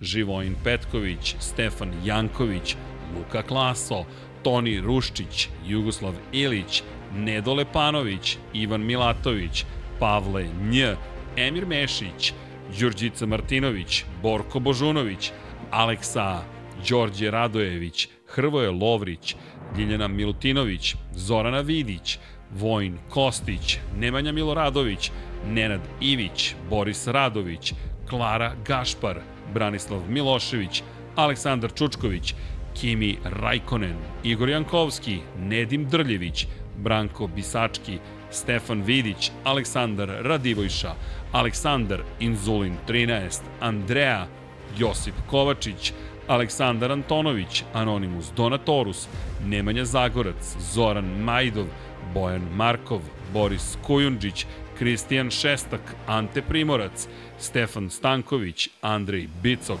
Andrija Todorović, Milan Kića, Zoltan Mezeji, Žarko Milić, Milan Paunović, Bata Brada, Miloš Banduka, Vladan Miladinović, Borislav Jovanović, Andrej Božo, Luka Manitašević, Nikola Stojanović, Miloš Vuletić, Aleksandar Banovac, Ivan Sović, Ivana Vanja Radulović, Bojan Mijatović, Andreja Miladinović, Zlatko Vasić, Aca 43 zla, Safet Isljami, Dejan Avić, Milan Apro, Aleksa Jelić, Aleksandar Bobić, Marko Trkolja, Ivan Simeunović, Stefan Nedeljković, Đole Cheesehead, Gloria Edson, Vladimir Mutić, Dragan Matić, Vlada Ivanović, Marko Kozić, Ivan Rebac, Martin Gašpar, Mihajlo Krgović, Strahinja Brajanovski, Aleksandar Jurić, Aleksa Valter, Jasmina Pešić, Novak Tomić,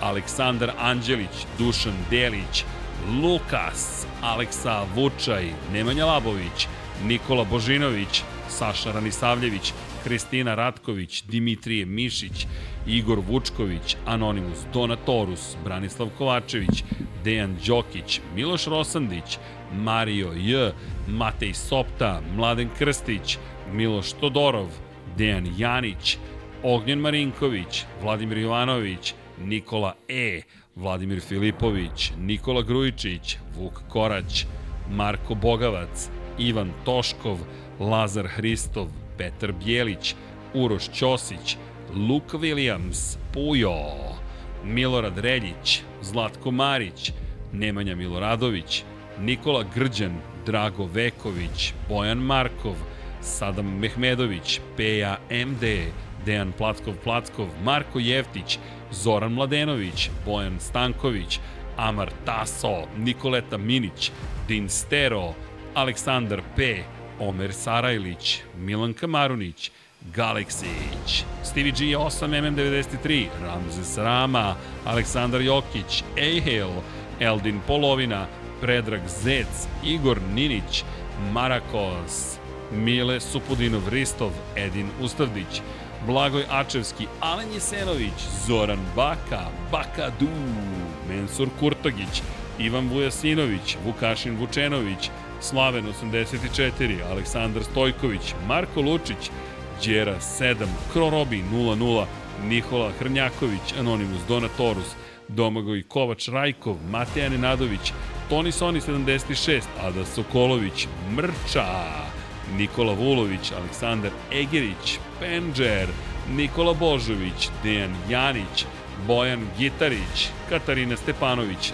Lunatic Soul, Kromid, Saša Stevanović, Marko Bogavac, Ljeljana Milutinović, Nikola Adamović, Žika Su, Aleksandar Kockar, Konstantin Linarević, Almedin Ahmetović, Igor Ilić, Vladimir Vujičić, Ivan Božanić, Mađar 007, Almir Vuk, Aleks Vulović, Vojislav Tadić, Nikola Grujičić, Igor Vranić, Miloš Stanimirović, Nemanja, Pavle Lukić, Jovan Bojanić, Nedžad Mrakić, Miloš Zed, LFC, Bruno Jurić, Filip Knežević, Vladimir Subotić, Future Graciano, Rossi, Tatjana Lemajić, Nemanja Cimbaljević, Tomić Miloš, Aleksandar Radivojša, Uroš Čuturilo, Branko Rašević, Marina, Vlada Ivanović, Vladan Đurić, Ivan Vincetić, Deni Fezić, Stefan Škrbić, Ivor M, Srđan Ćirić, Vladimir Bulatović, Ivan Hornjak, Ivan Magdelinić, Laslo Bolok, Jovan Bajić, Resničanin, Jelena Jeremić, Đorđe Janjić, Milan Knežević, Vuk, Andreja David, Marko Stojilković, Josip Buljovčić, Oliver Nikolić i Škundra.